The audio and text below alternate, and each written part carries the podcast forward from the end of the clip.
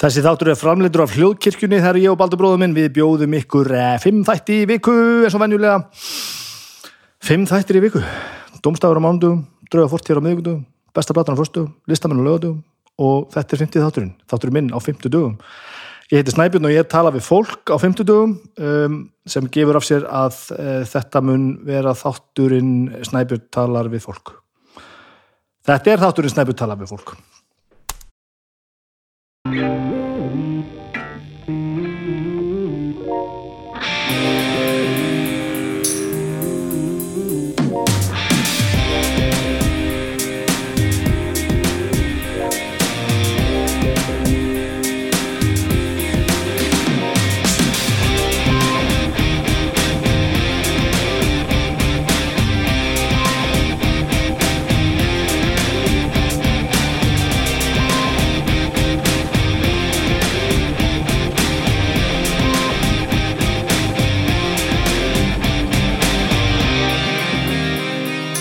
Komið sæl, velkomin í þáttinn, þáttinn minn, Snæbjörn talar við fólk, Snæbjörn talar við fólk. Ég er hálf mál lamaður eftir þetta viðtal, ég er nýkomin viðtalinu hérna við. Viðtalinu uh, við hann um, Einar, vá, hvernig gekk þetta? Sorry, ég er að, ég er að, ég er hérna með skjál fyrir frá mér sem ég ætla eitthvað að lesa hérna úr. Ég, hann Einar vinnu minn var hérna við að töluðum um margt, fórum heldur betur á dýftina þegar þið skoðuð það á eftir, þetta var mjög skemmtilegt. Ég er svona örlítið eftir mig, þetta var eiginlega bara svolítið harkalegt. Ekki harkalegt, þetta var svolítið mikið. Þetta var svolítið mikið, miðaldra menn að opna sig um hitt og þetta, þegar svo gengur. Það er alltaf gaman. Þetta var mjög gott, á meðan í mann það er lag, hann talaði um hérna nýja lagi með, með Sölu Björgvins og ég, ég svaraði því með því að tala um lag með Þóri Georg. Og ég myndi í hvað hétt, ég flettiði upp og það er meistarverkið eh, lagið heiti Stage Dives and High Fives. Og er á plötu sem heitir uh, Anarchists are Hopeless Romantics. Anarchists are Hopeless Romantics held ég, Anarchists are Hopeless Romantics, hvernig gekk þetta? Ég er ótalandi, ég talaði fjóra tíma við einar og svo get ég ekki talað við ykkur hérna. Þetta er geðvikt þessi plata var held ég gefin út uh, uh, held ég gefin út undir nafninu, listamannsnafninu My Summer as a Salvation Soldier. Ég veit ekki alveg hvernig hann hefur þetta Þóri Georg, en hann er náttúrulega einn best best geimda best geimda, sannlega verst geimda eh, leindamál íslenska tónlistarsögu því að það vita allt og fáið hver hann er og það á ekki að geima svona fólk einhver starf undir, undir steini. Gerið ykkur nú greiða og farið inn á hérna ég ætla bara að fletta þessu upp. Við getum náttúrulega bara að googla Þóri Georg. Ég komst að ég á Spotify að þessi plata á nokkra aðrar eldri plötur maður sömur þess að Salvation Soldier stöfið og eitthvað, ég fann þannig undir nafninu Þórir en svo er hann með aðal akkantinn þar sem Þórir Georg, ég veit ekki hvernig hann hugsa þetta ég veit bara allt sem Þórir gerir er, er brilljant og hann var að gefa út nýja plötu sem heitir Cheer Up hún er á Spotify, hún er líka á bandkampinu ég veit að nota bandkamp helling þetta er ekki borga samstafs og það sé á hreinu, ég er bara ég er gríðalegur aðdáðandi Þóris, ég þekkja náttúrulega ljómandi, ljómandi vel. Hann er úsvíðingur og, og eh, hann og Baldur bróðum mig voru mikið saman í ljómstum í, í, í fyrndinni. Þóri Georg, TH, Óri Georg þórigeorg.bandkamp.com það getið skoða allt sem hann hefur gert ekki um tíðin á keiftáum stöf og svona hann er að fylla við myndlist og alls konar stöf, hann er Þóri Georg snillingur og ef þið hefði ekki hlusta á músíkinast þá skulle ég gera það núna og ég mæli heilsugar með nýju plötunars Cheer Up. Og ef þið hefði ekki skoðað cover myndina þá verði þið ekki fyrir ombröðum, þetta er snildalegt. Þetta er svolítið plögg, einar var hérna svolítið til þess að plögga plögga nýju plötuna sína og hún heitir Tracks. Og hún er alveg snildaleg. Hún er alveg snildaleg. Ég, hérna, e, þið skuluð þið skuluð hlusta á hana með opnum, opnum huga. Ég, það kemur nú fram í vittalinu hvernig hún sló mig fyrst, ég held að hann væri bara að gera grín. En svo er hann alls ekki að gera grín og þetta er alveg meistarlegt og við tölum lengi um músík og förum aðeins svona í saumana þegar hann túraði með okkur í skálmöld. Hann leisti af einar, ég þekkar ágæðlega einar, við hérna, höfum farið tvo túra saman. Hann leisti fyrst baldur af á skálmöldatúr og, og þráin á túrnum þar á eftir. Og svo erum við bara svona báðir í bransanum. Við hittumst mikið og, og erum bara ljómandi góði félagar. Um, mikið af músík, svo förum við aðeins í í svona hver hann er og hvaðan hann kemur og svo fer þetta heldur betur í í áhuga að vera átt sko. Og ég er ennþá svona að melda þetta. Ég er svo mikið að melda þetta, ég þurfti að reyfi hvað maðurinn hittir þegar ég byrjaði að tala. Haldið að sé. Þetta er nú allt orðið gott, Þórir Georg og Einar Þór, þetta er nú bara þetta geti ekki verið betra sko. Áður en ég gleymi einhverju fleiru þá ætlum ég nú bara að tala um það sem skiptir máli hérna sem eru samstarfsaðalinar aðil, að, hvernig gengur þetta? Samstarf, að, samstarfsaðilarnir? Ég líka við, ég ringi bara á bíl hérna, hvað, hvernig á ég að hafa þetta? Símin Pay, tölum fyrst um Símin, Síman Pay, ég er náttúrulega eh, var kannski minna í rugglinu hérna síðast en ég rugglaðist nú samt. Ég saði ykkur frá því að að öll um, þúsund krónar tilbúin í mathöllinni gildi frá mánudegi fram á mánudag, það er djúsins kæftæði þau gildi frá þriðudegi fram á þriðudag þannig að þetta er bara bull og þvæla en það breyti því ekki að þið geti alltaf farið inn á Simin Pay appið og inn í mathallarflipan og fundið þar tilbúið þúsundkall. Þannig að þó að ég hafi mögulega látið nýka til um einn dag hérna, þá finnið nú alltaf eitthvað á þessu tilbúiði og núna, ég gildi núna frá því síðasta þriðudag og fram á næsta þriðudag er lítið kombo á lemon lítil samloka og lítil djús eða smoothie. Um, og verð fyrir afslátt væri 1890 en er 1000 kall það reknast upp í 47% afslátt. Hafið það? Um, þetta er Simin Pay appið og ég minn ykkur á þann snildalega fítus að geta eh, geta lagt bílum sínum í gegnum það. Bara, bara já, það er gott að hafa þetta allt saman í sama appinu. Ég var næstum því búin að nota appi til að kaupa mér nýja headphone um daginn, hérna svona earbuds. Ég var að vona að ég væri búin að týna þeim. Það, mínir gamlu eru fínir sko, en ég græu brjálaður að mér langar í nýja. Og þeir eru búin að fara eina fyrir einhvern þóttavélina sem að skada þá kannski svona aðeins, ég, ég þykist allavega að heyra munin, batteriðið er eitthvað pínu skritið eftir það, sem er ekkert skritið að þeim er að voru aftakinn sín. En um, svo fann ég á bara einhverju helvítist tösku eftir að við spilum græna hattir um daginn, að ég hef ekki samisku í það að kaupa, kaupa nýtt því kannist samtala við þessa tilsynningu að vona eitthvað byli eða týnist svo maður getur kæft sér nýja útgafaði ég verði að láta það að býða ennum sinn en, en ég hugsa að næst eða það kemur á lettköp stilbóði í Simin Pay appinu þá ger ég það. Þannig að þið munið það farið hérna og pantið ykkur mat. Farið hérna og pantið ykkur mat. Þúsund krónur. Lítið kombo á lemon. Fyrst ég byrjar á þessu allir bara halda áfram að tala um samstarfið Eh, Omnum er hérna með mér aftur, aftur, aftur. Ég er komin í vandræði. Ég er komin í vandræði. Ég er nú búin að vera svona að geta mig í gegnum alls konar omnum uh, bröð um, það skal sagt að ég er ekkit rosalega mikið fyrir sæta hluti. Fyrir sæta hluti? Ég er ekkit rosalega mikið fyrir að borða sko mér finnst nammi gott og stundum detti í það að, að raða í mig nammi en þetta er svona mitt þeng er ekki alltaf það sko, það er oft bara eitthvað svona, svona savory stuff og, og, og svona ég borða mikið á ostum og kjöti og svo leiðist óti eh, að því svo auð þá þykir mér namið gott þegar það er gott og auð það náttúrulega er, er súkulæði sem omnamir er náttúrulega framhúsgarandi stöf þannig að eh, ég er búin að borða meira súkulæði þetta fattar vikur heldur ég gert bara einhverja mánuði þar á undan. Og mér finnst þetta allt saman gott en hér tók ég utan af svartri súkulæðablötu sem er í svörtum umbúðum eh, bara svona omnum umbúðum og þetta heitir Black and Burnt Barley. Og þetta er ég veit það ekki. Black Chocolate flavored with toasted and puffed barley and lava salt. Það er búin að taka bygg barley er ekki alveg bygg, jú og brenna það. Já, rista það sem sagt og poppa það einhvern veginn þannig að það verður svona chewy poppy einhvern veginn.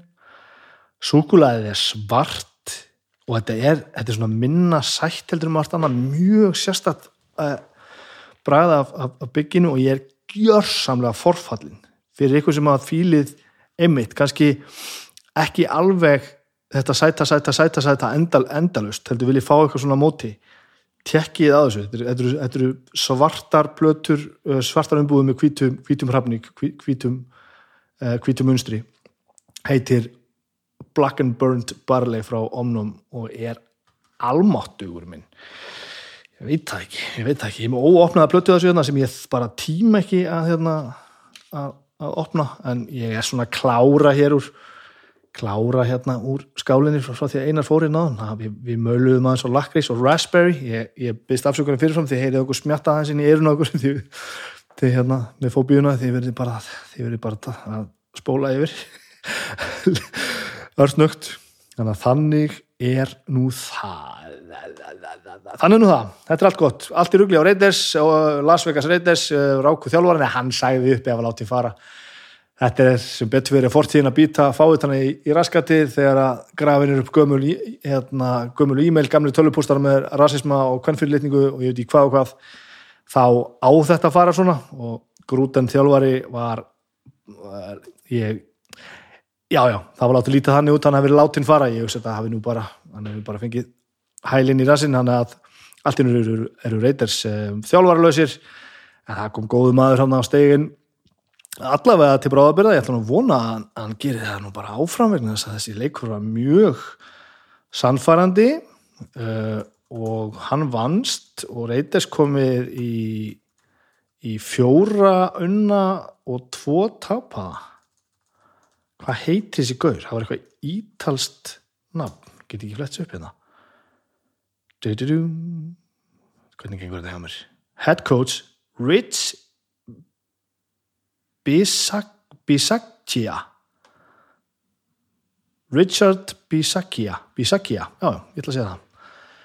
Þetta er eitthvað snillíkur, hann er ægilega töf hann er ekki með neitt hár og svona, svona kleinuringsgegg og, og, og, og segir mér að mönnum hvernig þetta er. Ég hef trúað þessu. Ég hef, ég hef full að trúað þessu. Þetta, þetta leitt vel út og unum uh, sannfærandi sigur við anskotin, er ég árið þessi gauð sem segir við? Reiters vann uh, sannfærandi sigur Við hálfum fram á veginn og sjáum fram á bjarta framtíð með nýjum, nýjum þjálfara og allt er því bestamál. Ég er skrítin í hausnum eftir þetta viðtal sko. Klukkan er hálf fjögur og ég var að fatta að ég er ekkert búin að borða um að súkulaði og drekka kaffi og taka þetta viðtal. Ég fer yfiritt inn í þessi viðtölu áðans að borða, ég er nú yfirleitt ekki fyrir það að borða morgumatt. Þegar ég verða svona löng þá verði ég oft ansið súr og það getur verið ansið gaman. Það getur verið ansið gaman sko annars held ég að getur nú bara að hætta þessu blæri Squid Game, ég verð að segja eitthvað aðeins um Squid Game, Squid Game. Við, við, við hérna við lótu horfðum á þetta í, um helgina, tókum þetta bara í tveimur tveimur hérna tveimur sessjónum og þetta er ógeðslega skemmtilegt, horfðu á Squid Game. Þetta er alveg meistarlega gott. Ég ætla samt að fá að vera pínu bessi við sér. Og ég er ekki að tala þetta niður, þetta er ógeðslega skemmtilegt. Það er ógeðslega fyndið að sjá þegar að einhvern veginn fólk tekur svona ofbóstlega við sér og fyrir að dásama þetta og hvað þetta sé hérna rosalega uník og frábært. Þegar ég til dæmis að horfa hérna upp í hillunar hjá mér sem eru fullar af teiknumindasögum og ég er að velta fyrir mig öllum manga stöffunum sem ég horta á ekki um tíðina eh, allt þetta lúðastöf farið í bara í Nexus. Eh, allt þetta sem höfða til ykkar í, í Squid Game er eitthvað sem þið getið fundið í bókum, spilum, teiknumyndasögum öðrum myndum, sjómásáttum ég veit ekki hvað og hvað, ef þið skiknist aðeins undir það sem er bara í fyrirsögnunum og bara á Netflix. Það er svo margt svona sem er svo ógeðslega gott og aftur, ég er ekki að tala Game niður þetta er mjög skemmtilegt stöf og gaman að sjá eitthvað sem er ekki einmitt bara eh, tala á einsku og allt, eins og allt hitt. En það er svo mikið gott að núti sama eins og með Stranger Things, þegar það slóði gegn. Ég held að við nördarnir höfum allir bara svona við vorum öll bara, hei þetta, er frábært og ég er mikið aðdáðandi Stranger Things og, og, og bara ég er meira svo leiðis en það er rosa margt annar rosalega gott að núti ef að, ef fólk nennir aðeins að, að, hérna, að kafa undir markasöflin sko. og neða bara þetta er ekki borgarsamstarf farið í Nexus allavega einu sinni í mánuði. Það er bara, það gerir öllum gott það gerir öllum gott. Við skulum vera, við, skulum, við megum ekki vera við megum ekki, ekki vera hérna, láta mat okkur engum við verðum að taka við verðum að leita stundum aðeins. Svipa á hérna svipa á einar var að tala um með músíkina sko. það verður að hérna, aðeins að leita. Það verður aðeins að leita sko. þetta er gott. En horfið á Squid Game, almáttur, mjög gaman mjög, mjög gaman. Eh, ég ætla að fá með þér eitthvað að borða og sækja strákin á leikskólan, svo ég ætla að sé nú ekki bara komið eitthvað upp í, upp í loft hjá mér. Ég veit ekkert hvernig ég á að hafa mér hérna ég er rosa undalegur hlustiði á mig og einar tala lengi. Um við tölum rosalega mikið um við tengdum að uh, kemur hann í sendiparti viðtal, viðtalsins tengjum við rosalega mikið á, á hérna, kvíðalefilinu, vinnan sem ég er búin að vera að vinna hjá Magnúsi Blöndal og ég er búin að tala svo mikið um hann að ég þarf eiginlega að fara að bara að tala við Magnús sko, þetta sé í lægi, hann er örugglega að fá alls konar skilabóð sem hann baði ekkert um. Um já þetta var rosalega gott spjall, ég, eins og ég segi ég er enn að mölta þetta og þetta var ógeðslega skemmtilegt. Tekkiði á, á plötunans eftir að þið er búin að hlusta á viðtalið, þetta er allt saman skemmtilegt. Nú ætla ég að hætta að bladra, ég er bara eitthvað að bladra Þetta er ég og Einar við eldursporið þérna bara rétt á þann og líka bara ekki rétt á þann það er mjög langt sem við byrjum að tala saman. Njótiði vel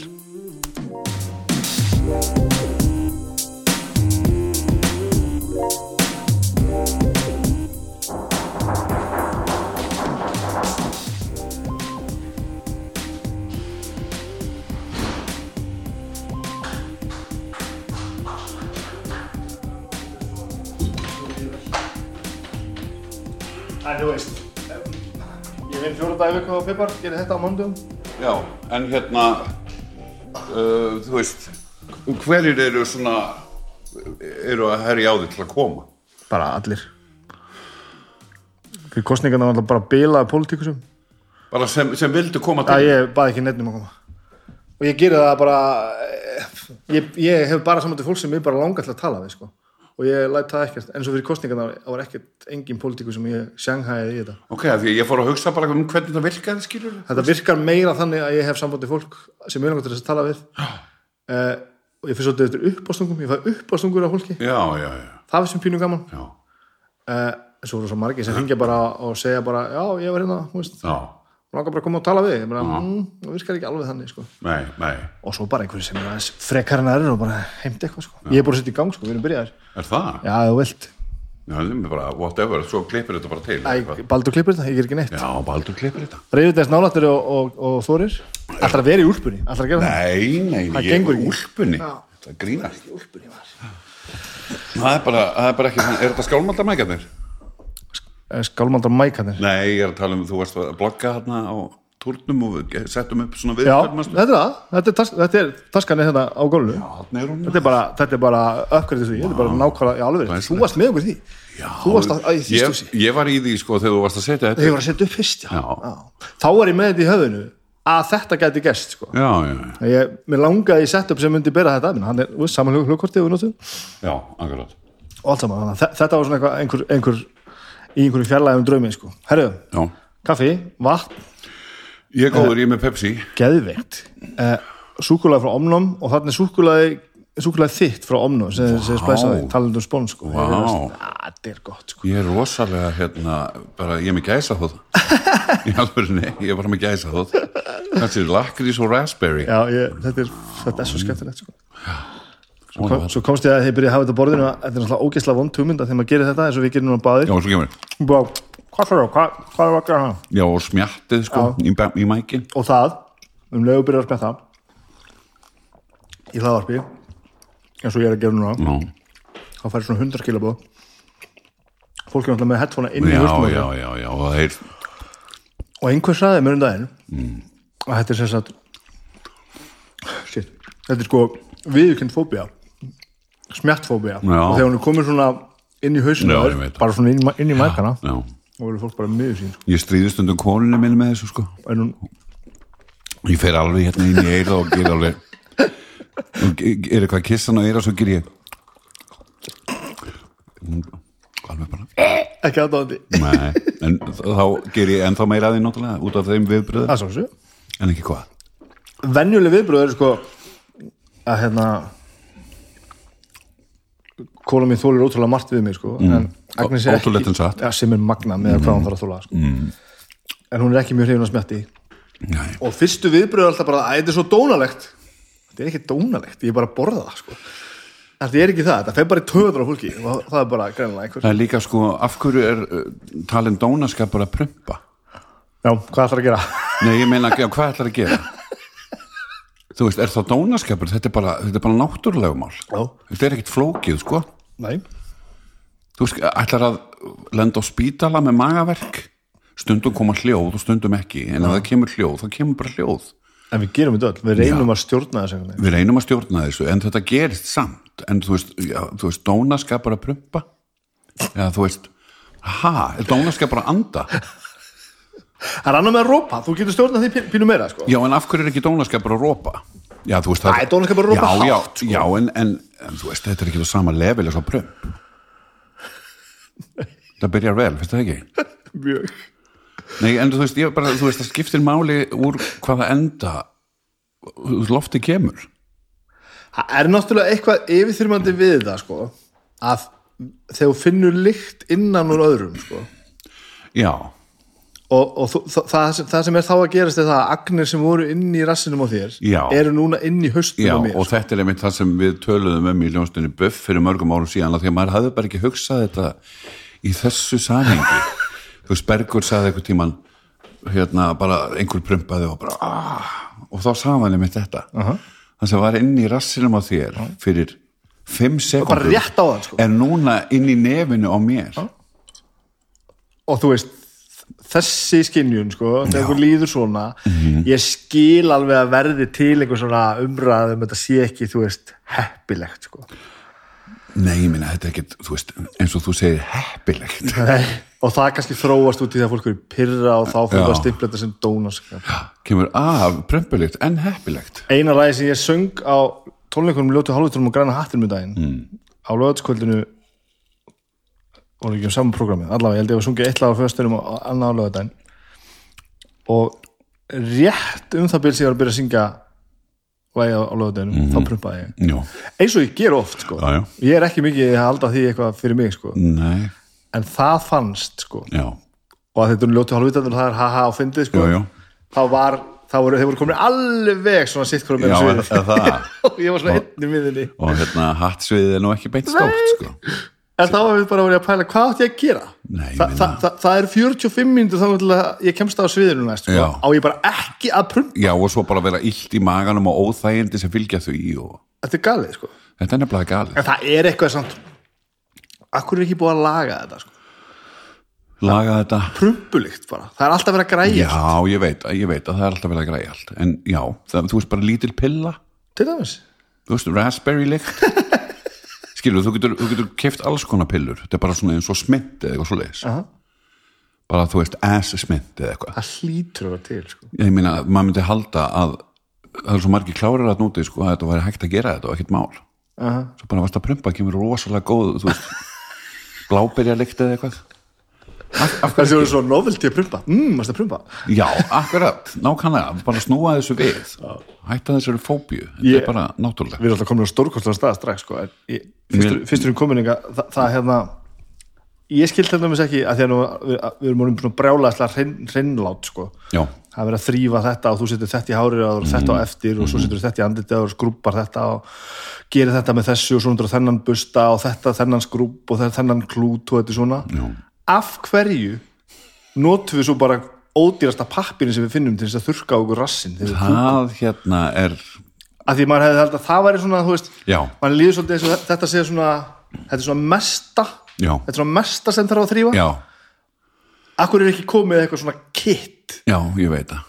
Eitthvað bara svona glæsi og það verður að sótturinn sé að það er svitahólunar Já, ok, já. en á ég samt bara svona að smyrja á mér enda þar með, með, með þú veist, hvað er að gerast? með ódýrasta pappirnum sem er svona pínu eins og þú veist, sandpappir ekki, ekki grófasti sandpappir nei, en svo getur við verið fancy og kæft ykkur dýrara Já, en já. það gerir, það munar nei, engur nei, sko. það munar að blengu Það- er ekki neitt. Nei, við, ger- notum, við notum ekkert, við notum helst ekki vatn sápu eitthvað nei. nema náttúrulega Japanir. Já, það er náttúrulega auka skál skólskál í Japan við hliðin á. Nei, sumstaðar í Japan er það þannig en Japanir eru, að því ég hef nú verið aðna sko, þetta er innbyggt þar sko. Þú íti bara að taka á klósettinu? Þú velur bara kyni sem það ha, og þetta sprautar á réttan stað. Og það er gaman.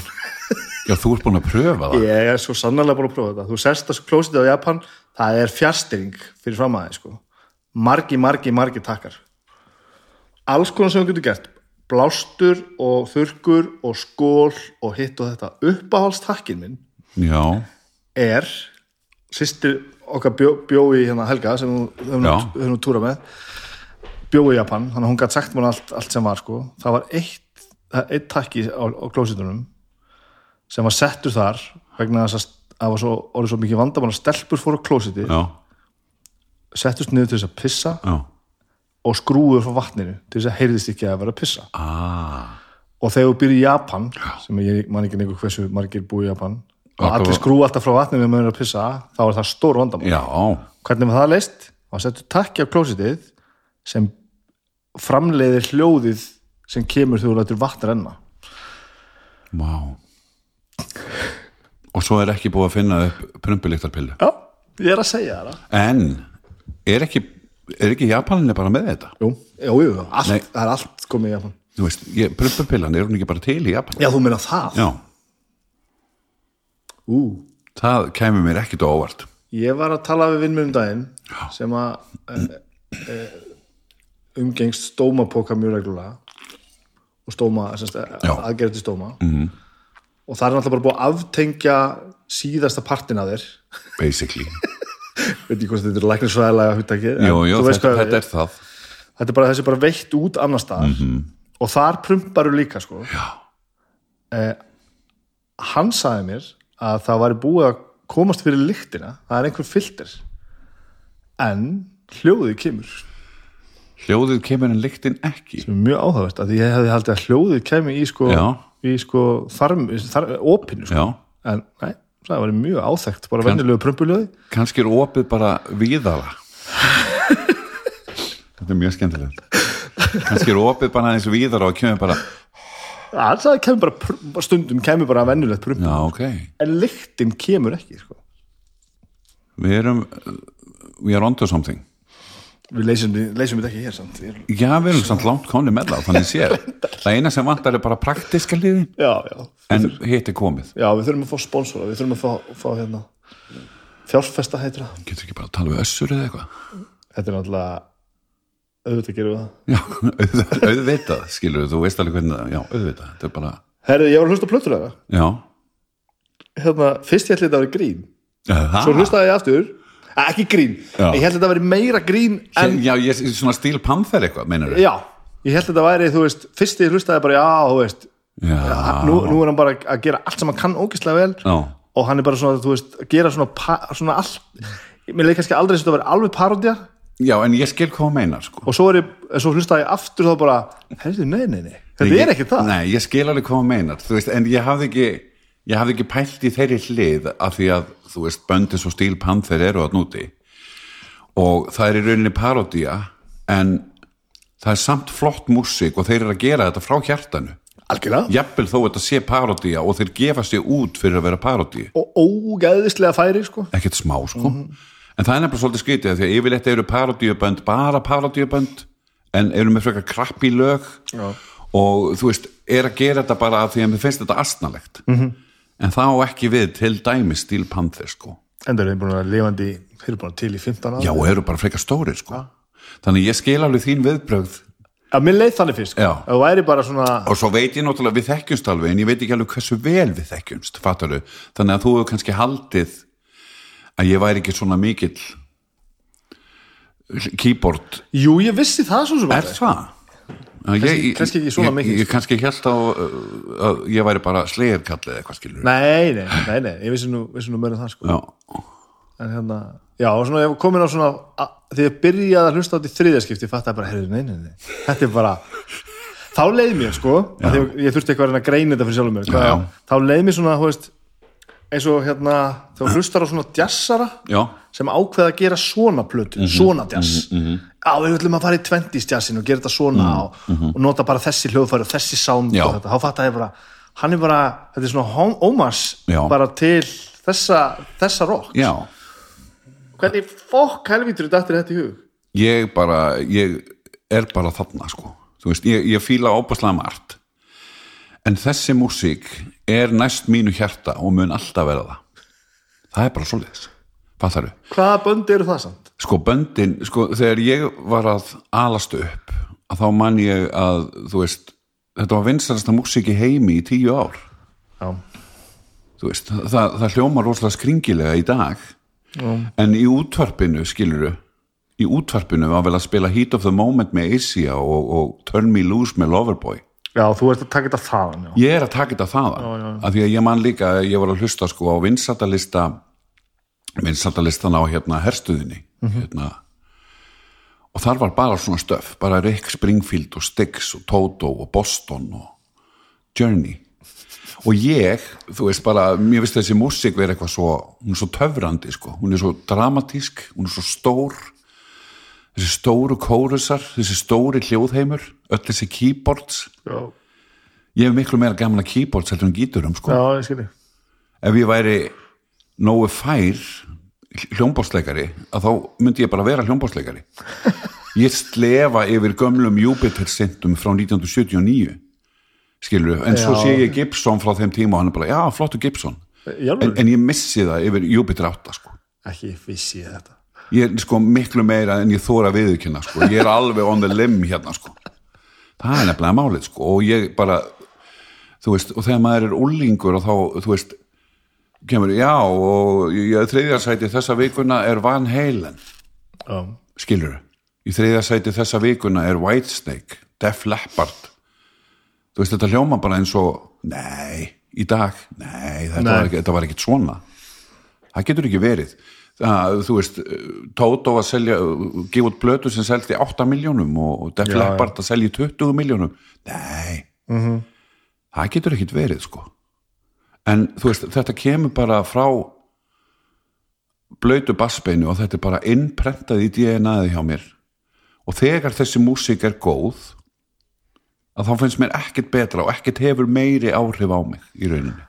Þú ert ekki í þetta er ekki svona þetta, þetta glissrock þetta reyna glissrock þetta 80s þetta er ekki þetta, þú veist, Poison Nei, sko, Poison fannst mér alltaf bara að vera drasl af því að vorum við svo léli lög Já. og lélegi spilarar. En þetta er aðeins eldri músík en það líka eða hvað? Já og nei.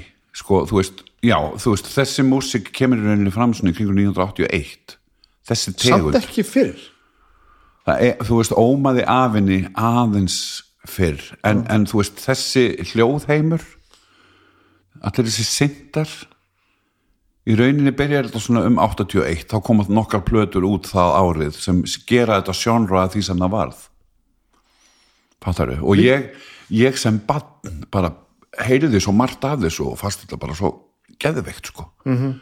þú veist, þegar maður var krakki þá var Waiting for a Girl Like You í, með foreigner í útvarpin allan daginn Er það ekki eldra stöð? AC fórinni það? 81-82 Það er þannig en Foreigner gaf hann náttúrulega út fyrstu plötna 78 -hmm. Mhm. en það var meira meira rock sko Já, það var ekki svona þessi típa fyrir en 81-2 Nei, ok og svo komu þessi band alveg á færibandi sko, þú veist, alveg alveg til svona 85 þá byrjaði þetta morfast aðeins yfir í, þú veist, band eins og Whitesnake eins og þeir urðu þá Já. 1987 platan, þú veist, Here I Go Again og allt það Já, En ég er, sko, ef ég þurft að velja þá er ég meira fyrir fyrirpartin 81 til 86 Fattaru? Já. Það er, ég veit ekki, ég var bara svo allt sem var í útvarpinu bara fór beint inn í mig á þessum tíma en, en þá bara, þú veist, poppið Já, já, já, já. Líka alveg svoleiðis, ég er rosalegu poppari sko.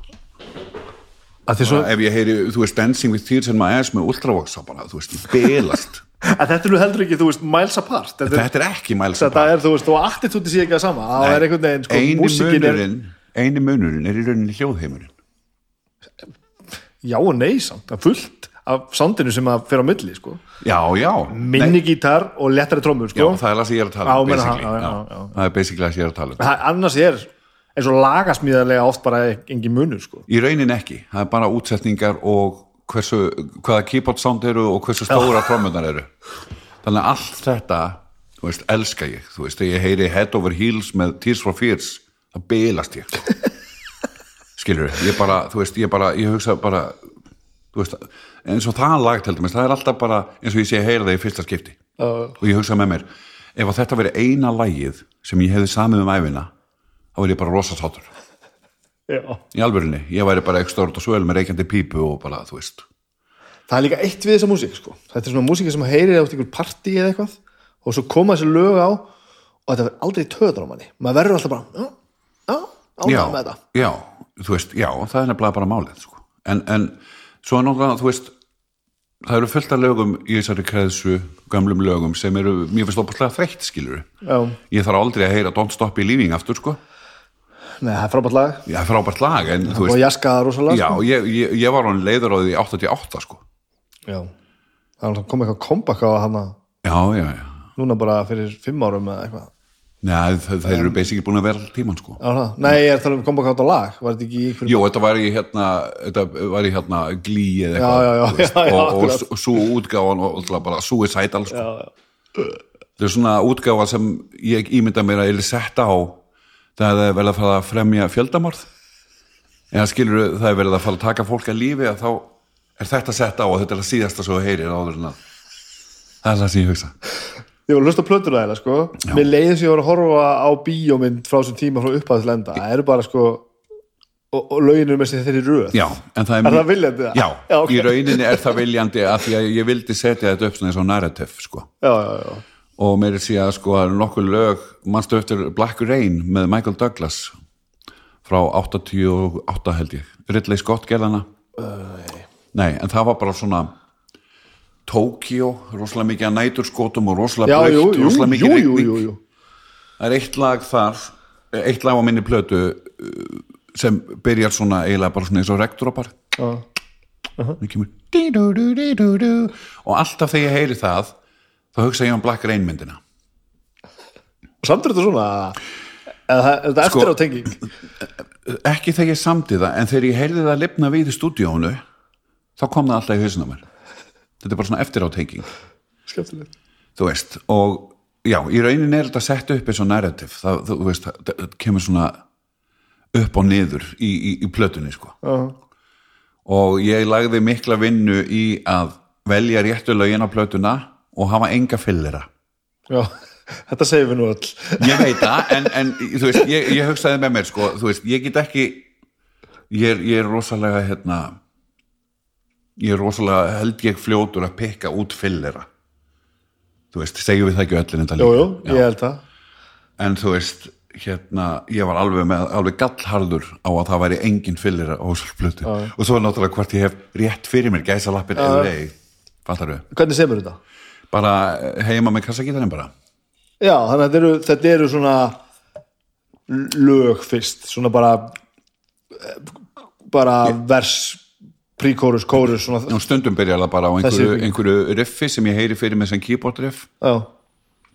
Sem heyri fyrir þessum hljóðbórsef Já. já, já, já, ég er, þú veist, þegar ég fer í stúdíó eða þá er ég bara með útsetninguna í hausnum basically sko, og, og setja þetta inn á no time sko. ok ég er bara einhvern veginn, þetta er það eina sem þetta er það eina sem heilin minn virkar í sko, það er músík. Ég hef séð það gerast sko. Já, það eina sem heilin minn virkar í er músík en annars er hann bara, þú veist, einhver rati út á götu sko. En það lænast allt upp þegar það er músík og ég get haft ótrúlega mikið af magni í haustum sem ég kann að spila og sérstaklega mitt eigið stöf sko.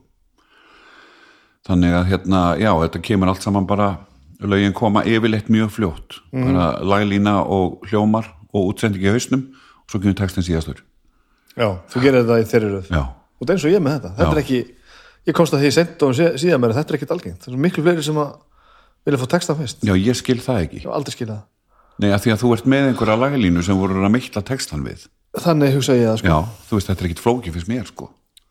Ég fekk það útskýringu að fólk sem gerir þetta hins einn, flestir, fá sérst inspirasjónuna af því að, að, að þu- þurfa innan gæsalappa að búa til músík sem að hverfist í kringum eitthvað sem þú varst með fyrir sko. að það sé svona köllurinn sko. Já, en mér finnst það nefnilega svo skrítið að því að ég er ekkit mikill textakall og hérna og það er bara kvöð að þurfa að búa til texta ég gerir það alltaf langsíðast að því ég verða að fara að gera það því að ég er að fyrir stúdíu um næstu helgi þá verði ég að klára þess texta Já, og mér finnst það bara mjög erfitt sko. Ég er mjög góður í að búa til texta en, en ég ger þetta alveg nákvæmlega eins. ég, ég er bara rétt.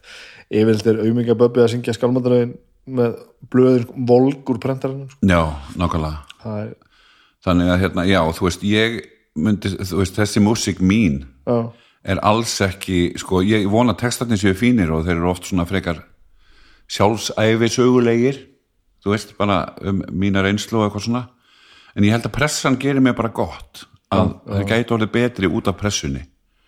Og það er kannski ein setningi eða tvær sem kveikir bara á öllum textanum. Emitt, emitt Fattarðu? En þú líka gerir pínu svona kannski er alltaf sem músiki sem bara býrða til? Nei, fjandinn hafi það.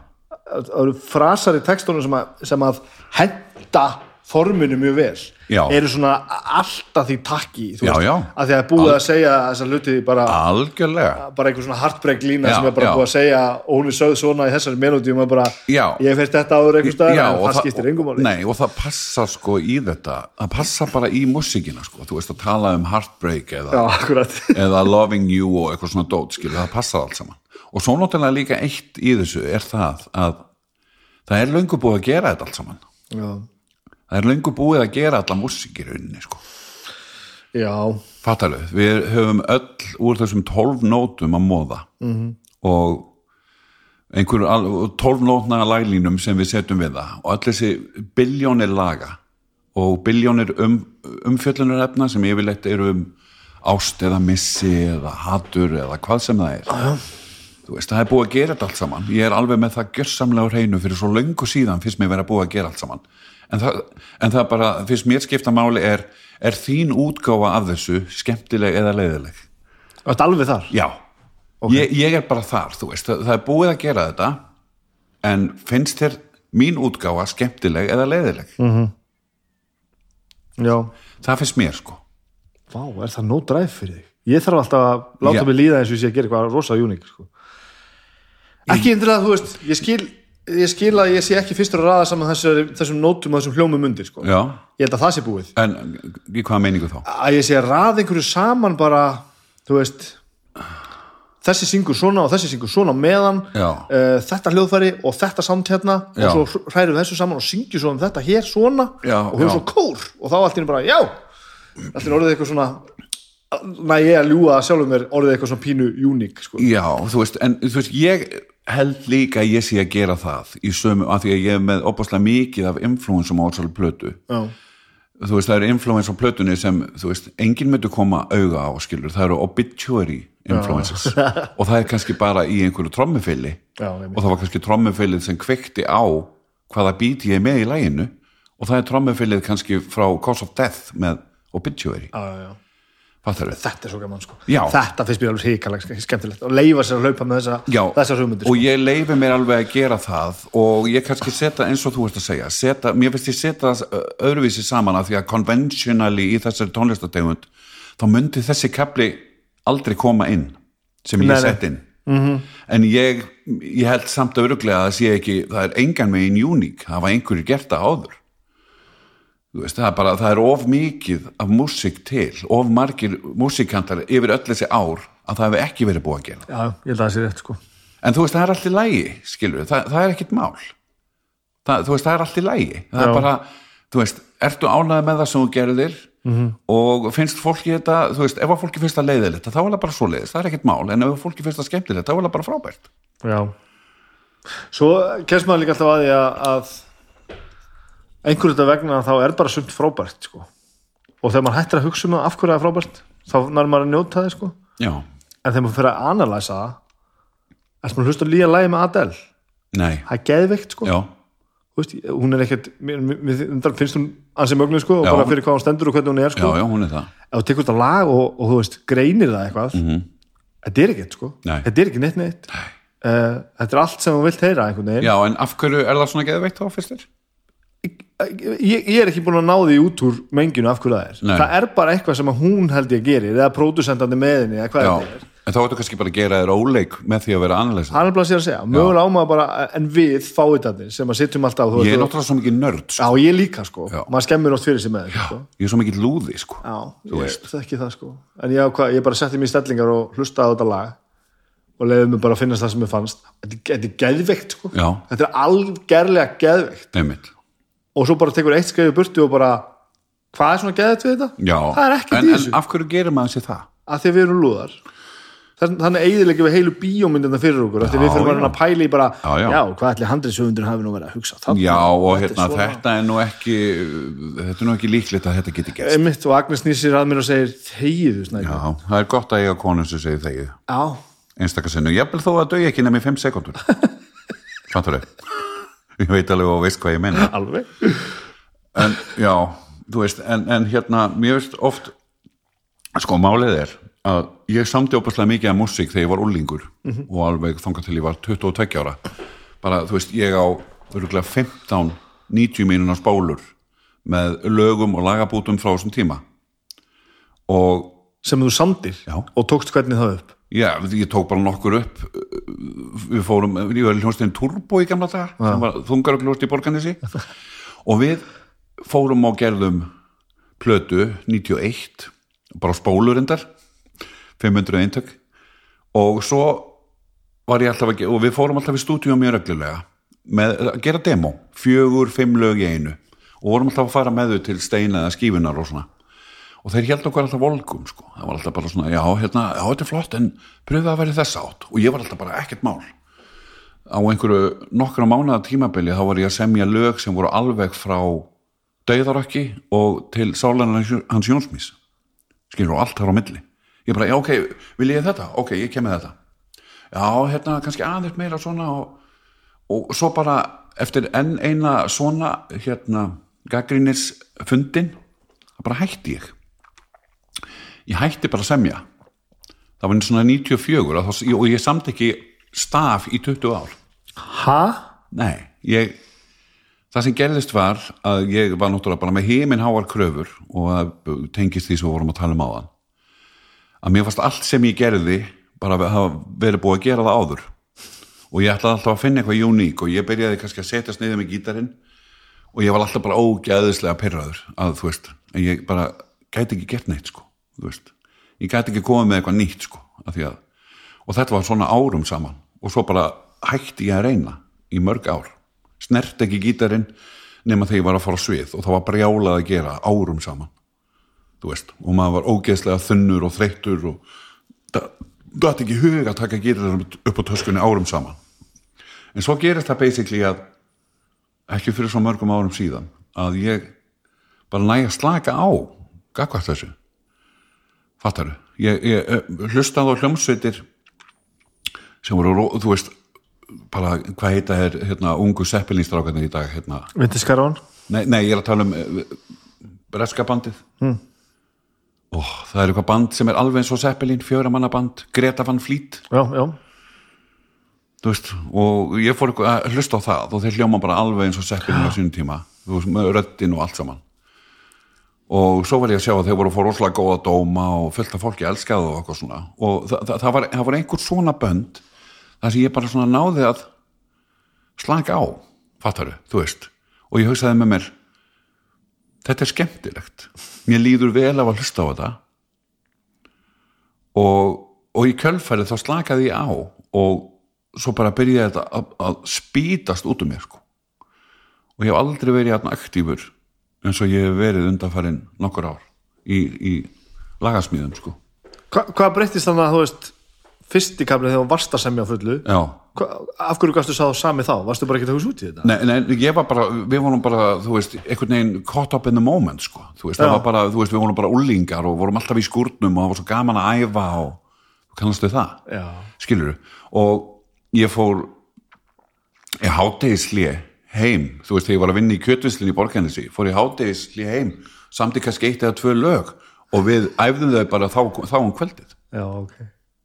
Skilur En þetta þá var, varst ekki að eldast við þetta eitthvað, eitthvað uník og ekki uník og eitthvað, eitthvað svo leiðis nei, nei, nei, nei. En, en málið á, á þeim tíma til dæmis þá var ég að gera bara svona dauða rock, dauða slash rock, þetta hljómaði basically bara eins og Entombed og Deep Purple í sama læginu Death and Roll, og Já. bara vera undan þeim öllum. Já, basically sko, þú veist, að þú veist eins og Entombed Vals og, og, og, eitthvað svoleiði sko, þannig að en á þeim tíma var ég ekki að hugsa um það líklega því að maður er bara úlingur, skilur maður, er bara, maður er bara á öðrum stað. Það er eitthvað space sem maður hefur þetta, nú erum við svo nostalgíski sko, ha, hérna, en ekki hvað, Já, sem er geðveikt.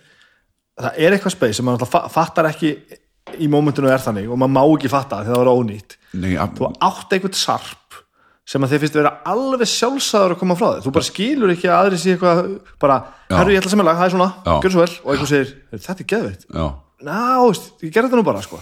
já ég held þú eigi bara einhver svona og ekkert bara músík, þetta er bara hvað sem er. Já, já. það sem þú bara tekur einhvern veginn uppvöxtin með þér Mhm. kemst á þann þroska að þú fyrir ekki að koma svo frá þér og þú gerir alveg gjörsamlega þess að hugsa málið sko. svo kemur einhver veggur bara, herru, þetta er búið, þessi sarpur er búin og þá fyrir maður svona já, nú þarf ég að fara að gera eitthvað nýtt. Já. þá, kemst ég, þá fyrir maður að komast í það. sko. og, og hérna ofhugsa hluti og eitthvað svona. Og svo verður maður að gera það. Já, um hvernig var ég að tala um það ég var að tala um Bubba. Já, Bubbi er frábært dæmi með þetta. Gerði einhvern djöfuldóm af snill til að byrja með sko. Og svo fór hún að reyna að gera eitthvað verða eitthvað listamæður að gera eitthvað nýtt og kemst í miðaldra krísuna sem við erum, við erum, við erum í. Mm. Já, það ég allavega ég er Já, mjög fastur í. ég er miklu meiri í því heldur, heldur. fór að framlega eitthvað sem er alls ekki skemmtilegt. Alveg fullt af því, sko. gera eitthvað djöfus eitthvað dóbýr á einhverju leiðendum sko. Og svo bara kemst eitthvað neginn vonandi á þennan stað já, að leifa þessu bara að fara. Og fatta bara, hefðu, ég er búið með þetta líka sko. já, og þá bara slakar á og Bubbi er bara að gera sitt besta stöff í dag, það er geðvegt hann, hann, er, hann er frábær alveg, hann er frábær í dag sko. og það er bara, veist ég held að ég sé einmitt alveg pikkfastur hann í miður tímabilinu, alveg að reyna að gera eitthvað stórkostlegt sem að ég veit ekki hvað er sko. já, ég, ég veit ekki ég, ég vist ég bara vera frekar slagur í þessu sko, af því að ég var ekkit sérstaklega að hugsa um að gera plötu sko. núna, Nei. já, ég skilji sko, þú veist, það, er alveg komið en ég hugsa náttúrulega bara með mér þú veist, það það nennir enginn að, það er enginn að fara að hlusta mm. það er það sem ég hugsa veist, það eru það er svo ofubáðslega mikið til að tónlist svo ofubáðslega samkeppni og allir er að reyna að koma sínu á framfæri. Og við veit ekki hvað mörg þúsund lög koma á Spotify á hverjum degi. Og þú veist 90% af þessu bara fíkur bara og fer skilur og hérna þannig að ég hugsaði með mér af hverju, en, en málið er að ég er að þessu í rauninni bara fyrir mig sko, því að ég elska að búi þetta til og fara í stúdíó. Og þegar maður er í stúdíó eins og þekkir og þetta byrjar að lifna við í hátalunum fyrir fram að þig sem þú varst með í hausnum að þér það er ekkert sem jafnast á við það. Mm -mm. samanlega, ekkert. Það er að skemmtilega sem ég geri það er í ég geri. það, það er bókstaflega ekkert sem jafnast á við tilfinninguna. Það sem var bara svona, já byrju, það sem ég held að erði flott það er flottar en ég held Já. skilur og, og, og maður bara vá, þú veist, ég fæ bara pínu gæsa og það hugsa um það, sko, af því að þetta er, þetta er ótrúlegt moment, sko. Já. og í rauninni er ég alveg sáttur bara við það. Mm -hmm. fattar en svo var Sissi vinnu minn sem ég er að gera þetta með Sissi æsku vinnu minn sem var með mér í túlbú að hann var að, þú veist, ég var alltaf bara nei og fleiri vinnu mín er að segja geð þetta bara út, ég sagði bara af hverju skilur, þú veist, af hverju ætti ég að gera það? Þú veist, ég er rosalega ánæður með þetta og finnst rosalega gaman að gera þetta og ég get bara hlustað á þetta heima, skilur og bara haft gaman af því að vera með gott production af lögunum mínum bara heima, skilur og en síðan bara ákæði ég að gera. Við vorum konið það látt og, og þú veist við vorum konið með einhver 20 lög eftir árið í fyrra. Og ég valdi þessi 11 og svo bara, þú veist mixuðu við þetta og ákvæmum bara að setja þetta út. En, en þú veist, þetta er bara rosa hérna þetta er mikið álag fyrir mig sko að koma þessu út og, og að þetta sé hérna úti. Já, það er þannig. Já, þetta er, þetta er rosa trikki, sko, ég er mjög, mjög viðkvæmur, mjög mikill kvíðakall, sko. líka þegar að hólminni komi Já. þegar þú ert búin að gefa út? Ég, sérstaklega þá, þú veist, þegar ég setti blötuna út fyrir tíu dögum með eitthvað, það er bara svona, hérna er hún bara. Ég, fó, ég fór upp í rúm, sko, fór upp í rúm og ég bara dró fyrir og, áhugavert. Já, ég bara, ég var alveg bara, þú veist, hérna er komin 11 lög, bara, þú veist, vil ég please tjekka á þessu, þú veist, en samt ekki. Já, en samt ekki og ég vona, og ég vona ef ykkur finnst þetta hörmulegt haldi ég því, því þá bara fyrir ykkur. Ok, og svo náttúrulega þú veist uppáhaldsetningin mín sem er náttúrulega sem er náttúrulega mjög fyndin í rauninni. Hvað ef þetta er bara algjört drasl og ég hef ekki hugmynd um það? Ég held að ekkert okkar losni við þessa tilfinningu. Nei, en þetta er samt svo fyndin tilfinning skilur, þú veist, ég er hérna já, hérna eru lögin mín og allir eru bara uh, já, einmitt. Ógislega skemmtilegt. Og ég bara, ha? Byrju, var ég að miskila eitthvað? Ég held að sé alltaf hálft prósent af öll, minnsta af öllum, alveg saman hvort þú er David Bowie eða ég sko, Já. sem bara svona mm, mögulega er ég bara trúðurinn hérna sko og en, enginn er að segja mér að þetta er þetta er búið þá sko. Já, og meiri sé að þú ert búin að gera sko, ég held að sé meiri sé að enn verra þegar þú ert búin að gera eitthvað sem að næri einhverju hilli sko, svo gerir þú næstu plötu. Og það bara svona, en ef ég er bara búin að missa ég held þetta sé ekki eitthvað gott Já. en ef ég er bara fastur inn í haustum og sjálfum mér sko, og enginn er að segja mér og ég veit ekkert hvað er í gangi. En það, það þú veist ég, svo hugsun kemur oft í hausin á mig sko. til þess eru náttúrulega pródúsera líka. Já, já, það, e, pródúser a- fyrir mér allavega á að vera þessi sem að stendur aðeins fyrir utan og bendir á það og segir bara þú ert ekki neinum fötum núna sko. Klættu þig og komdu svo aftur já, sko. það verður að vera. Já, þetta er ekki svoleiðis blada, ég get alveg sagt þér það sko það, og að hún er í pínu lögum sko, Já. að því, ég, að því að hún gengur svo langt og nú er ég alveg svona bara höfða til hlustenda sem að ég ætla að hlusta á plötunni sko. Mhm. hún gengur það langt í að vera í þessum stíl sem þú ert að fara, fara í já, að ég held fyrst að þetta væri parodía já, þú veist, parodi er ekki alveg rétt að orðið nei, eh, ég, þetta var fyrst svona eins og var að herma eftir stílnum sko. já, já, já, já en svo því ég hlusta á þetta aftur þetta er bara, hann er bara semja lög í þessum stíl. Þetta er ekki, þú veist, já, þetta er ekki svona að byrju, byrju, ég ætla að finna hérna sandið sig nota á þessu læg þetta er ekki það, sko. Nei, nei, þetta er ekki það. Það var, það var mjög, svona, það var mjög þroskandi ferill að hlusta á þetta bara, þetta, er- já, þetta er það já, sko, og líka, sko, þetta er alveg beint frá hjartanu. Það, Já, það er ekkert tangin tík hérna hjá mér, sko, það er, það er engin tunga og engin kinn. Það er alveg þannig. Já. Á, það er svo sko en þá skilir líka á sitt stressaður, það er verst að koma þannig fram, sko. Já, ég er stressaður í hvert skipti sem, sem ég, það er eitthvað hérna, tekið á mér eða tekið á, þú veist, sem þú veist, ég var stressaður að koma hinga til þín, sko. Já, já, Hattar við? við fyrum öruglega í það eins og eftir mig Já, já, þú djóðsins kvíðan, sko. Já, þú veist, eins og, eins og ég segi, þú veist, þú veist við þekkjust alveg og allt það, skilur en það er bara, þú veist, ægi, þú veist það nennir ekki að hlusta, þú veist, á einhverja einhverja hlusti viðtel við mig. Fattar ég, þú veist, ég hlusti á það sem ég hef að segja. En veistu betur það? Veit ég betur? Og veistu að hefur rámt fyrir þér? Þú veist, veistu að hefur eitthvað erindi? nei. En þú kemur samt? Já, af því að ég er að þessu og mig langar til eins og ég sagði við eitthvað um daginn hérna, má ég koma og kíkja á þig af því að mér langar til þess að 50 manns heyri plötuna í stæðan fyrir 30 manns? Já. Þú veist, það er, það er samt alveg valið ástæð já, já, það er valið ástæða en, en þú veist, þetta er ekkit grand tölur sem ég er að benda á hana en tölurnar eru eflust rángar þetta er bara svona í hausnum á mér sko. ef ég get bætt við 20 manns sem tjekka á plötunu í staðan fyrir, þú veist, 50 manns í staðan fyrir 30 manns Mhm. að þá er það bara næs þetta sem við ert að tala um er samt rosalega afstætt sko.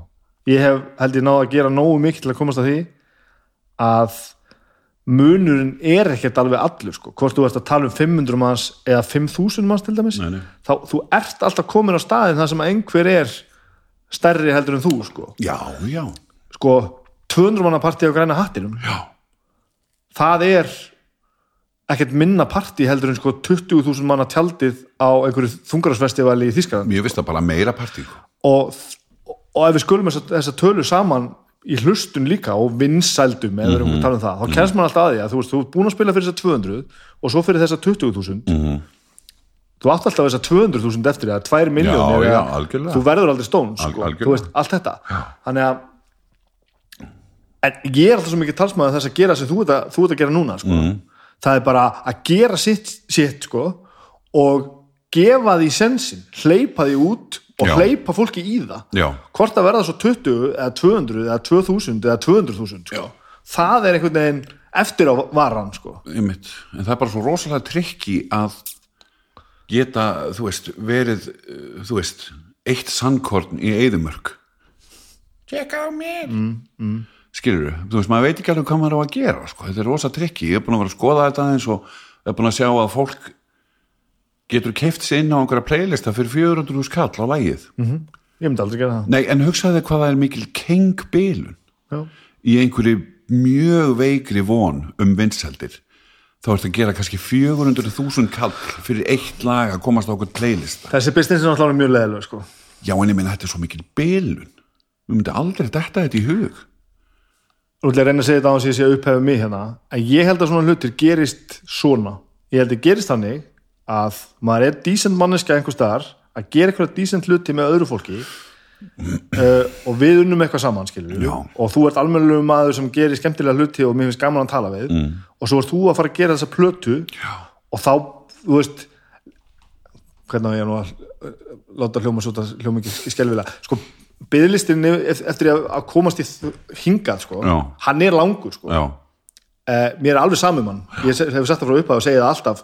Að, en algjörlega minn geðþótti hver sittur hérna á móti mér, ég held kynja hlutullunum í öfnum. Það er 50-50, þar fyrir utan hef ég enga reglur nema ef að ég vil fá viðkomandi þá kemur viðkomandi. Ok, aðeinslegt og ef þú væri, væri ekki skemmtilegu maður sem væri búin að gera almennilega hluti þá hefði ég bara sagt, nei, þú veist bara, ég er ekki, er Já. við skulum ekki gera þetta. Já, og ég, þetta held ég að sé hinn sanna útgáfa af, af árangri og vinsældum, það er bara að koma sér á þann stað að fólk vilji taka þetta lengra skilur. já, já ég er ekki bara hérna einhvern veginn í vinnunni að reyna eitthvað, ég fæ ekkert borga fyrir að fá því hérna, sko. Ekkert umfram það að fá bara einhvern annan nei, nei, nákvæmlega skilur hvað er að fara? já, ég, Nú er að reyna að taka sjálfmóti í öfnunni það er pínu erfitt í þessu ég sko. fyrir mér er þetta þetta er sko að viðsjá skuli ennþá vilja frumflytja fyrsta lagi eða hver einustu skálmataplötu það hefur alltaf verið gert Ja, viðsjá og rásett spilar alltaf frumflytur alltaf fyrsta singulin af, af líka skálmataplötu við, við sjá á rás eitt. Og það bara kom upp í hendur á okkur bara, já, við frétta þessari hljómsitt og sérst, fyrsta platan kom út, Baldur er að koma út bara, og bara hérna, hvernig fengjum að spila lag og við bara, ok, geð, þetta er frumflytur og rás eitt Vá, þú veist, það get ekki allir sagt það. Og svo bara, bara kom platan nummer tvö og við bara, bara hérna, það kom önnur plata hérna, langar ykkur að gera eitthvað tradition og bara, já, geðveikt og svo bara, veist, nú er þetta að koma að það stað að við þurfum að rífast við útgáfi fyrirtækjun okkar úti, bara, já, það er hérna heimsfrumsýning, hérna, vídeo og eitthvað, bara lánsa á sama tíma á öllum, öllum heimsál, heimsálum og It's on eitthvað, the wheels sjá on race 8 og við bara svona já, við þurfum reyndar að fá hérna degi fyrr, hérna, það er þáttur sem heitir viðsjá á rás 1 Já, þe- þekkið það Já, og, bara, og það er alltaf bara, hvað er að? Bara, Nei, sorry. En fyrir mér er þetta svo stór partur af því hvað hva velgengni er. A- Að viðsjá vill ennþá bara, Já, já, já. þetta er geðveikt. Já, já, já, já ég, Þá er gaman, sko. ég skil alveg hvað hún meinar sko.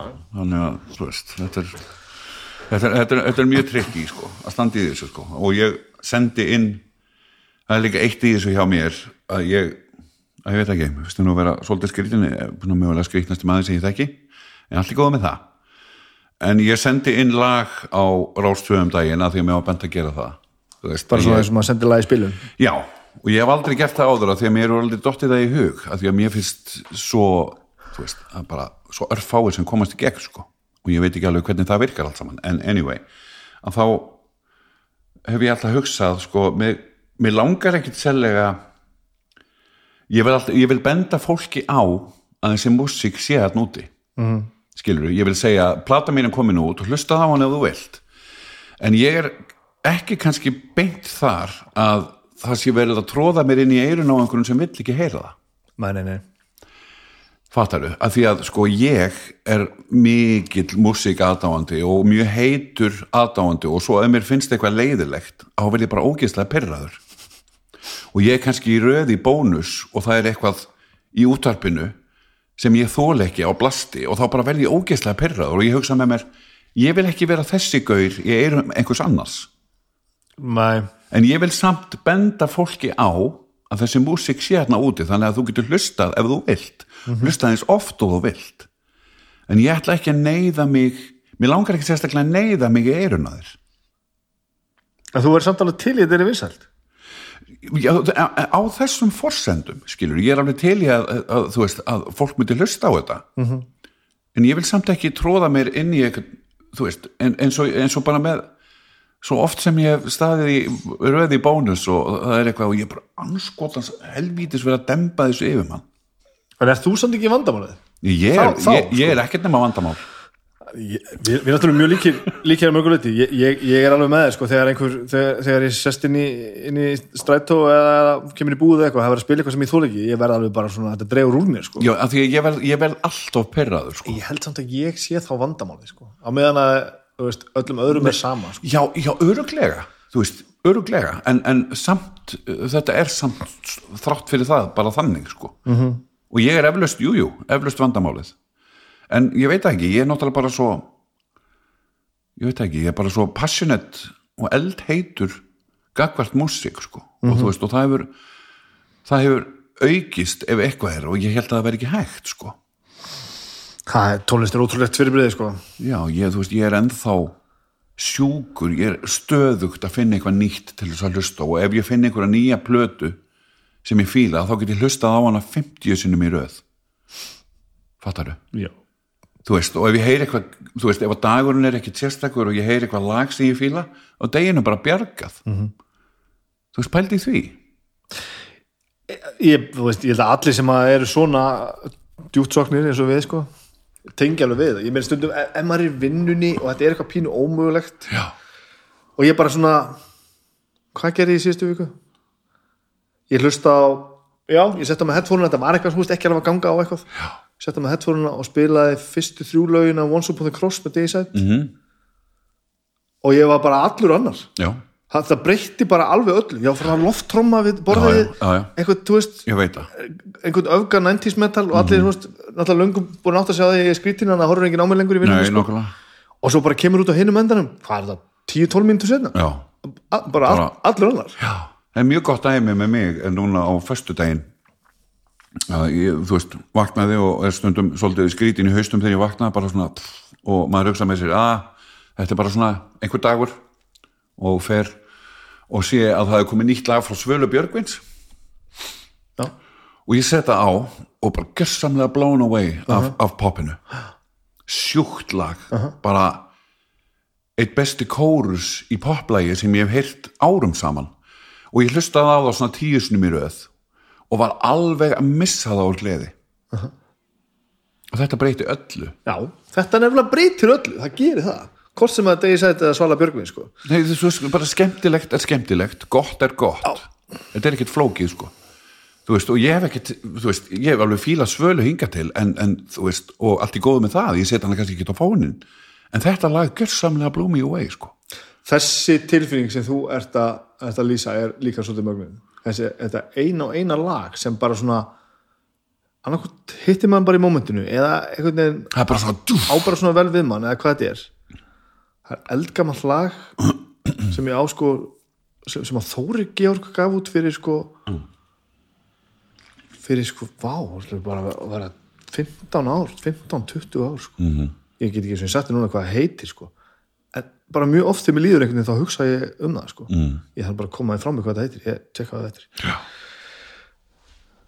og það er bara nákvæmlega þetta það, það bara, þetta er eitthvað svona þessi nákvæmlega þessi tilfinning sem að þú ert að, að lýsa sko. ég bara hlustaði á þetta og aftur og aftur og aftur og öllum þessum árum senna þá bara er þetta alltaf með mér sko. Já. og ég svona setið annars lagið á bara djúvill er þetta gott nákvæmlega og Þú hvað, er eitthvað í þessu? Nei, þetta er bara, þetta er bara frábært og líka sko, þú veist að því að ég, ég, maður ma getur notað þetta fyrir svo mörg tilefni að ég kannski er ógeðslega perraður og bara einhvern veginn að fríka út af perri og það ég kannski bara fýr faktor í plötuna frá 94, 95 á fónin hlusta á fyrstu þrjú lögin. Það er hún geði ekki, þvílíkur trökkur. Hún er rosaleg sko.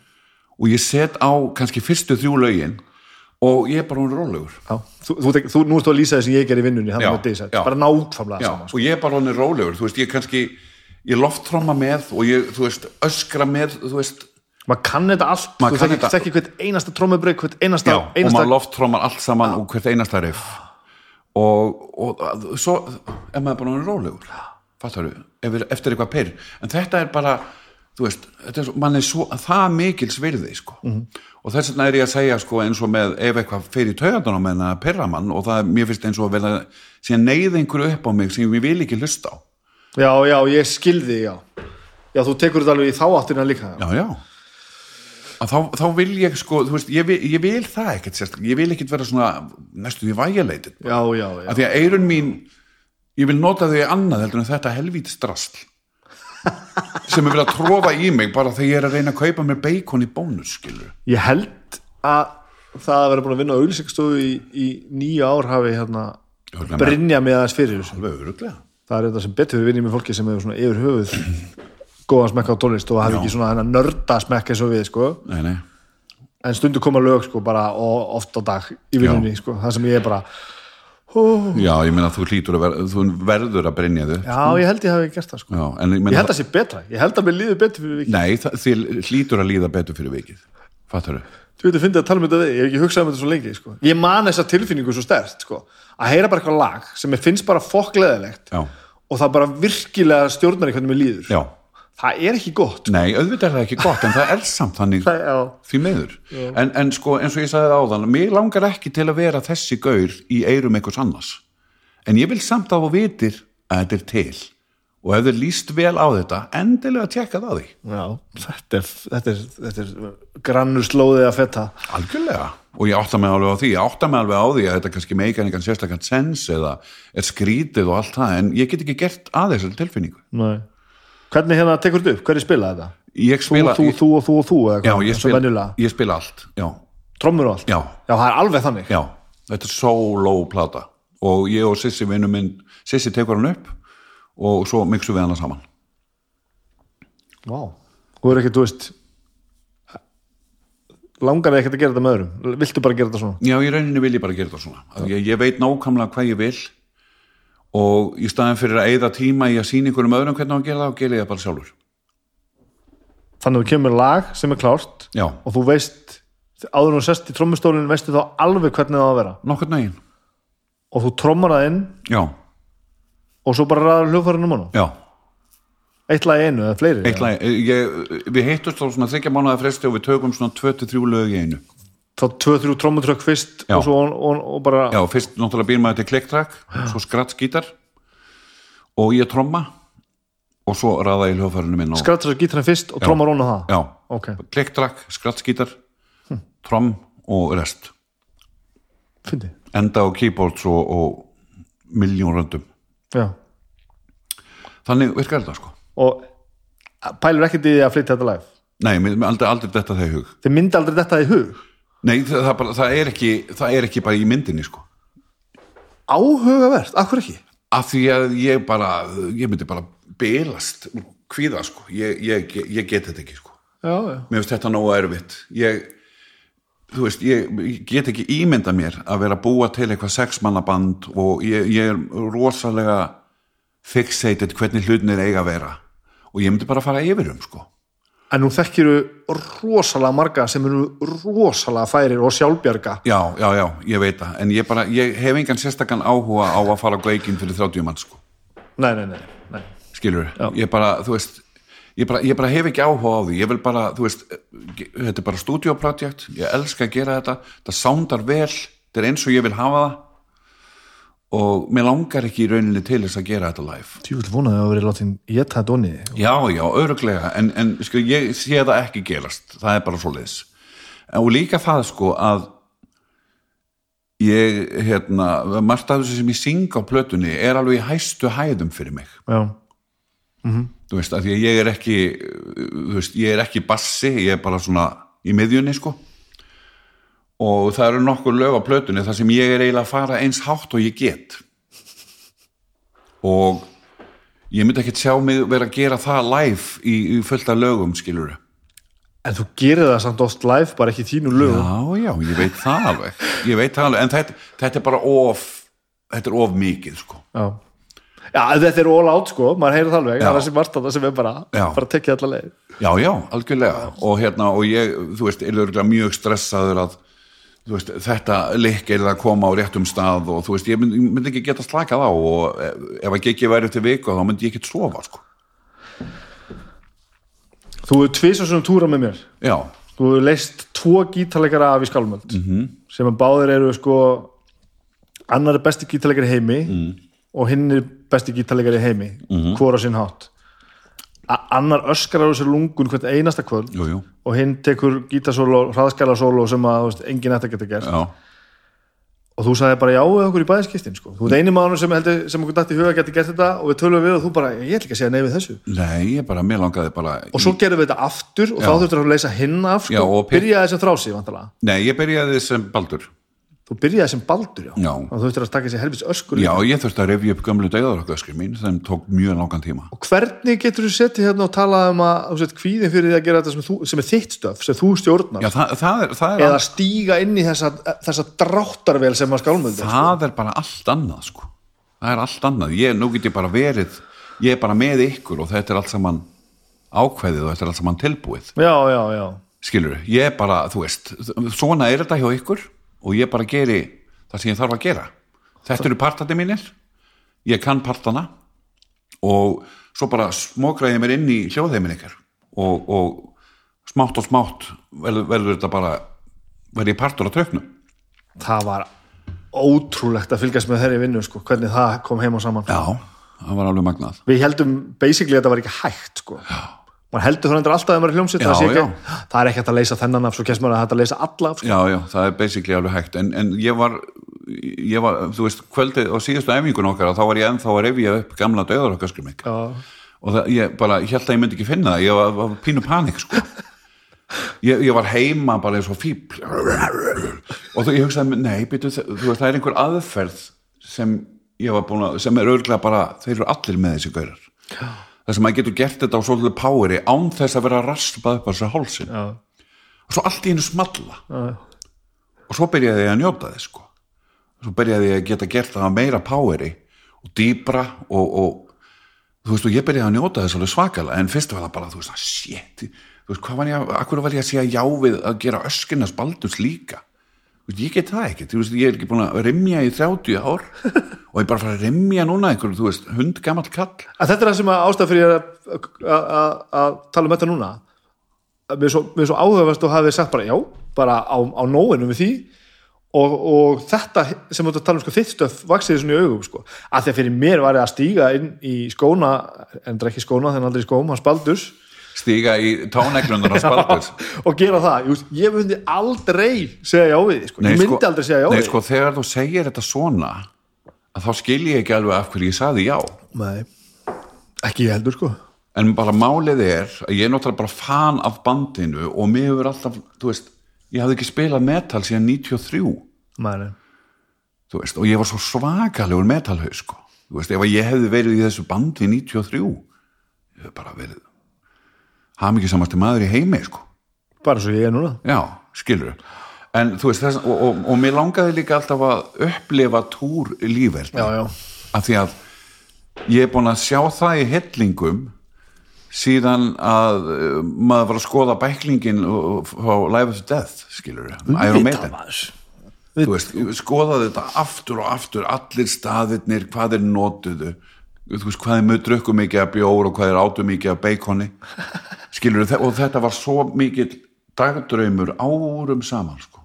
og ég tók þetta bara svona því að í rauninni þegar þú ert að krefja þetta eitthvað núna af hverju mér dætt í huga að segja já og þá er ég í rauninni alveg sammálaði sko.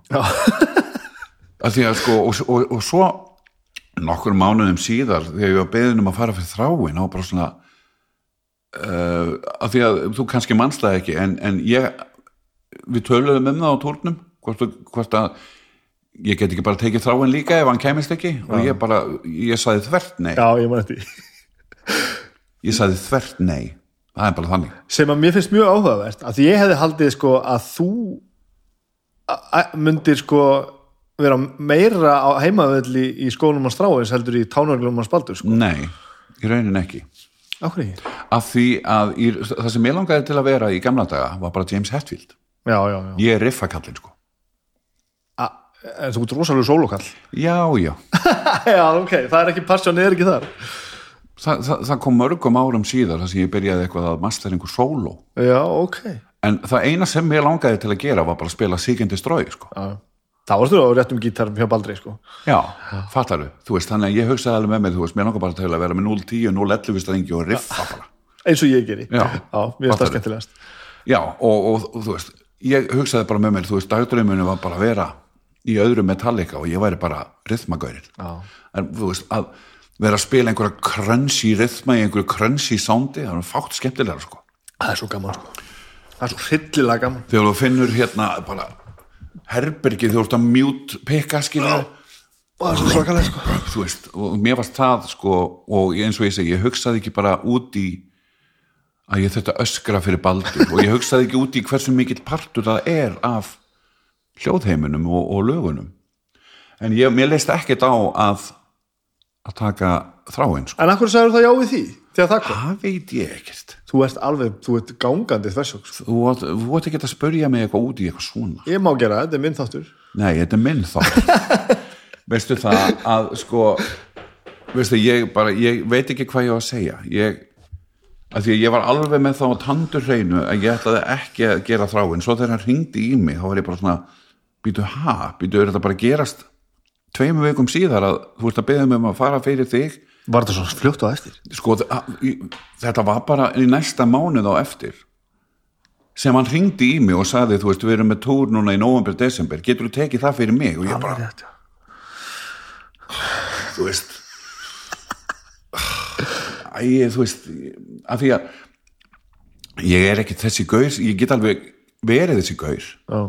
þessi sweep dót skiluru, en ég, ég reyninni er ekki þar sko ég hef ekki, ég hef ekki eftir með að gíta sér 1990 Nei, nei, þannig kemur að þessu þetta úttemtir æfingar sko. Já, já, og ég, þú veist, að ég sé að setja og gera ef ég ekki gert síðan ég var 18 ára. Nei, nei. ég geri bara eitthvað og vona að ég lendi hinum megin. Hvort var erfiðara, hvort túrin? fyrir túrin var mun erfiðari.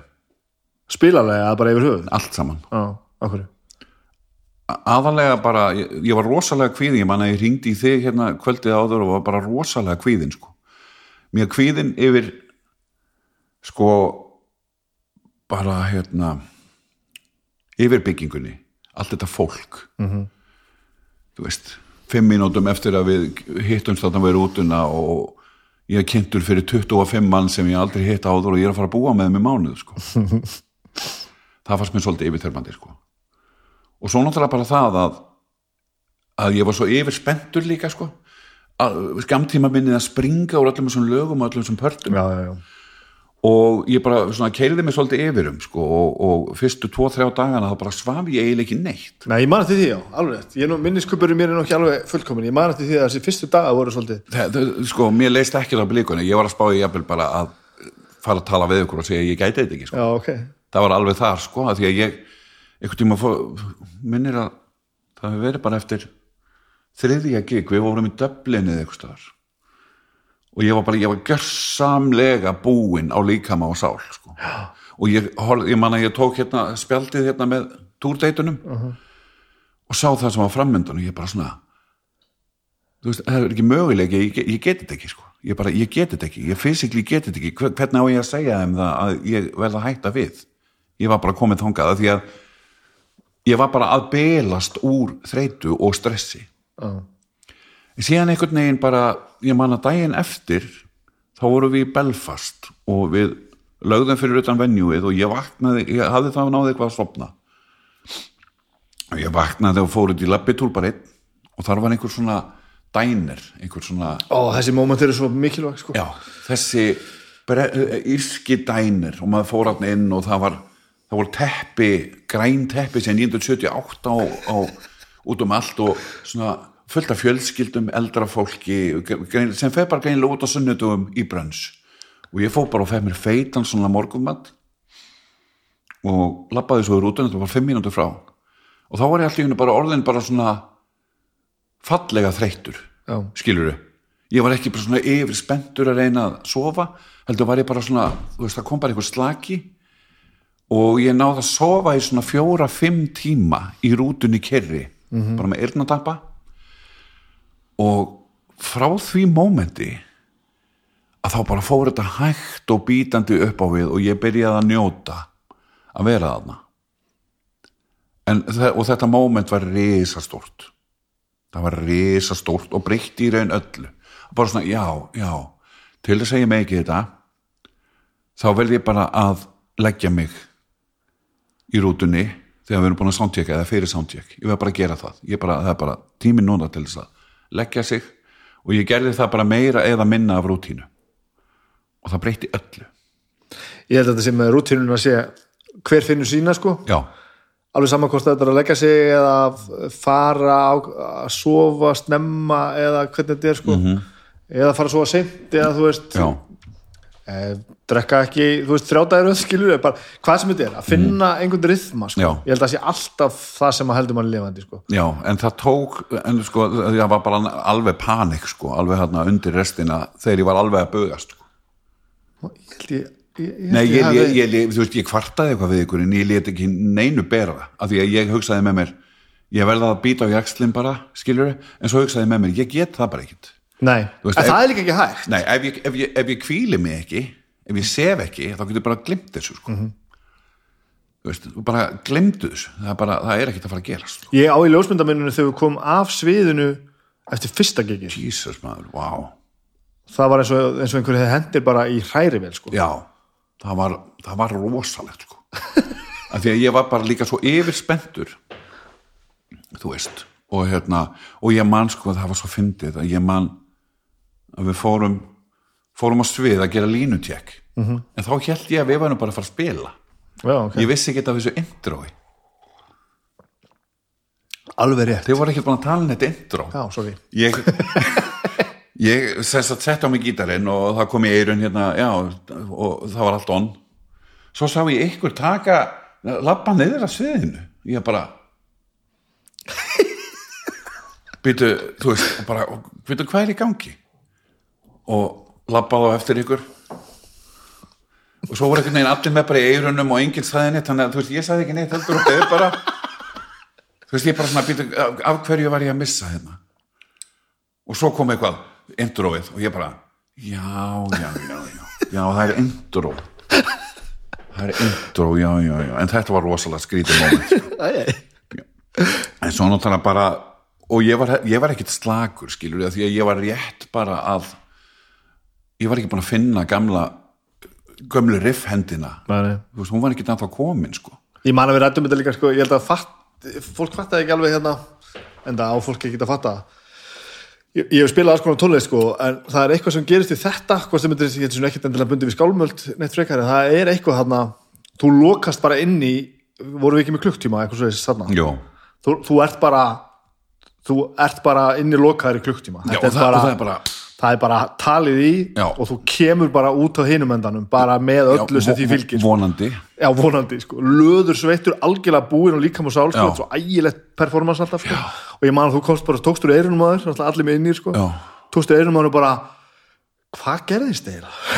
bara svona að ég mist minnið í klukkutíma en svo var þetta svo skrítið sko að ég náttúrulega skilur svo kemur einhvern veginn svona euphoric ástand eitthvað Já, já. svona maður er svo uppheppaður og ég drakk alltaf mikið sko. Fyrsta kvöldi Fyrsta kvöldi, já, veist, vorum við aftur? við vorum Bristol eða eitthvað. Já, vorum eitthvað stæðar hann það var eitthvað Bristol eða Bradford eða eitthvað svo og hérna og ég drakk alltaf mikið sko og var, var svo yfirspentur svaf ekki um nótina ég man að daginn eftir voru við í Manchester.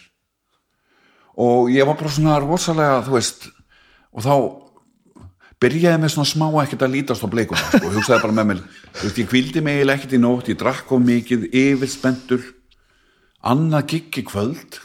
Alltaf í kvöld. Alltaf giggi kvöld, skilur en þú veist en hérna, já, mér byrjaði ekkert svona beint að lítast á bleikuna og strax kvöldið eftir þá fekk ég mér aftur í glas. En ekki eins mikið. Slæmur félagskapur. Já, en ekki eins mikið, sko en þú veist og mann ég að ég og þráin vorum út í, út í rútu með einhverju fólki sem ég kynntist þannig að bresku hjónunum hérna Craig og þeim hérna. Og Susan. Já, þú veist, kynntist þeim þetta kvöld og, og svo bara fann ég einhvern veginn að batteríin voru Nei, Sally heitir hún ekki batteríin voru alveg að klárast og þráin fór eitthvað inn aftur á klubbin og ég bara satt út í rútu sko, mann ég að ég samt var ég yfirspendur og gæti ekki sopnað svo kom önnur nótt frá Manchester til Dublin, það sem ég gæti raunin ekki sofið neitt sko. Og þá, þá var ég bara, þú veist hugsaði ég bara að þetta hefur verið stór mistök. Já, vá, ekki, ekki manni eftir að hafa séð þetta á þér sko. nei, ég leti ekki á neinu ber. Og svo hvað? Ég meina, fórstu svo bara að njóta þess að gera þetta? Já, það breyttist allt þarna þennan dag í, í Belfast. Dænirinn í Belfast? Já, þú veist, að því að ég bara man að ég hafði greinlega náð að sopna, sko, en, en svaf ekkert mjög lengi, en ég svaf samt fast á djúpur svefn. Og það var bara eins og ég hefði ekki fengið djúpan svefn í mánuð. Og vaknaði og klukkan var bara átta. Og það var bara þögn í rútunni, það var engin vakandi. Já, þetta er að modni bara. Þetta er að modni, þetta var bara áttað á modni og ég bara rumska og er eitthvað svangur. Og bara svona, byrjuðu, hvað eru við, vissi ekki alveg hvar við vorum. Svo ég Limelight sem er náttúrulega klubburinn í, í Belfast og ég feg bara eitthvað út og það lítur að vera eitthvað, ég líti að geta fundið mér eitthvað samlóku eða eitthvað. Svo bara handa við hotnið er þessi dænir og ég feg bara inn og fæ mér bara, þú veist, ég elskar svona breskar morguvela-pulsur það er bara best í heimi.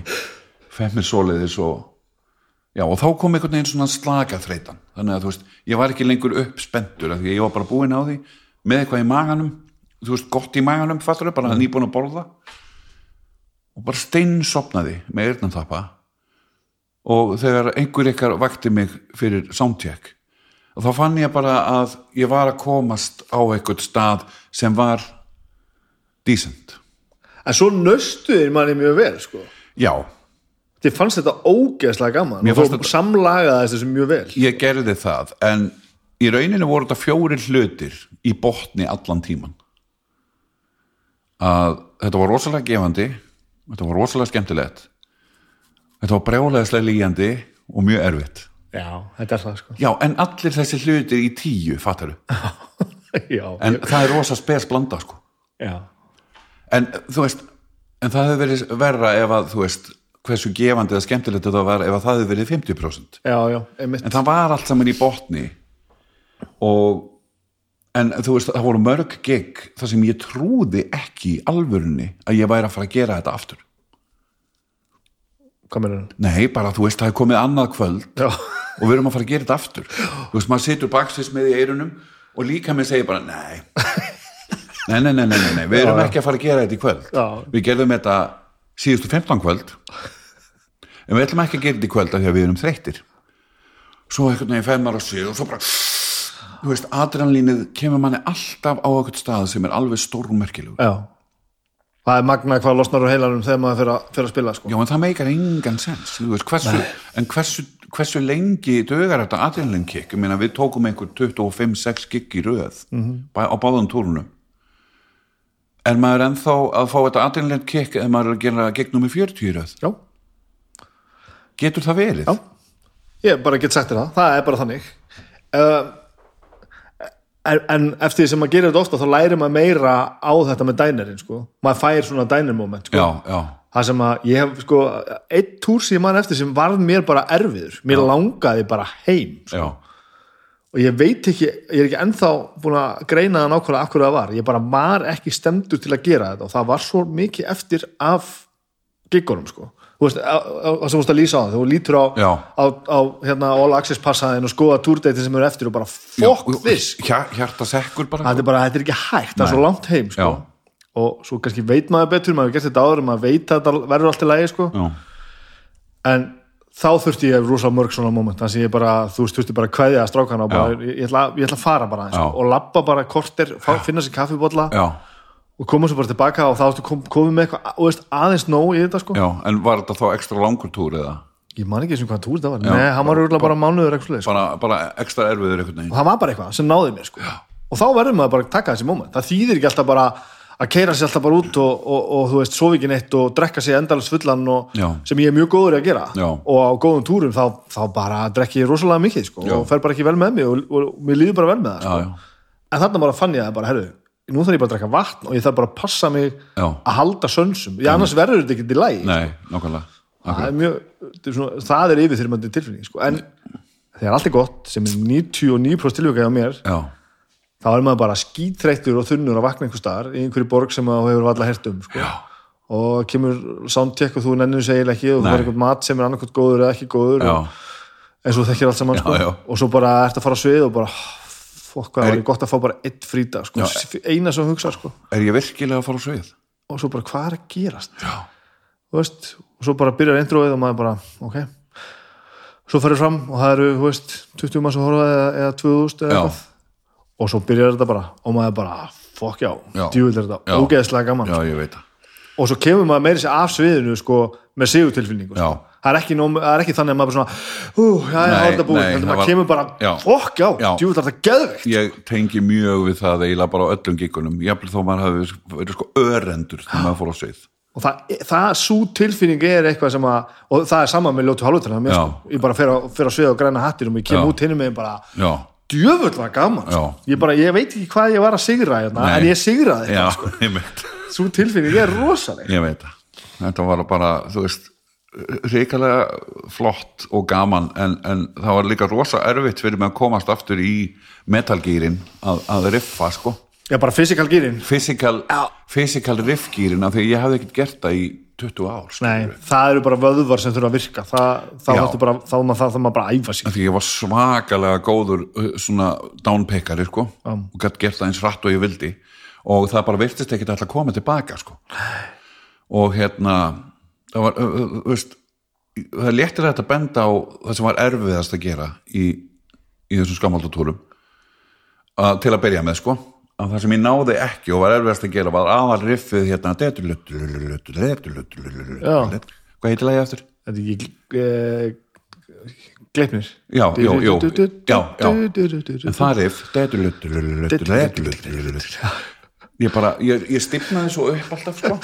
En svo, þú veist, undir undir lokin eða þú veist bara um miðbyggja eitthvað þá get ég gert þetta hratt og ég vildi. Já. og ég hef aldrei á ævinni verið í jafn góðu spilaformi eins og á þessum tveimur skónandatúrum Nei. aldrei á ævinni, mér fannst ég geta gert hvað sem ég vildi. Ég gætt spila hlutinnis hratt og ég vildi. Já. gítarstrengiti voru bara svo smjörfi í höndunum á mér. Já, það er, það er ekkert sem kemur fyrir, í staðan fyrir það. Það er ótrúlega tilfinning. Að, já, bara, þú veist tala um að æfa sig einu svona dag til að ná einhverju upp, sko, en þegar æfingin er klukkutími eða Já. klukkutími og kort er intense gig Já. við nýjar aðstæður og að gera það sama aftur og aftur og aftur. Dagur 20, þú ert bara ósigrandi já, sko. það er bara þannig það er bara ekkert sem stoppar og líka bandið, bandið spila sér saman sko. ég veit það, ég veit það verður þetta bara svona eins og einhver, einhver svakalegur trukkur sko. ég, man, ég man líka, ég var eitthvað tímann að leika mér að gera gleipnisriffið þú veist, ég hugsaði með mig, já, ég er alveg slagur ég er alveg komið með þetta, svo fór ég að leika mér að gera það hraðar og ég gat það. Já, já, og ég var svo ánægði með það, skilur, ég hugsaði með mér yes, þú veist, ég bara, ég er orðin sami metalspilari og ég var þegar ég var upp á mitt metal besta. En pældi hvað þetta er þú veist, fljótt að koma ef þú Já. sinnir því sko. Já. ég veit þetta er frustrerandi þessa daga þú Já. veist, dagur þrjú og þú ert bara með blöðrur Já, já. og bara búin að spila puttan að þér inn á beini það er það sem, það sem að ég finn fyrst fyrir því ég Já, kom túra lengi að algjörlega. Siggi er farið og ég Já. plokka hérna alltaf puttunum á mér sko. já, og þetta, og þeir eru ílt í öllum vöðum og getur þetta ekki og bara, og bara, ég er búin að gera þetta stanslust í þrjá dag og það gerist ekki neitt nei, sko. svo liða bara, bara vika tíu dagir viðbútt og þú ert bara ósigrandi djöfull er maður fljóttur að ná þessu maður. Það er alveg, það er sko já, það er mögnu tilfinning og, og það er svona alls konar svona tilfinningar sem ég man eftir frá þessum túrum og líka ég man að mér var tíðrætt við ykkur um hvort að hérna, þú veist hvort að þið værið ekki virkilega að meta þetta, skilur já. þú veist bara, þú veist, það er þriðjudagur klökkan er þrjú og ég er í Belgrad á einhverju kaffihúsi. Þú veist, það, það er bara bilun Já, það er bara stórkostlegt sko. er- þú veist, ég bara, þú veist, bara vá, á þessum tíma fyrir árið síðan, þá var ég öruglega þú veist, í netto. Allt í góða með það. Já. en ég er bara hérna eins og ekkert sér sjálfsæðara ég er bara í Belgrad með strákunum. Við erum á kaffihúsi, það er ógeðslega fallegu dagur.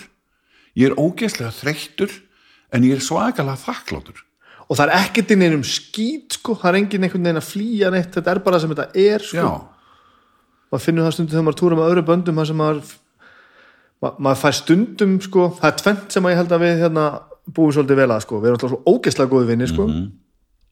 sem maður er ekki alltaf þegar maður, Nei. maður hittir böndin sem maður er að túra með það er oft bara svona einhver viðskiptasambund sem að mætti ganga betur og svo finnur maður það hljómar er svo margtröð bæði að hljóma hræðilega, túra viku eftir viku, mánuð eftir mánuð með fólki sem að er annarkvort þú tengir ekkert við eða hreinlega líkar ekki vel við sko. skelvilegt, skelvilegt og svo finnum maður stundum fólki sem er að túra sem er svolítið svo íslenski sjómaður sem skilur bara skömmin eftir í landi já, sko. já, já, og við erum líka lausið við það sko. þannig að það er allt í góðu heima líka sko.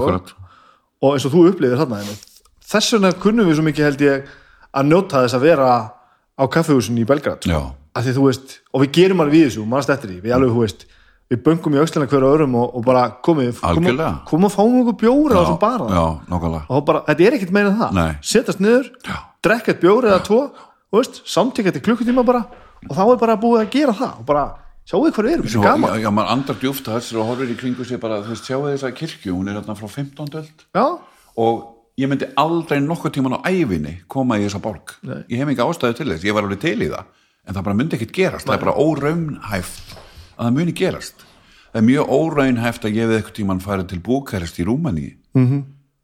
það er ekkit að fara að gerast. Var það setjentúrin já, já, en það gerist með ykkur Já. skilur, ég hugsaði með mér já, ég er hérna bara í borginni þar sem ég sá sjá Setsku tekin af lífi á live TV þegar ég var 17 ára.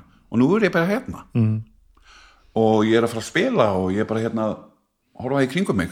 Ég, var- ég var meðvitaður um þetta hverjum einasta degi. Já, ég held að við náum nefnilega ennþá að vera það sko. Ég held að það, sem, að- sem, það er svolítið það sem heldur lífinu í það sem við erum að gera. Mér finnst það bara svo magical sko, Já, fattar við það, þetta er bara þetta er ógæðislega skemmtilegt sko. Það er líka rosalega gaman að spila eins og að spila með honum Jóngir bara að spila með honum? Bara að spila með honum. Já, hann er besti trómar í heimi sko. Þú veist, það, þú veist að því að hljómsveitir eru að mínu mati eru hljómsveitir ekki betri en trommuleikarinn.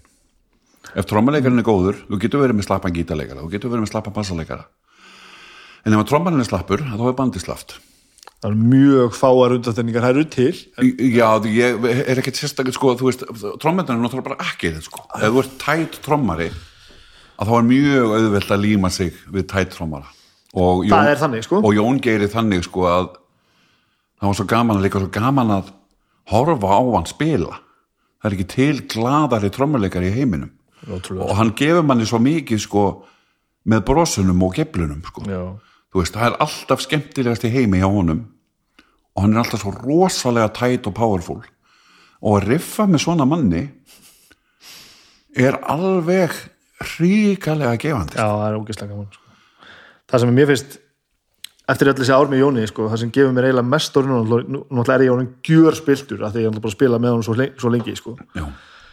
En það er sko þegar ég er komin yfir alla þessa teknilegu getu og allt þetta, þú veist, bara hvað hann er góður sko. það sem er fara að gefa mér mest er sko hvað hann er það af því þetta breyk hérna sem er geðveikt sem er að koma núna Já. það er svona vegna þess að það sem að kemur á eftir er svona Já. hann er ekki bara að klára þetta breyk og fara svo yfir í næsta Nei, nei. hann er alveg sko að, að ferja alla hljómsveitina hérðan og yfir í þetta hér sko. Og það er það sem að, það, svo lendur einhverju nýjum kabla Já. það sem hann var búin að sko smíða breyki þannig að þetta gerðist svona Já, og það. allt lendi svona saman bara Já, þá fæ ég bara svona holy shit hvað er maður það er þetta bara tónlistarlega innsæði sko, bara. það, það, mér fannst það rosalega mikil virði sko. ég veit ekki, og ég er náttúrulega bara svo mikil trommu kall sko. Já. Ég er það, þú veist, ég, þú veist ég, það sem ég kann alltaf mest utan á plötum eru trommuleikurinn og fyllin ég geta lofttrommað öll fyll já, já. og þú veist, ef það er eitthvað gott grúf eða flott fyll eða eitthvað, þá bara bílast ég sko og gleði sko. Já, ég er alveg með þér. Það, heyr, það heyrist líka svo vel. já, Það er ekkert, er alltaf auðvöld að, alltaf fara að elda einhver skemmtileg bassalikk, þau heyrast ekkert, sko. nei, er En oft- bara, þú veist, eins og, bara, eins og það var bara virkilega gaman sko Já. En svo var annar túrin var, var mun auðveldari sko, að því að við líka þurftum ekki að róta og þá með, með eilstól. Já. Við þurftum ekki að róta. Við að hella hana fyrir túrina? Nú man ég aldrei neitt. Voru við með omniðum gaður um þá? eða? Já, og hérna stamina. Já, já, já. já. Og við vorum... við vorum að kóa hellan túr að róta sjálfur. Já, Já, og það er. Já, og þannig að það var svolítið, það var svolítið trikki, en það var ekkert svoleiðis með eilstól, sko. Og líka bara, þú veist, en þá vissi ég líka í hvað ég var að fara Já, og ég gæti undirbúið mig andlega því að, þú veist, ég ringdi í þig og þú sagði mér fyrir fyrirtúrin hvernig það væri en þú veist, þú geta sagt allt og það breytti engu. Já. Fattaru? Þú, Þetta er bara þannig. Já, ég varð bara að upplifa þetta og bara svona, já, ok, nú er ég að fara í þetta og þú manns hvað gerði síðast. Já. Og ég gat gert það bara frá byrjun, sko. En ég, þú veist, ég man líka að ég, ég drakk rosalega lítið á báðum þessum túrum, sko. Uh Þú veist, ég veit ekki hvort á mannstæðin, ég var bara alltaf mjög fljótlega komin í kóju, sko. Ég held að ég hef einu sinni dottið í það með ykkur á setni tórnum. Já. Og Með ykkur, svona eins og við höfum alltaf verið Nei, það, var, það var ekki þannig en, en þú veist, en, eins og strákarnir í Omnium gaðurum, þeir döttu í það hverju þeir voru að- að hlusta á Foreigner og, og Journey skilur við, bara þannig að, þú veist, ég hugsaði með mér þú veist, að því að ég er löngu búin með þann pakka sko. ég er bara, það eru 10% eftir að minni drikju frá því að hún var sem mest sko, Já. fattaru þú veist, ég er bara búin með þetta, þú veist, ég er að vera 50 og ég er bara, ég nenni þess ekki lengur Nei, sama mér, sko. ef ég myndi hætta að spila þá myndi ég hætta bara, þá myndi ég ekki drekka Nei, alveg þannig. Já, ég fæ mér sko, þegar ég er að græna hattunum með eitthvað, þá fæ ég mér smá konjak og bjór -hmm. En á milli þess, ég drakk ekki dropa í COVID sko, Já, ok. nei, nei, þú veist, ekki neitt ég nota þetta bara sem svona bensín að kikka mig í gang, Mér finnst það rosa gaman að vera fullur, sko. já, mér ekki lengur finnst mér, skilur, ég nenni þess ekki lengur Mér finnst það ennþá mjög, mjög gaman. Já, uh, og ég gerði eins og ofbóðslega mikið af því, alveg bara, alveg bara tvís og þrísar viku, bara alltaf og við Já. varum að túra bara öll kvöld, alveg Já. heiklust sko.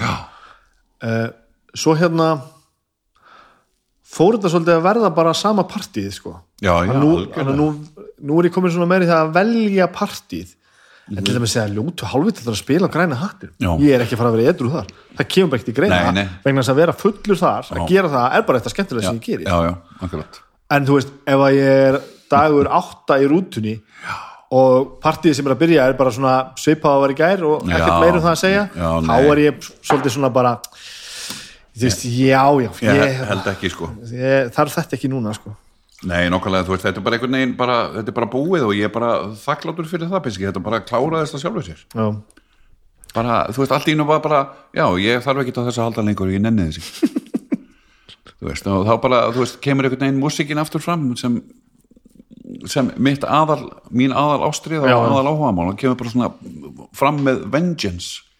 Myndur þú sem sagt, svo við förum aðeins tilbaka í það, þú myndur aldrei sjá þig taka þetta stöð þú komið heila plötu sem er mjög dísent ég bendi þess að þetta að ég var hlust í þessum átala mm bara mjög svona, þú veist nú sé- nota ég orðið dísent svona að því að ég kannski ekki endilega tala út frá hvort þú sé frábæra eða ekki frábæra, hún Nei. er þetta er svona frambærilegt vel unnið alvöru stöð já, að þú myndir aldrei geta að sé þið fyrir þið gera það sem við erum búin að tala um núna í sko hálftíma með veist, og þið fannst greinlega svona ógeðslega gaman. Fara þá á þínum fórsendum, búa til band og spila þetta bara á fullu nei ég bara, ég sé það ekki fyrir mér bara, þetta, það, þetta er of þetta er of, ég veit ekki þetta er of persónulegt eða, veist, of mikið sem liggur undir einhvern veginn mm. og ég er bara mjög kvíðin við því sko, að því að þú veist mjög stópastlega gaman að vera í hopnum og vera einn af strákunum, en mér langar ekki sérstaklega að vera aðal Já. ég hef e- enga sérstaka ég hef engar sérstakar ambisjónir um það sko. mér finnst alveg gaman að gera þessi lög og eitthvað svona en, en mér finnst samt erfitt að koma fram. Mér, eins og ég sagði á þann, mér finnst erfitt að henda einhverju fram og hérna er ég, hvernig finnst ykkur ég? Elski mig, elski mig. Já, gerið það, vil ég tekka á þessu fyrir mig þú veist, en en, en samt ekki skilur þið þurfið þess ekki þetta er alltaf lagi. En ef ykkur finnst það gaman þá er það bara fínt, en ef ykkur finnst það leiðilegt ekki segja neitt. Og svo er ég svo, sko, svo brjálaðislega viðkvæmur að, að ég man að við erum búin að vera svolítið aktífir ég og Sissi að taka upp undanfænin þrjú fjögur ár, hittast alltaf reglulega og gera eitthvað. Svo gerist það hérna í sömæri 2019 þá fór ég upp þetta með, með tvö lög. Og þau voru svo komu svo ömuleg út. Lögin voru svo ömuleg og ég var svo reyðu við sjálfa mig að hafa ekki vitað það fyrirfram að lögin væru bara glötuð og ég man að við tókum þau upp helgina og ég byrjaði alltaf, hjarta byrjaði alltaf að sökka dýpra og dýpra. Og svo fór ég heim um kvöldi og við vorum að hlusta á það sem við höfum gert um helgina í bílnum. Og ég bara ég var mortified sko, ég var alveg miður mín. Og í kjölfarið gerðist það að ég samt ekki lag í átta mánuði. Ég var bara hættur. Veistu af hverju Hva, hvað Nei, ég, sko, ég var svo reyður við mig að hafa ekki að hafa ekki þú veist að ég, ég, ég tel mig alveg vita þegar ég er með eitthvað sem ég finnst skemmtilegt í höndunum en þarna fór það bara fram hjá mér og ég skil ekki af hverju það fór fram hjá mér og er það ekki alltaf lagi? Nei, það er ekkert allt í lagi. Þetta orsakaðist þannig að ég tók ekki gítarinn upp á töskunni í átta mánuði mann ég. Og svo gerist það bara, já, í mars í fyrra, þe- þe- þegar fyrsta lagið kom sem endaði svo ásal blötu, þá bara kemur eitthvað lag og það kom bara no time og ég var svakalega spenntur. Var nokkuð vissum og, og þú veist, ég samtið það bara á fimmtudegi held ég og ringdi bara í sessa á fimmtaskvöldi og sagði bara ég er með nýtt lag. Ertu laus um helgina? Og hann var laus um helgina og ég fór bara upp yfir þetta var bara það var ný, bú, ný komið á lockdown. Ég á komin text á allt saman og ég bara, hann, hann var laus og ég fór og gerði þetta eina lag. Og ég var svo ánæði með það sko. ég var svo ég hugsaði bara, vá, ok. Og frá þessu að þá bara komu endalaus lög endalaus. Og ég var bara og allt þetta sem er á þessari blötu er frá mars til oktober í fyrra. Shit, hvað og, og þetta 20 lög sem þú ert að velja úr? Já, að framleysla er það maður. Já en, en lögin sem voru þar á undan sko, sem, ég, sem ég hafði ekki einu sinni hugsað út í hafa blötuna eru 40 önnur í stúdíónu wow. og svo er ég með 120 demo á Gerðsband núna. Hvað kallar þetta demo, alveg heil, heil lög já, heil lög. Wow. já, það eru komin, já, ég held að við sé, já, 110 eða 20 sem eru núna tilbúin. Jöfull er það mikið maður ég er svo latum að ég sé maður aldrei nefnum að það er bara þessi þurfi sko. Nei, ég bara, þú veist, þegar ég er í þjálfun og í sóninu, þá kemur þetta bara endalust og svo náttúrulega eftir meira sem maður gerir, þá gerir maður þetta betur sko. já, og þá getur þú hent líka meiru. Já, fattar en ég er það veðkvæmur sjáðu til að með þetta dæmi hérna að þú veist og svo talaði við Sissa og við fengum okkur smá bjóru og okkur svona býtu, hvað gerist til, ég var bara búin að sakna búin- við erum ekki búin að hittast neitt ég bara, nei, ég bara ég hætti bara, ég sá fyrir mér að ég væri bara hættur. Það er bara alveg búið? Já, að þú gerir tvö lög sem virkuðu ekki? Já. Ég er alveg þar sko. Ég, er- engin svona skinsemis hérna, hluti í heilanum á þeim sem segir bara já, ég veit nú betur sko. Nei, nei, ég bara, þú veist, ég, ég var svo reyður við mig og vonsveikin að ég hef ekki fattað hversu mikið krapp þetta var. Og svo þurftum við að hlusta á þetta mörgun sinnum í bílnum og leiðin í bæin og ég bara, guð minn, almáttugur. Þú veist, hef ég engan sens á neinu, skilur er ég, er ég virkilega svona vonlaus? smittar þetta ekki eitthvað fleira í lífinu þá Jú, jú. Jú, jú, ef, ef þú bara vissir. Jesus, já. Ég er, ég er mjög viðkvæmur fyrir öllu svona, sko. og þá í, þú veist, einhverju sem að ba- bara svona, ég veit ekki hvað þú kallar þetta sjálfsniður en, en þú veist, já, já. þannig bara. Já, já, ég, ég, er, ég er ekki aðdóandi, aðdóandi menn, sko. Ég get alveg sagt þér það. Ég er bara, en af hverju ertu þá ekki bara heima og bara undir seng já, það, það, það er stundum þannig. já, það er stundu þannig Já, já. Ég, ég er náttúrulega ekki sérstaklega í lægi, sko, Nei. og hef líklega aldrei verið, sko. ok, bara, þú veist uh, síþreita og svimi og, og þú veist, bara þingsli, sko mm. mikið af því, þú eru gert eitthvað, eitthvað markvist í þessu? Já, já. En það vilist bara ekkit sérstaklega vilist ekkit sérstaklega virkanið þannig séð, sko. En ég hef alveg pröfað alls konar hluti. Og veistu hvernig þú heldur þau sem skástum eða er þetta bara, já, ég er sko, þegar ég held mér sem skástum að hvernig fannst þetta orðalag? Halda sér sem skástum? Já, nefnir það mjög veist það bara flott. Það segir bara, að, það er basically það sem við erum að tala um. Þú veist, það er bara tónlist. Já, þarf ef ég ef ég ramba á eins og, eins og um daginn það var mjög gott hérna dæmi að eina mínum uppáhalsljónastum í dag var að gefa út nýja plötu og ég hafði ekki hugmynd um það. Ég bara rambaði á það óvart. Að ég gaf út nýja plötu í fyrra svo kom, sem, sem er sekk sko. Svo kom önnur núna sem er jafnvel betri og þá ekki vera hægt. Hvað band er þetta? uh, The Night Flight Orchestra heitir það, sænst band þetta er, þetta er metalband sem er að gera side project sem er basically bara hljómar eins og late 70s pop bara algjört pop, þetta er bara svo ELO og ABBA og Foreigner. Frábær lög frábær production. Og ég bara alltaf rambaði og glæ nýja plötu sem hafði komið út fyrir tveimur dögum. Og ég sett hann á og það var bara það var bara svo stórkostlegt já, þú veist, að hafa ekki, já, veri ekki neitt sérstakur, sko. Svo bara, þú veist, kemur þetta bara eins og einhver guðskjöf þetta er bara eins og einhver hafi sagt, já, hérna við viljum eitthvað að gera fyrir einar. En, hérna, þetta gengur ekki lengur. Já. Og, og þetta er, ég er búin að hlusta á hann öðruglega svona, kannski hundra sinnum. Já. og öll lögin eru frábær, þannig ég get bara að láta henn að rúlla. Og ég er bara sáttur. Ertu, þú að- ertu ykkur maníukall að því að þú veist framlistan á þessum lögum er náttúrulega það gerir þetta enginn, það semur enginn þú veist, svona mörg já, lög. já, allir það ekki, sko. Og ferði þá niður á milli bara? Bara, Já, ég er svona oft frekar ómögulegur ef ég er ekki ef ég er ekki að gera til þess músík eða hlusta músík. Og setur þetta svona upp að þú, þú verðir skárri ef þú gerir músík. Það sé ekki þannig að þú sérst að gera músík þegar þú ert skárri. Ég veit ekki hvort það er. Nei. það er nefnilega málið sko þannig að ég, ég bara átta ekki alveg á því en þetta er alveg valið spurning. En alltaf sé ekki bara sett lítið á hvoru. -hmm. Mhm. þannig að já, þú veist tónlist hefur alltaf verið svo risastór partur í lífi mínu en hann er orðin ennþá stærri í dag. Já, og ég er svo þakkláttur fyrir það að því að ég veit að það eru rosalega mikið af fólki sem bara kannski hættir að hlusta á tónlist og vill bara hlusta á gömlu lögin sem, sem það fílaði í gamla daga. En er ekkert að leita að einhverju nýju og það skiptir í reynin ekki máli ég veit að það eru fullt af fólki sem er ekki þannig en það er líka fullt af fólki sem er þannig. En ég er svo þakkláttur fyrir þetta sko.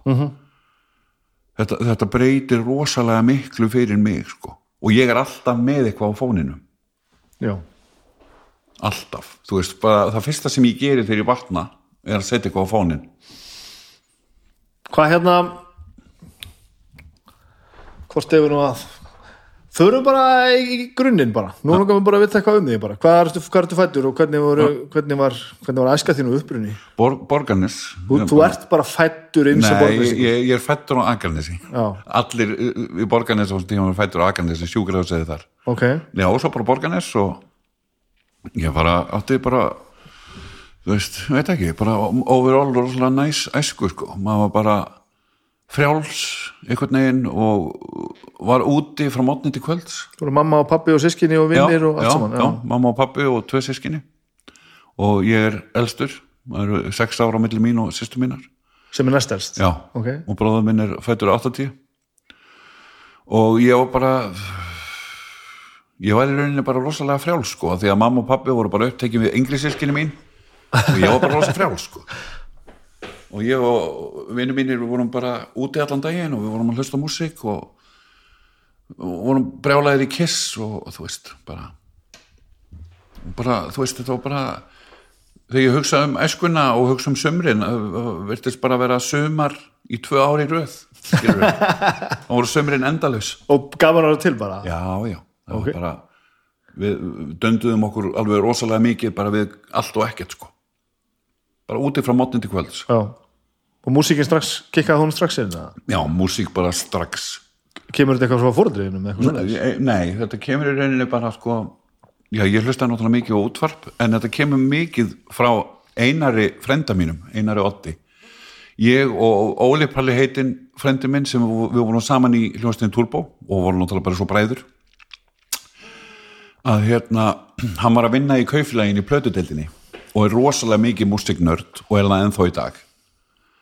Og ég var svo mikið heima hjá Óla og, og Einari frendfólki mínu og við vorum bara eins og stíjamstýpurar og Einar kom alltaf heim næstu í daglega með fullt af nýjum plötum. Já, og þegar hann var ekki heima þá fór litli frendin inn í herbyggi til að skoða. Og þar til dæmis sá ég fyrstu Kiss plötuna mína fyrstu Boston plötuna fyrstu Kings plötuna fyrstu Talking Heads plötuna you name it. Eitthvað sem þú segir sást og- já sem ég sá og heyrði Og heyrðir, já. já, af því að sko ég heyrði líka þegar hann var að hlusta inn í herbygginu sínu. Og ég var alltaf alert sko. Varstu strax komið með þetta að því nú þekki ég aðeins til þín tónlistarlega að þú er náttúrulega rosalega ég ætla, ég ætla, ætla að nota orðið er ég, ætla alltaf að segja kallalegur. Nei, ég ætla að segja kalkuleraður Já. en það er ekki rétt orðið. Þú ert rosalega það lýsir þessi ekki alveg að segja snöggur. Þú, þetta, þetta leggst ofbúslega auðvitað fyrir. Þú, Já, þú já, greinir þetta bara sundur og heyrir allt. Já, já, Var þetta strax svona? Já. Manstu það? já, ég man bara mómentið þar sem að ég hugsaði með mér að ég get gert þetta líka.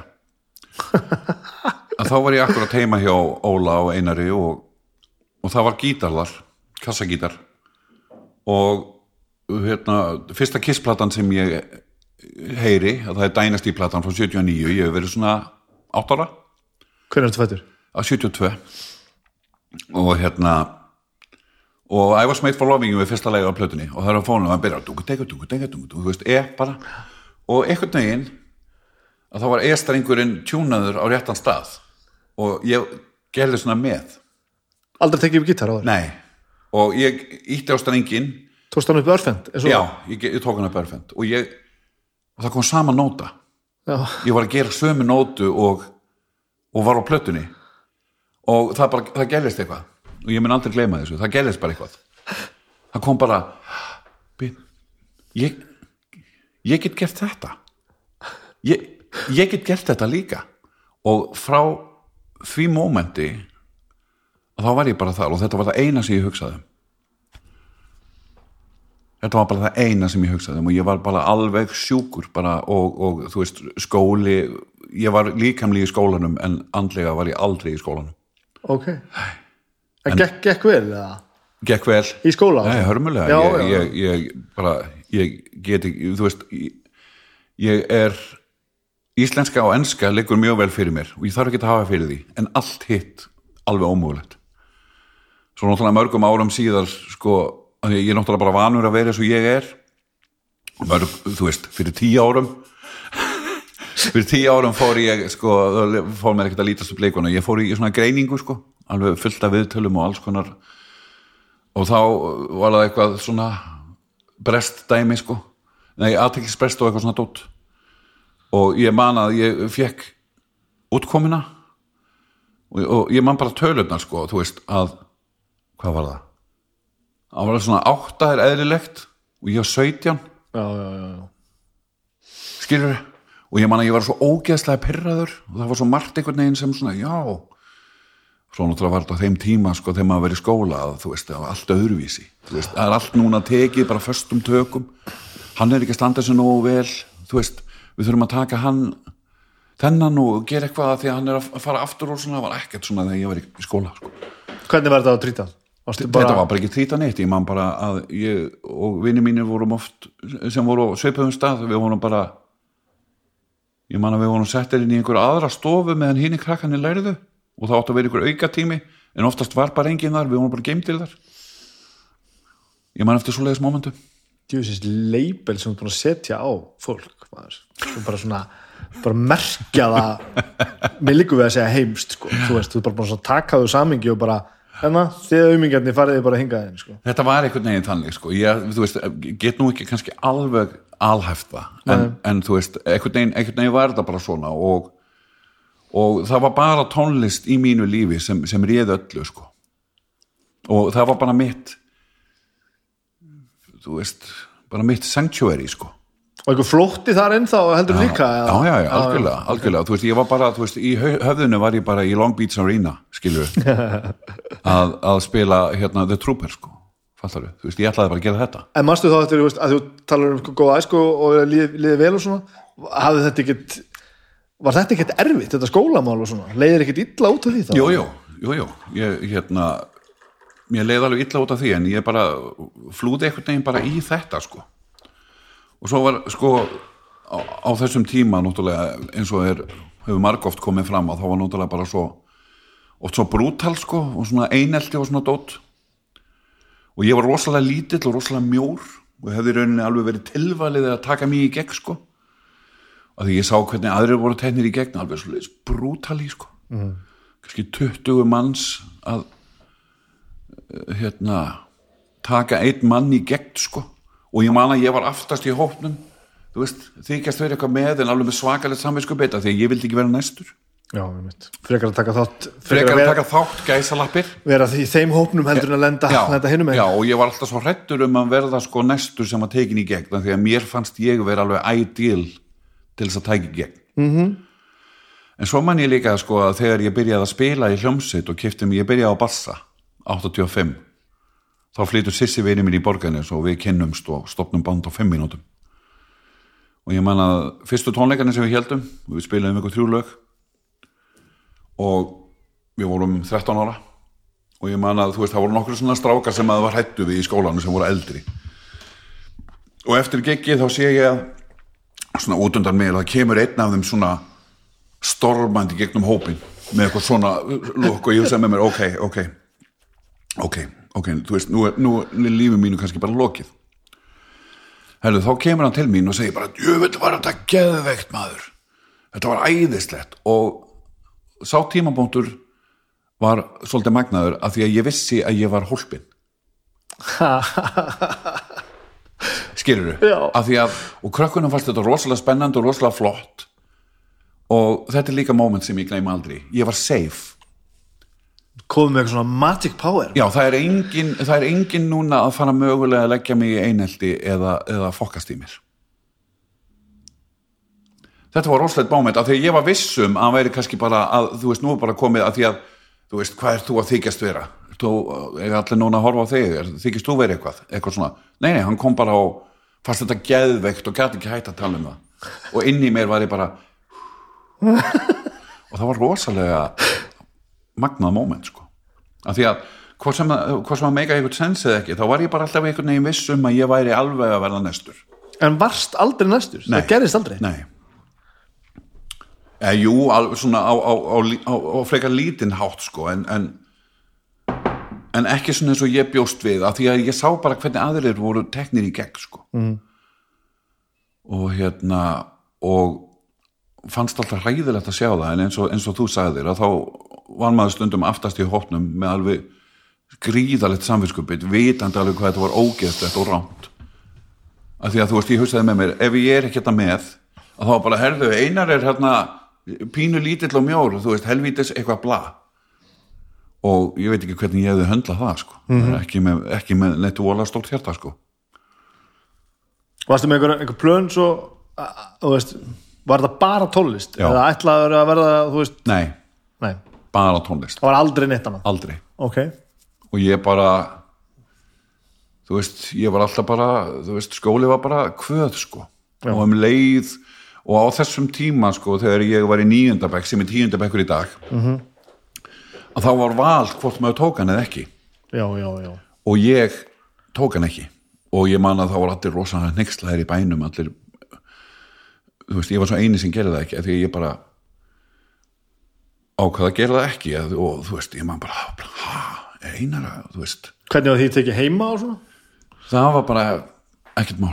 Nei, nei, nei, nei, þú veist, það var ekkert verið að spá í það. Ekki að spá í það? Nei, þú veist, ég veit það ekki en þú veist, ég held að fólkda mínu voru bara upptæðinu við yngri sískinni mín, vola mikið, sko. Og ég skil það alveg, sko. Því að það langt á milli okkar. En svo var það bara og ég byrjaði að vinna í slátutíðinni í borganessi og gerði það í nokkur ár og svo var bara slátutíðin búin í oktober og svo bara fekk ég enga vinnu. Ég gæti ekki fengið vinnun einstæðar og þá kom bara svo hugmynd hjá mér að fara í heimavistaskóla á Snæfellsnes þar sem, sem æskuvinu minn hafði flutt í sveitina 84 við vorum rosalega nánir, ég og Kristján Sástrókur og Óli Palli heitinn sem var með mér í Turbo og frendi minn. Og Stjáni hafði flutt 84 í sveitina og var í þessum skóla og ég man ekki, þú veist allt í hennu var ég bara komin í lögagerði skóla á Snæfellsnesi og tók nýjöndabæk þar. En ekki til þess að læra það var ekki Jú, líklega, ég hugsaði bara með mér sko, ég ætla bara að klára þetta. Þú veist, ég fæ ekki vinnu og ætla bara að klára þetta. En ég ætla ekki að koma í grunnskólinni í borgarni sem er skottið á myndi lappala það, man, það, það menn ég mjög greinilega. Ég ætla ekki að koma tveimur mánuðum síðar já, þetta er bara, þarna bara stuttu setna, bara einhverju vikum, vikum setna sem. Já, þetta var þú ert bara ekki að gera þetta ári og eftir nei, nei, nei, já, þetta er bara, þetta skil er bara mánuði síðar eða eitthvað, þá bara fæ ég enga vinnu og ég hugsa bara með mér ég kannski reyna, bara- ég fer bara í laugagerði og klára bara nýjönd, klára bara grunnskólan þar. Gerði maður þetta bara, valsaði maður bara í næsta skóla Já, og... ég meina það, ég gerði það allavega. Ok, en þá kom líka sko það var líklega mitt besta skóla ár svona akademik sko. Já, af því að þar var svo mikið struktúr á hlutunum að ég naut þessa veturs mjög mikið. Og ég var náttúrulega stressaður þegar ég fór og eitthvað svona leist ekki þetta til að byrja með. En þarna var það bara sko að það var bara lærutími upp á heimavist. Og skólastjórin lappaði bara á milli herbergjana og var að aðstóða já, bara utan kennslustundar Já, þetta er bara, þú veist, frá bara, þú veist, þrjú til fimm eða fimm til sex eða eitthvað, þá bara átt, sátu bara allir og lærðu heima. Og það, sá struktúr gerði svolítið vel fyrir mig þó að ég hafi náttúrulega verið alveg glataður samt sem áður að það var samt skárara sko. Og þá var bara að vilja læra og svo var bara kvöldmættur, maður fór bara nýri mötuniti og þú veist, þannig að ég svona ég er náttúrulega kolfjall sko. En þetta var samt ég nöyt þessa skóla árs mjög vel sko og kynntist fullt af frábæru fólki þarna frábærum kennurum. Kennarar sem fóru alveg þú veist, above the call of duty. -hmm. ég man að ég var svo spenntur sko að Gísli heitin var eitt kennari sem var hérna og reyndist mér rosalega vel. Og mörgum mánuðum síðan var hann ennþá í sambandi við mig og var að hjálpa mér að búa til svona umsók til að fara til bandaríkar sem skiptinemi ég man að við hittumst oft bara heima og þá var, þú veist, hann var bara að hjálpa mér bara fyrir utan vinnuna sína en svo bara, þú veist, held ég ég væri kannski að fara út til Seattle eða Los Angeles eða eitthvað það bara komst ég ekki að því að ég var með svo lélega einhvern sko. mm. en þú veist, ég kunni rosalega vel að meta það sko en svo bara fór ég að spila bara vola mikið og held ég að ég borgað fyrir mitt fyrsta ball 88 bara rosalega mikið að ballspila mennsku og svo náttúrulega stopnum við turbobandi var alltaf í gangi og alltaf var búið til músík og, og bara Lærður þú eitthvað á gítar? Nei, en ég ég pröfaði það. Þú veist að því ég var að spója að læra nótur og svona, ég kann ekki eins og tólis mhm. Mm og ég pröfaði það en ég sónaði bara út. Þá var vel að gera eitthvað sem ég finnst skemmtilegt og verið að breyta því starfræði þannig að en ég vildi óska þess að ég hefði gert það að því að þú veist, ég get ekki stokkið inn í hvaða verkefni sem er ekki nema að vera með miklu lengri undirbúrstíma heldur en hinnir og það bara er mjög þú veist svona hviðvænlegt sko að vera inn í einhverjum hópi það sem flestir eru FIH mentaðir og kunna rosalega vel að lesa og ég, ég er með skamtíma minni sem er springa sko.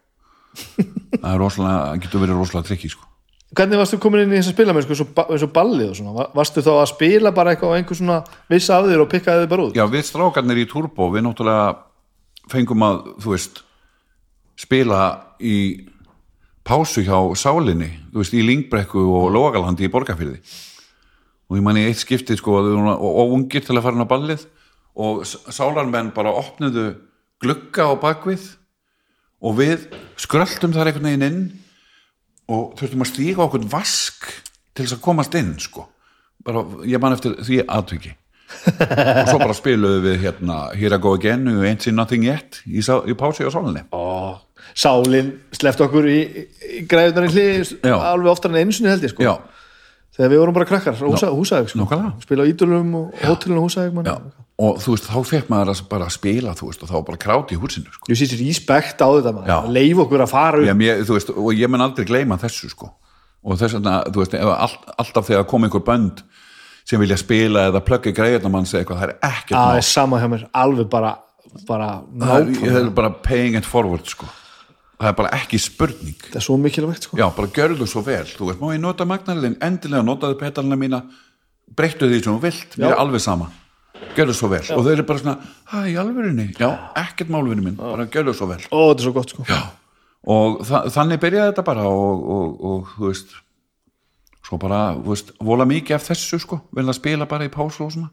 Svo stopnum við náttúrulega svona ballbandi í Borganissi 92 segja Draumalandið og allt í húnu var bara alveg slagt gott nafn, geðveikt nafn. Við, við veldum það þannig að við vissum ekkert hvað bandi átt að heita vorum í íslenska orðabók og það var bara ok, ég flett upp á einhverju og sett pötan niður og það heitu við. Það var dreymalandi það er geðveikt. Það var bara sliðis og það var bara slagt að gera í því og, og um leið og það byrjaði að vera meira að gera í ballspilamennskunni að þá var það rockbandið svona þreytar og þreytar að því að við, ég var alltaf að búa til lög og fara með þau að reyna að þau útgefin og það var bara, ég, þú veist alltaf já, nei, hérna, já, þetta er ekki alveg nú gott við reynda fyrir þess átt og ég fór í allar áttirnan og, og svo bara virkaði það ekkit nei. og ég bara hætti eins og ég sagði á það. Mm -hmm. og um leið var að byrja að vera mun meira að gera í ballspilamennskunni þannig að ég fó bara fullu í það sko. Og lendur ekkert í því eins og þú veist, ég til dæmis að bara finnast það bara að vera svolítið leiðilegt og fyrir neðina virðingu Jú, jú, jú, vegna þess var það þá innkomumál bara? Já en þú veist það er svolítið samnefnari með mig að ég ger eitthvað sem oft sem ég líður ekkert vel með eða ég veit að ég á ekki að gera og, en ég ger það bara samt að því er bara það og ég held því bara áfram. Það á oft við hjá mér bæði í þessu og í enga málum í vinnunni. Já hérna ég er bara hérna núna og ég být bara á jakslinn en þú veist, jakslarnir eru bara lauku farnir sko. Ég á ekkert eftir að jakslunum en ég gerði þetta árum saman hvort sem að var í spila, ballspilamennsku eða enga lífinu eða, eða hverju sem það var. Já, og, já. og vinnumálu skilur þannig að, En ég meina, springur ekki allt svoleiðis á endanum? jú, jú, en þú veist jú, jú, í rauninni er það búið að springa sko. Já. en það tók rosalega lókan tíma. Skilur þú veist, ég veit ekki hversu mörgum til dæmis dagvinnum sem ég hef verið í sem ég hef gessamlega bara ekki þólað Já. og ég geri það bara samt að því að ég er bara hérna núna og ég nenni ekki að vera eitthvað að hræra í því. Ég er bara þar, ég er bara að býta í axlinn og geri það, þú veist, ég þóli það ekki. Það er ógeðslega illa launað, en ég er bara þar. Þetta er rosalega mikil samnefnali með mig, eða hefur verið sko, þangað til undan farin ár þar sem ég er bara, einhvern veginn bara geti þetta ekki lengur, sko, Nei, fattar þau? Þú talaður um mögulega skiptin námu það allt saman. já, Varstu þá samt með einhverjar ambisjónir svona, sko, ambisjonin var ekki basically að fara í eitthvað nám þetta er bara, ég sá þetta sem meða til bandaríkjana og alveg til í það? Já, þú veist, mér langaði bara að gera eitthvað, þú veist, finna eitthvað band og verða bara verða bara Def Leppard eða Guns N' Roses eða eitthvað, eða ekki Guns N' Roses strax með þetta þess að svona einhverja einhvern vannmátt gagvart einhverjum verkefnum eins og að læra og eitthvað svoleiðis en, en alveg til í að fara bara upp í flug, flugvél og fara til bandaríkjana Já, ég hugsaði bara að þetta væri bara góð ást, já, það ég, já, eitthvað staðar undir niðri hefur það bara verið. Þú veist, það er alltaf gerast þarna. Öll böndin eru þarna, ég get kannski bara komist í eitthvað band þarna sem, engin minnum átt að kenda gagvart þessu. Bara, á þessum tíma, nei, líklega ekki hef bara Fattar þú, ég, ég, ég fór ekkert mm, þú veist, með því að allir eitthvað að segra heiminn eða eitthvað, ég bara sá fyrir mér það er líklega að það gerist eitthvað ef ég er í bandaríkjunum heldur en það gerist eitthvað í borgarnesi. Mm -hmm. skilur og þú veist, eftir á að higgja er það kannski fáránlegt en það er ekki líklega bara það Nei, sem ég það er alveg svo hár rétt, enga síður sko. hvort sem að borga sér svo eða ekki, það er alltaf námál sko. Já, en það er það eina sem ég hugsaði um og, þú veist, já, þetta getur kannski verið miðið til bandaríkjana ég er þá bara í bandaríkjunum, mm skilur og ég hugsaði ekkert hugsaði ekkert lengra heldur en það. Þú er ég bara með gítarinn með mér og kannski kynnist í einhverjum strákum og kannski spilum við á einhverjum klubbum eða fáum plötusamningi á einhverjum sem er óvart í salnum og þú veist, bara eitthvað svona. Af því ég hef búin að lesa svo mörg svona momentum aðra, skilur þú þú veist alveg- þú alveg hvað ég meina. Já. og hvað, svo varst að þú veist mér líður eins og höfum sleppt einhverju. Ertu strax bara áriðin gítalegari ertu bara góður að gíta bara strax? Ég byrjaði á bassa fyrst, fyrsta árið já, og Óli Palli heitin var á gítar. Svo skiptu við, hann fór á bassa og ég fór á gítar. Og fyrsta árið sem ég spilaði á gítar þá snýru strenginni bara öfugt. Ég bara tók gítar fyrir réttenda og snýru hann bara við. Ég hef séð þið spila á já, svo já, já, ég get ennþá að spila þannig. Það, er, það brýtur mér heilan sko. já, en það, það er bara ekkert mál sko. Ok, þannig að þú veist, ég, ég heilin á mér virkar í ykkur svona en ekki í neinu sem ekki neinu, þú veist, sem ætti alla jafna að skipta einhverju máli, gæsalapir. Og þetta virkaði bara strax þú bara gæst spila já, bara og, já, ég á upptöku með mér held ég viku eftir að ég fekk þennan gítar.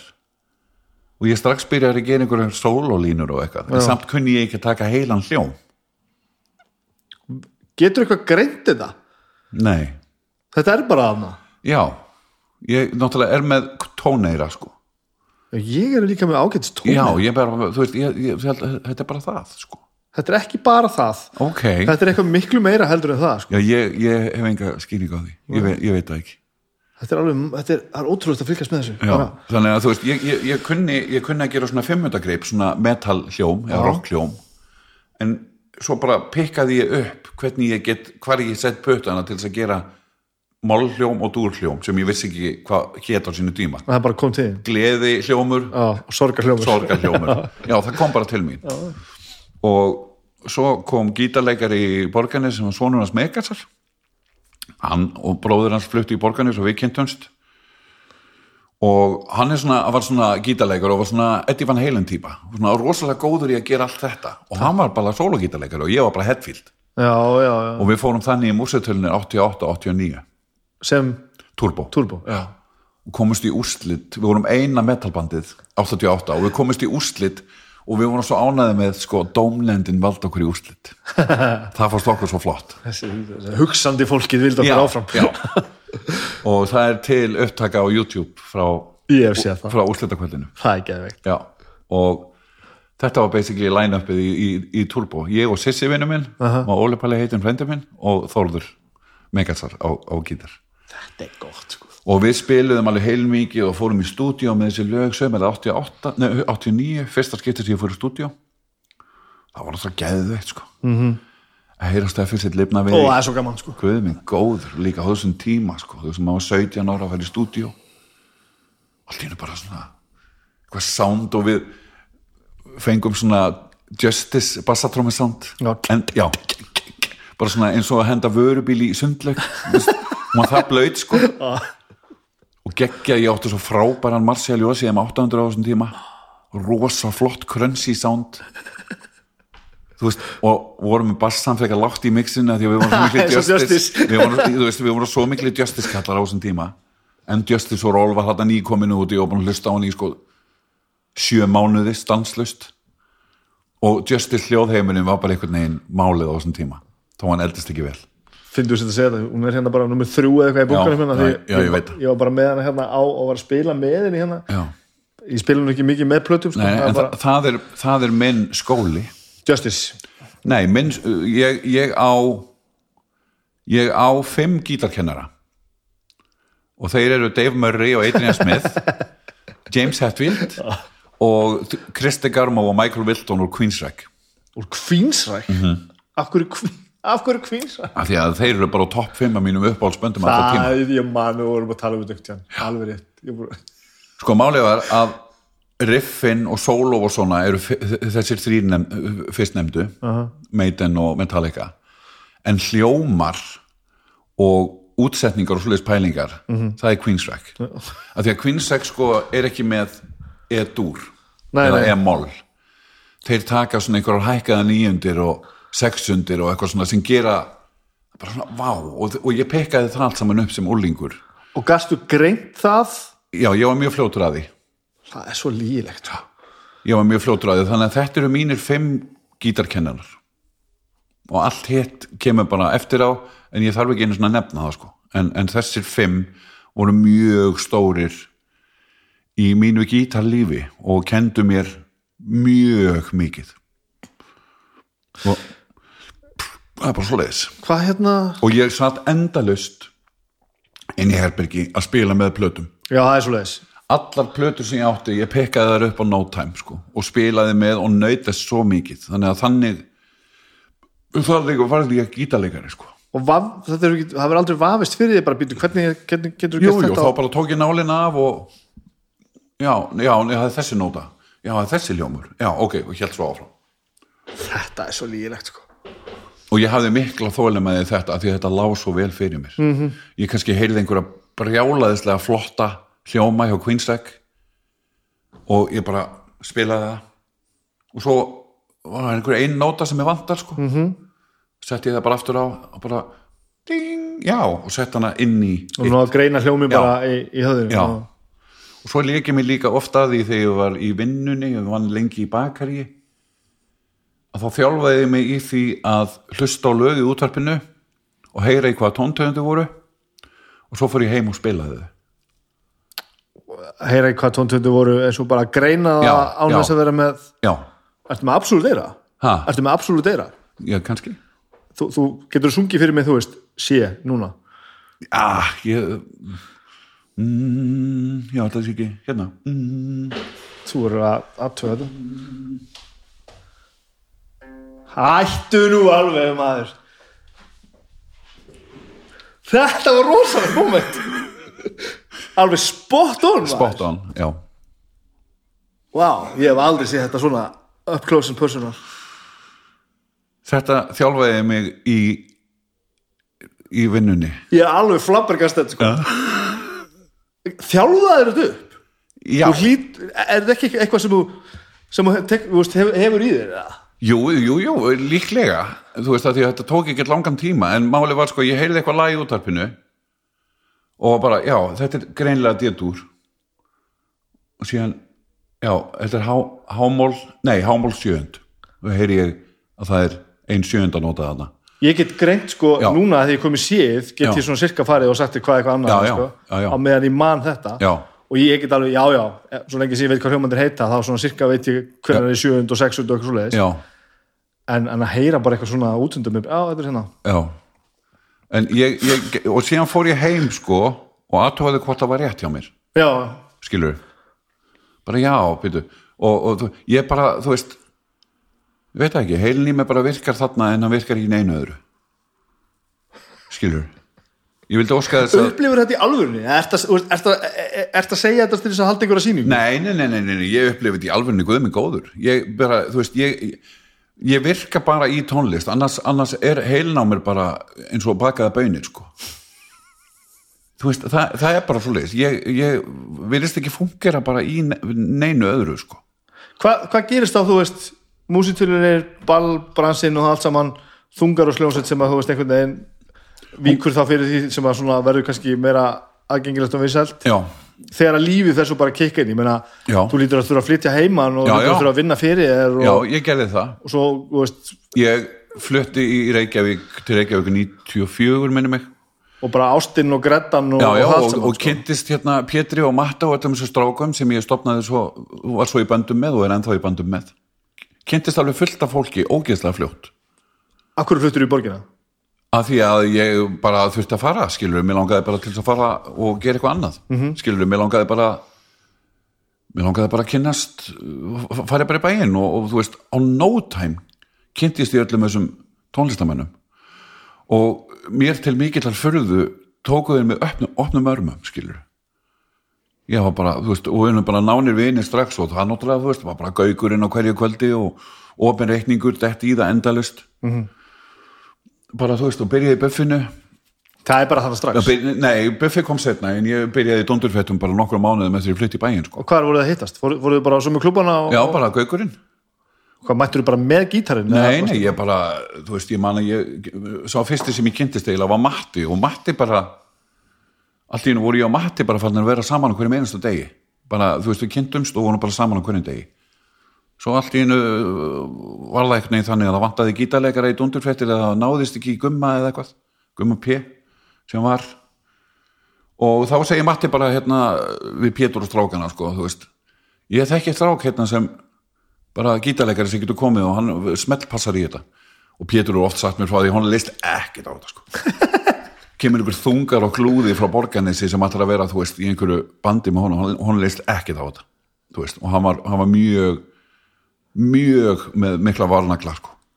Og svo bara fer ég á einhverja æfingu upp í Hafnafyrði og og svo bara spilum við man ég bara nokkur dögum síðar á göknum og ég var bara komin inn í bandið.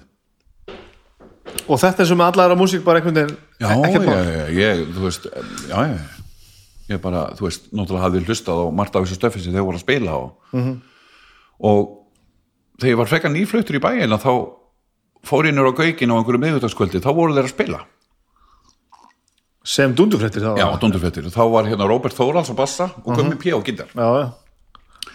og ég var svo blown away sko af lögunum sem ég voru að taka og að það voru tveir geggjaði söngverðir í bandinu, Matti og Pétur Já, já. að því að yfirleitt er það versta og erfiðasta í svona rockböndum er að finna góða söngvara sem eru með powerful og, og rangeið í það mm -hmm. er ekkert leiðilega heldur en að vera með flottur rockband og er þú veist, þú ert ekkert með bara, þú veist Það þarf að fronta þetta. Já, Já. skilur og, þeir, og það voru ekki einn frábær söngur í bandinu, heldur tveir. Og ég var alveg blown away sko. og hérna, og þeir tóku þú veist, lög sem ég hafi vel að hlusta af In Rock plötunars pappa með Deep Purple. Já. þú veist, einhver, einhver þú veist, og það þándaði svo vel live bandi var svo ógeðslega gott og ég mannaði hugsaði með mér, vá, hvað ég væri til í að vera í þessu bandi. Djövill að vera þetta gaman Og alltaf þessi að þú veist, þú horf horf á Gumma P -hmm. sem er alltaf stjartfræðilega góðu gítarleikar Gu- Gummi P er bara bestur í heimi. Hann er bestur í heimi. Og, ald, og þú hugsa samt frekar þetta djúðari til í að vera þarna frekar bara aldrei þessi Nei, ekki beint sko að veist að ég þekki þessa músík. Það var ekki eins og ég væri að að replacea gumma í einhverju nei. skilur, ég þekki þessa músík og ég get alveg spila hana hvort ég geti spila hana jafnvel á gummi það er önnu saga ég eða skilurðu. giska að margir myndu myndu tippa á þig frekar en hann í þessu. Já, já, ekki að því að þetta er betur gert Nei, en ég held að sé maður upplifir þetta svolítið svona standi þér nær heldur en honum. Já, já, og nú er ég ekki að taka neitt Nei, af en ég get ykkar, alveg, sko. get alveg trúa því en, en bara málið er að ég vissi alveg að ég væri góður í, í þessum hópi af því að mér finnst gaman að vera í góðum hópi. Já, og það er fátt sem ég finnst skemmtilegra heldur en að ratta til dæmis með góðum söngurum þegar það er þrípart harmonía sem er alveg spot on Mhm. að það gefur mér bara einna mest í músík. Það sko. Það, það, er, það er bara fátt einhvern veginn sem er meira gefandi. Og ég hugsaði með mér og mjög skömmur síðar sko vorum við byrjar að taka að þrípart harmoníur í þessum risa lögum, ég, Matt og Pétur. Og það er bara ennþá eitt af skemmtilegt sem ég geri það er að syngja með þeim. Skilur það er bara, og það líka hjálpaði mér bara opaslega mikið sem söngvari já, já, að að hóna það einhvern veginn af því að ég þurft alltaf, þurft alltaf að syngja í gamla daga. Að Í- í- í, gamla daga Gamla þegar- steffinu, já, já, þegar við vorum hérna að spila, þú veist bara þegar við vorum úlingar að þá var ég að syngja. En ég vildi aldrei syngja. Og n- ég naut þess aldrei. Það var alltaf bara kvöð bara, ó, nú þarf ég að syngja. Ég byrjaði ekki að njóta þess samlega bara fyrir veist, með dundurfættum og svo náttúrulega þegar maður var að ballast sem mest að þá vorum við að spila kannski fjó, fjóra tíma í röð og ég var einn að syngja. Og það voru kannski, þú veist föstudags og laugardagskvöld og ég var gössamlega rallis fram á fimmtudag og þetta byrjaði aftur næstu helgi. Rosa erfitt og, fannst þið gaman að spila þessi börn? Nei, já, til að byrja með var það alveg gaman en svo var það mjög þreytandi mjög fljótt sko. og svo, eh, svo frábært ég að tala við, var að tala við Magna um þetta. Ég held að sé í viðtalinu sem ég tók við hann er svo góður í þessu sko. Mhm. og hann finnst það svo ógeðslega gaman. Já, og þetta er bara þetta er bara að hafa þetta passion að vera entertainer. Já. Hann fær bara svo mikið út úr því að skemmta fólkinu sem er fyrir framann mm og þetta er svo göfugt sko. Mhm. Já, og hann gerir þetta svo ógeðslega vel. Algjörlega, og ég er svo, en ég ég hef þetta ekki sko. Nei, bara, já, en bara máli var sko, veist, það var svo ofbóðslega mikið að gera til dæmis hjá buffinu í svo mörg ár. Já, og, þú veist, maður byrjaði bara, þú veist, bara að drekka alltaf mikið, sko, já, já, fattar þau, þú veist, þetta, þetta var bara, þú veist, megn, megnið á okkur var alltaf bara hausleysir á einhverjum bellum, sko, og líka bara því að við vorum bara, voru ógeðslega mikið að gera, endalust -hmm. og, þú veist, þetta var bara það sem maður notaði til þess að komast í gegnum það, mér er alveg þakkláttur fyrir það og allt það, þetta var bara svo mikið, sko, og svo, og mér langaði alltaf bara til þess að, þú veist, er svo næs í dag að ég er að spila miklu meira tónleikum í dag, sko. ég er nú sé Buffy spila samt Mhm. ég hef svona ef ég myndi vilja vera í einhverju svona bandi þá var þetta nú svona sirka uppskristina Já, já, eru þetta er frá... ekki eðlilega hljómsveit sko. Já. og þetta er náttúrulega svo vel spilandi en lígilegt að horfa á það og kannski Mm. er horfa, kannski lesi ég þetta ekki rétt ég, við, við vorum örgulega, til það sem að Já, ég man, man eftir því. Þetta var, Þetta var á Neskjöpsta. þetta var neskost Já. það er rétt og hérna Ég man að þú sast allan tíman brosandi og glottandi við hliðin á sviðinu og mér var svo gaman hvað þú skemmtiði vel. Ég hugsaði það. það, það, og, og það sem ég skemmti mér náttúrulega var að, að sko, sjá dýnamíkina af því að sko mann leið bara eins og þegar að, að engin settlisti svo bara þegar lægi kláraðist Mhm.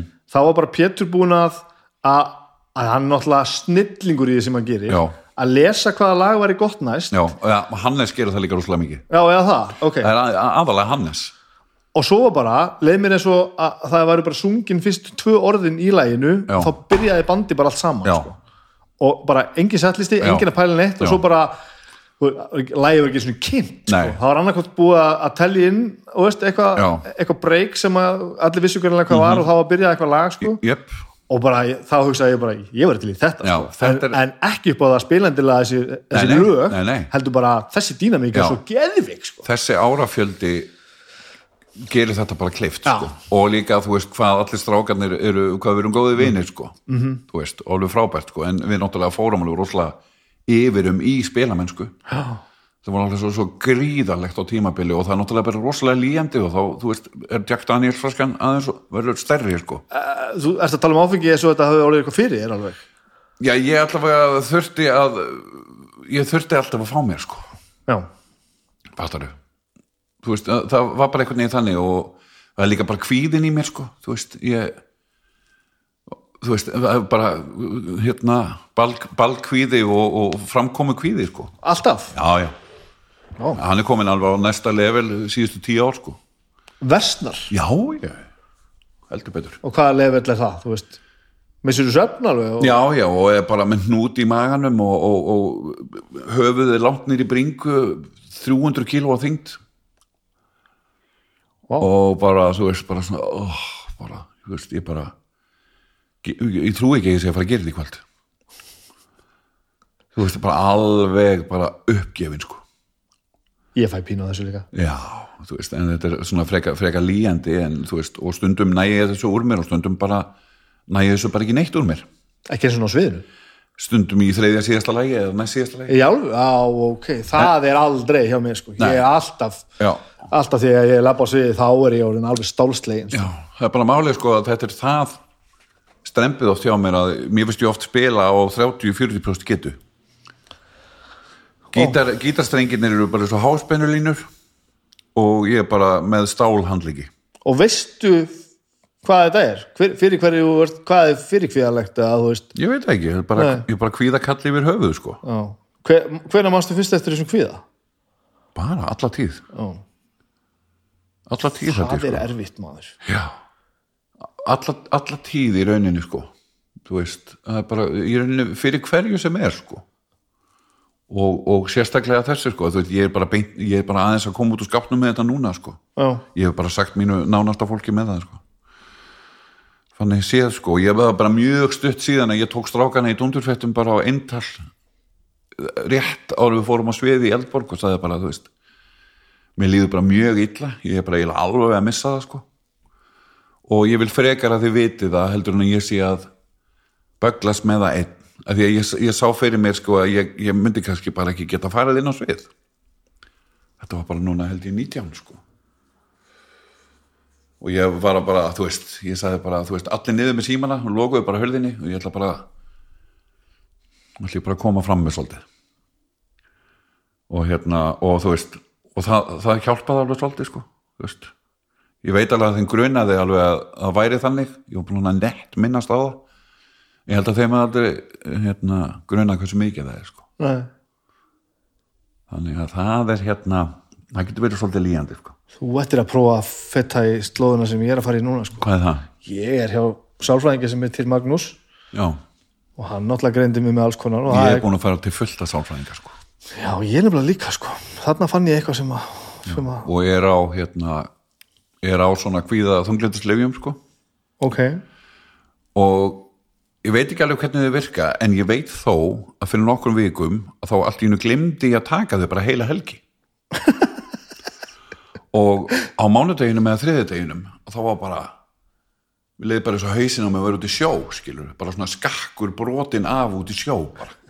Það var bara svona, nei, býtu, býtu, nú er ég bara gjörsamlega að fokkast upp og ég Já. veit ekki hvað gerðist. Og bara svona, býtu, já, býtu, ég tók ekki lifin mín alla helgina. Ok og þannig að þú veist þá eiginlega komst ég að því að þau gera mig einhvern veginn skárri held ég. En, en, en er satt ekki beint að finna fyrir því nema þau- þau tekin af, fattar Já, já, já. Það, það ætti ekki að virka þannig. En, en þú veist þegar ég er góður að þá er það líklega hjálp frá þessu sem er að hjálpa. Já, já. Skilur en þetta er náttúrulega bara svo abstrakt dæmi sko. Hvenær hérna fórstu að gera eitthvað í þessu? Já, það eru, það eru tíu ár síðan. Já, það er ekkert lengar síðan og fórstu eitthvað Nei, ég bara, þú veist, ég bara basically krassaði bara algjörlega sko, ég bara hérna sko, frendi minn, hérna hann Óli Palli sem við vorum náttúrulega svo nánir hann dó í bílsleysi 91 og það var náttúrulega alveg brjálað sjokk sko. Já, voru þið super, gamlir? Já, hann var 71, ég 72 við vorum bara basically svo bræður sko, alltaf saman og, og það var bara, þú veist, rosalegt sjokk náttúrulega, þú veist. Það var að standa í þessu 19 ára sko. mm -hmm. það, bara, veist, það er ekkert í, í myndinni að maður sé eitthvað að pæla í þessu þegar maður er 19 ára.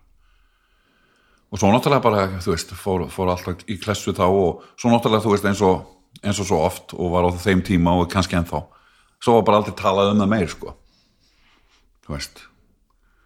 Og ég man bara, þú veist ég bara byrjaði að reykja og drekka og, og sagði bara, já, ok, bara, þú veist bara fuck this. Bara, já, já, ætlar bara hafa þetta svona? Já, getur bara að fara til anskotans ekkert mál. Og reyður sem sagt. Já, já, og bara, þú veist, og rosalega kaltæðin rosalega svartur húmor. Bara svona, já, emmitt á þetta vera svona bara? Flott, lístu vel á það.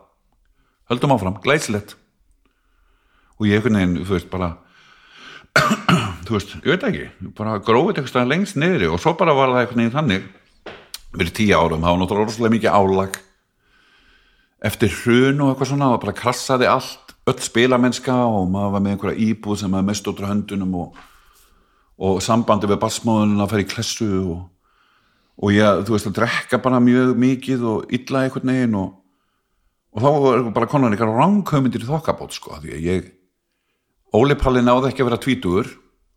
Þá var ég komið með þá að reynu að ég myndi ekki ná að vera fertugur í staðin að það væri bara beint samhengjan á milli. Já. Og það voru bara ránkvömyndi sem voru þannig að ég var bara eiginlega alveg bara bilast sko. og það var rosalega skrítin tilfinning sko. það var mjög spes. Nú ertu, er nú svona framúskarandi velgefin manniska, þú veist. Er það? já, þú veist já, ég tel mig geta svona greinta þess á milli þegar fólk hefur þessa, þetta svona innsæi og greind sko, nú er þetta ég er að alhafa svolítið en veist, þetta er svona intellectual level einhvern veginn, þú veist ekki, þú veist að skauti í gegnum þetta að þess að hugsa neitt, Nei, nei. Kannski svolítið gróð spurning að spyrja sko, en, en, en hérna getur þú veist framkallað þessa hugsun í dag? Að vera með einhverja svona ránkumynd sem meikar ekkert sens en vera samt einhvern veginn manneska sem er hlýtur að vita betur. Já, nei, ég, ég get ekki gert það í dag sko. þú getur ekki, ekki sem sagt, Nei, nei, en þetta, ég var bara í einhverju ringiðu þarna sem var bara rosalega brjálæðislega skrítin sko. Og bara í kjölfæri fór ég til sálfræðings. Og þá bara guppaði ég alls konar hlutum út um mig sko. Og sérstaklega náttúrulega mikið með þetta sko.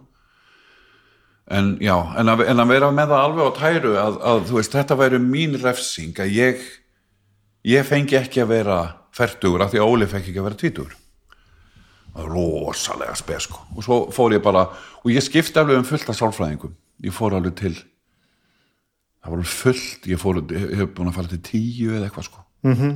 og svo náttúrulega þú veist er bara svo dýrt að gera þetta sko. það er galið og djúvildur að stór undarlegt að það sé ekki hægt að gera þetta þess að þurfa að ágjöra á þessu peningalega já ég veit það er sturlað sko. já, og, og þú veist allir tímarnir í rauninni liðu bara svo fimm mínútur naustu þess að gera þetta Já, ég talaði að það var rosalega mikið og held engu hérna aftur sko. Ég allavega, þú veist, ég tók þetta bara alla leið sko. Og ég veit samt ekki hversu mikið þú veist, kannski hefur þetta hjálpað, ég bara, ég bara veit það, ég átta mikið alveg á því sko. Fattaru? En þetta var, þetta var mjög erfiði tími sko og þú veist, og skilnaður eins og ég skilnaður við basmáðuna íbúðin og fjármálin í klessu uh, spilir í sem var mikið bara opaslega orðið þreytandi og mikil drekja og eitthvað svona og ég bara rosa, rosa klessa eitthvað neginn sko. mm -hmm. og þú veist og árin þar og eftir var nú svolítið erfið sko en svo, þú veist, kynntist ég koninu minn í dag sko þannig árið síðar og og hérna, hún bara oft dreif mig austur, hún er frá Nýskapstað sko, og bjóð þar þá. Og það var rosalega næst sko, að ég var kannski alveg bara niðurótum komin þá kannski pantaði hún bara flug fyrir mig austur og ég var kannski þar í viku eða tver vikur og Já. bara lappandi í austfyrraloftinu sko, Þú veist, það, bara rýbúta þig það var rosalega næst sko, það var alveg frábært sko, þannig að hún hún reyndist mér alveg svakalega vel á þessum tíma sko veist, og gerir enn náttúrulega -hmm. en á þessum tíma var hann náttúrulega alveg briljant sko. en eins og ég segi, ég tengi ekki mikið við þessar eins og varst að spyrja á hann með ránkvæmendinnar ég tengi ekki við það í dag sko. magnað sko. en ég var samt þar sko, alveg kerfilega og ég fór til sálfræðings út af þessu og manstu eftir að hafa geta hugsað að þetta væri röng hugsun eða fannst þér þetta bara 100% ég var rosa, ég, ég, ég, þú veist það var bara einhver ára sem var bara að segja þetta skilur, að þetta væri bara þetta væri bara sangjant mm -hmm. skilur ég, og þetta trúaður eða forlaða nei, trúaður eða eitthvað svoleiðis? nei. En ég er samt á því að að það eru hlutir hérna úti sem við getum ekki útskýrt. En ég á rosalega erfitt með að segja það upphátt. Skilur við fattar við, án þess að vera bara þú veist, Scientology eða eitthvað. Já, en það eru hlutir hérna úti það, sem, sem er ekki hægt að útskýra og ég get ekki sagt meira heldur en það nei ekki hvaða hlutir það eru eða skilur veist, það er bara, það meikar sumt bara meikar engan sens og er ekki hægt að útskýra með einhverjum efnislegum hætti sko. Þegar þú ert að byrja að koma inn í borgina þú veist, þú, þú, tala um, þú ert komið barsmóður í umræðan og halsamann mm. sem því það að þú þá vantilega stýrtir í áttina að fara að gera eitthvað svona eðlilegt, ég meina stopna fjölskyldu, þú veist leitaðir að maka varstu, varstu, í dagvinnu já, já, ég var í dagvinnu og, og, en, en, en ég var ekki var beinlýs ekki að leita að neinum makaðin eitt svoleið sko, Nei. það bara gerist sko. Já, en þú er alveg, þú veist að það er svo margt sem ert að segja sem er svo, svolítið kannski að skjön við það sem við gerum þegar við erum unglingsárum og svoleiðis. Þú er samt alveg farið svona inn í þennan pakka já, já, ég gerði það en, en, en þú veist, en ég ættaði ekki að fara inn í hann fattar ég bara fór inn í hann. Ok, þú veist, og svo bara til, þú veist, koma tvö börn back to back tíu árum síðar. Þú veist back to back meinaru bara börnin komu bara tíu árum síðar bara tvö ára milli þeirra. Eftir að þú kynist barsmóðinni já, já, já. tíu árum síðar sko. Ok, já, við, komum ekki börn fyrir tíu árum síðar. Áhugavert. Var það planað það? nei, ekkert planað. Það er ekkert planað. Nei, þú veist, eins og ég segi það var, var bara ekkert planað, svo komu þau bara og þau eru endislega í alla staði. Hvernig gekk það, eignast börn Það og eiga börn? það hérna ég, það var svolítið trikki fyrir mig sko. Og trikki fyrir mig til að byrja með að ég hérna finnst ég ég eiga oft nóga erfitt með að sjá bara um sjálfa mig sko. Ég veist, bara mjög erfitt með það oft. En þú veist síðan bara smán saman náði ég að fara inn í það og alltaf, alltaf be- betur og betur að njóta þess sko. Mm -hmm. þú veist og í dag, þú veist, eru þau bara, þú veist, uppáhaldsmanneskjan mín í heiminum og ég elska þau eru hjá mér. hvað er gömur? Það er ótrúlega að segja það uppátt, en þau eru allt í einu orðin 15 ára og 13 ára. Vá. En ég fór samt með þau í leikskóla í síðustu viku. já, þetta gerist strax sko, börnum mínu er 6 og 4 ára sko Já, þú veist, þetta er svo mikil bilu, en þetta leiður miklu hraðar en þú heldur. Þetta er galið, sko. Þú veist að tala um 6 og 4, skilur þau, og það var hjá mér í fyrra. já, ég átti engin börn bara fyrir korstri síðan sko þetta er svo, þetta er svo fljótt að gerast sko. Og drengurinn minn er höfðin og herri heldur en sko við. já, og stelpan er að fara að fermast og bara svona, ha býtu ne, ha við vorum í leikskólanum í fyrra dag. Nú erum við komin hinga já. Rosalega spes og þannig að þetta var langt samband og var og, bara, fi- 15 ár. og bara allt sem að, allt sem að gerir já, meira eða minna, já. Vinna fyrir sér og eignast börn og, og passa að allir hafa í sig og á og eitthvað svona. Já, ég er náttúrulega hérna á þessum tíma hvað frá 2000 og 2003-2004 og þá er ég bara rosalega mikið að spila og er rauninni bara að spila sko. já, Já, þú er alveg síðan- náð að gera það. Já og einhver, það kom alltaf einhverja vinnur inn á milli sko. En bara, það, mér veist það bara rosalega erfitt að vera, að því að ég hef aldrei verið í vinnu sem mér hefur líka því. Aldrei, nei, Ald, aldrei? Nei, Vá.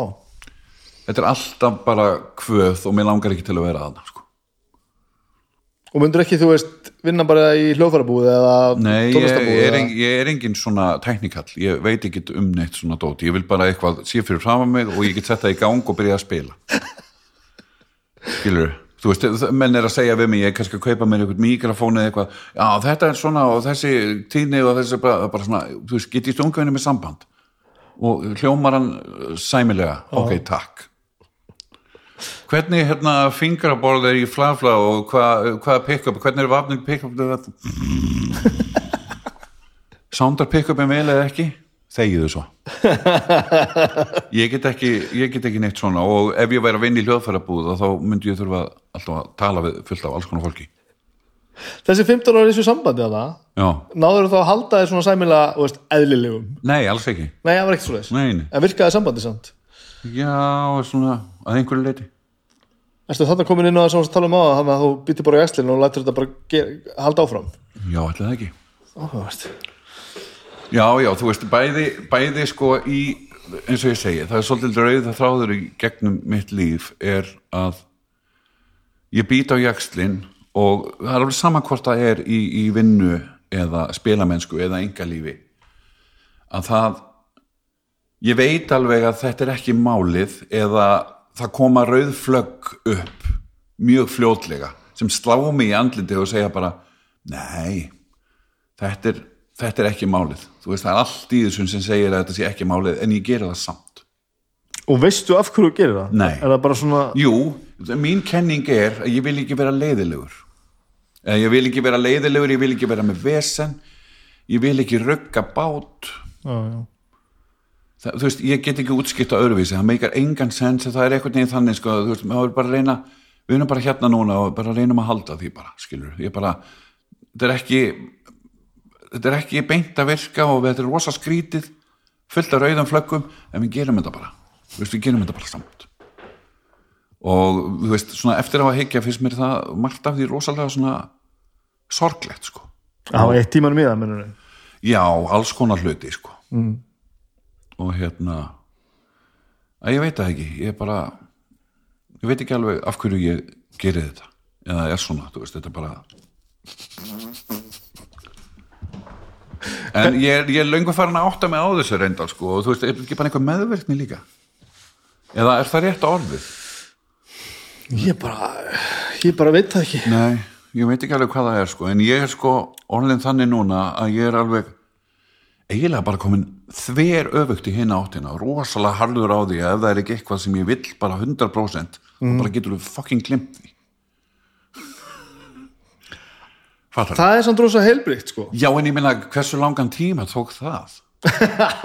Skilur þú, ég hefði viljað viljað að það hefði gerst miklu fyrir sko. já, já.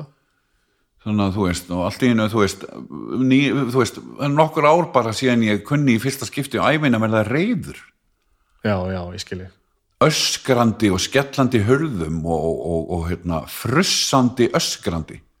Það, það hafði ég aldrei gert. Það ger ég aldrei? Nei, en það er eitthvað sem kom og var nýtt, skilur sem, sem er rosalega skrítið. Og þegar það gerist þá er ég sko í marga klukkutíma að jafna mig, ég næ mér ekki niður. Sko. já, já. Ég næ mér ekki niður eftir þú veist, þegar ég verð æstur eða, eða brjálaðislega reyður þá bara næ ég mér ekki niður. Hjartað bara allar út úr mér. Og ég bara, dagurinn er bara ónýtur sko. Ég hef bara ekki mentalitíð í einhvern veginn en, en það er allavega eitthvað sem er sem er nýtt og þú veist, ég hérna er eitthvað sem segir mér að, að ég vil ekki gera þetta ég er ekki 100% viss að því og þú bara glimt ég að ég sé að fara að gera það mjög áhugast af því ég tengi svo stert við margt sem þú ert að segja og svo er annað sem þú segja sem ég er bara já, ég er veit. alveg út, út, Já. út á túnni sko. já, ég veit það, ég veit það hvernig gekk þá að þú veist að fara aftur inn í einhvern samingin í, samband og svona veist, eftir, eftir krass og ónýtt samband já. og alla þessa Já, það, þú veist, það er náttúrulega, sko, við búum ekki saman ennþá, sko, og það er, það er mér að kenna. Fattar þau, ég bara, veit það ekki, ég bara, er einhvern veginn, ég veit ekki hvað, hvað, hvað ég á að segja, en ég bara, ég þarf rosalega mikinn tíma með sjálfum mér. Ég er rosalega mikið, mikið einn, mikið einfari. og líður þá bara, bara vel að vera þannig mjög, já ég veit ekki hvað það er að vera einmanna ég, ég heyri fólk tala um það en ég, ég, þú getur alveg sagt ég veit ekki hvað þú getur sagt en sko, ég tengi bara enga megin við það því ég hef aldrei verið einmanna ég bara, ég, ég veit ekki hvað það þýðir. Og þannig að ég þarf rosalega mikið pláss einhvern veginn og og stundum verði ég bara að vera einn. Og það, ég hef verið þannig alla tíð. Ég sagði oft við vini mína þegar ég var lítill hérna, með langar að vera einn það sem eftir er dagsins og þeir horfðum á mig alltaf eins og ég væri með þrjú höfuð. Þú veist og þá vildi ég bara fara og leggjast á magan og lesa tinnabók, bara einn. Og engin, engin, engin mannlíðan að flotti eða eitthvað því bara, nei, ég vildi bara me time. Já. og það hefur alltaf verið þannig og er bara alveg blússandi mikið. Ef ég er ekki með konunni minni eða börnunni mínum þá er ég bara einn sko. Það er bara svo leis og mér finnst það bara rosalega þú veist, og ég fíla mig bara einna best þannig sko. En þú ert ekki, þú veist, ég myndi ekki kalla þið, þú veist þú ert ekki félagsfæla þið líður ekki illa. Í- sko, jú, í rauninni er ég það. Ég er góður í félagskap já, en það staldrar stutt við. Það staldra stutt við? Já, ég læt mig alltaf hverfa bara. Já ég skilði þig ég yfirleitt sko já, þetta, læt, þetta rýmar við að sem margt já, já, ég læt mig hverfa þú veist, ég, ég löngu hættur að kveðja ég er bara, bara farin maður læri það nú samt. Það borgar sér ekki kveðja. Nei. það er nú ekki, ekki bara með svona Nei, og líka sko ef það er eitthvað, þú veist, eftir partí, eftir eitthvað gig eða eitthvað, ég ætla að fara Nei, hvað? Ég aldrei, aldrei kveðja, Já, bara fara. Já, og, og ég er búin að læra það akkurat út af þessu sko. Ég er bara, þú veist, einar er bara horfin og það er enginn að keipa upp við það rock og roll 100 og einn, ekki kveðja í partíinu sko. Nei, nei, ég, en, enda geri ég það ekki Þannig að, hérna, já, við erum ennþá bara þú veist, við erum ennþá saman og það er náttúrulega, þú veist árekstrar og, og, og svoleiðis í, í því, sko -hmm. Mhm. En þú veist, við bara, við tökum bara á því og og þú alveg til í þetta, þú veist til í bara að gera bara treysta þér og öðrum fyrir öllu þessu sem þú ert að díla við.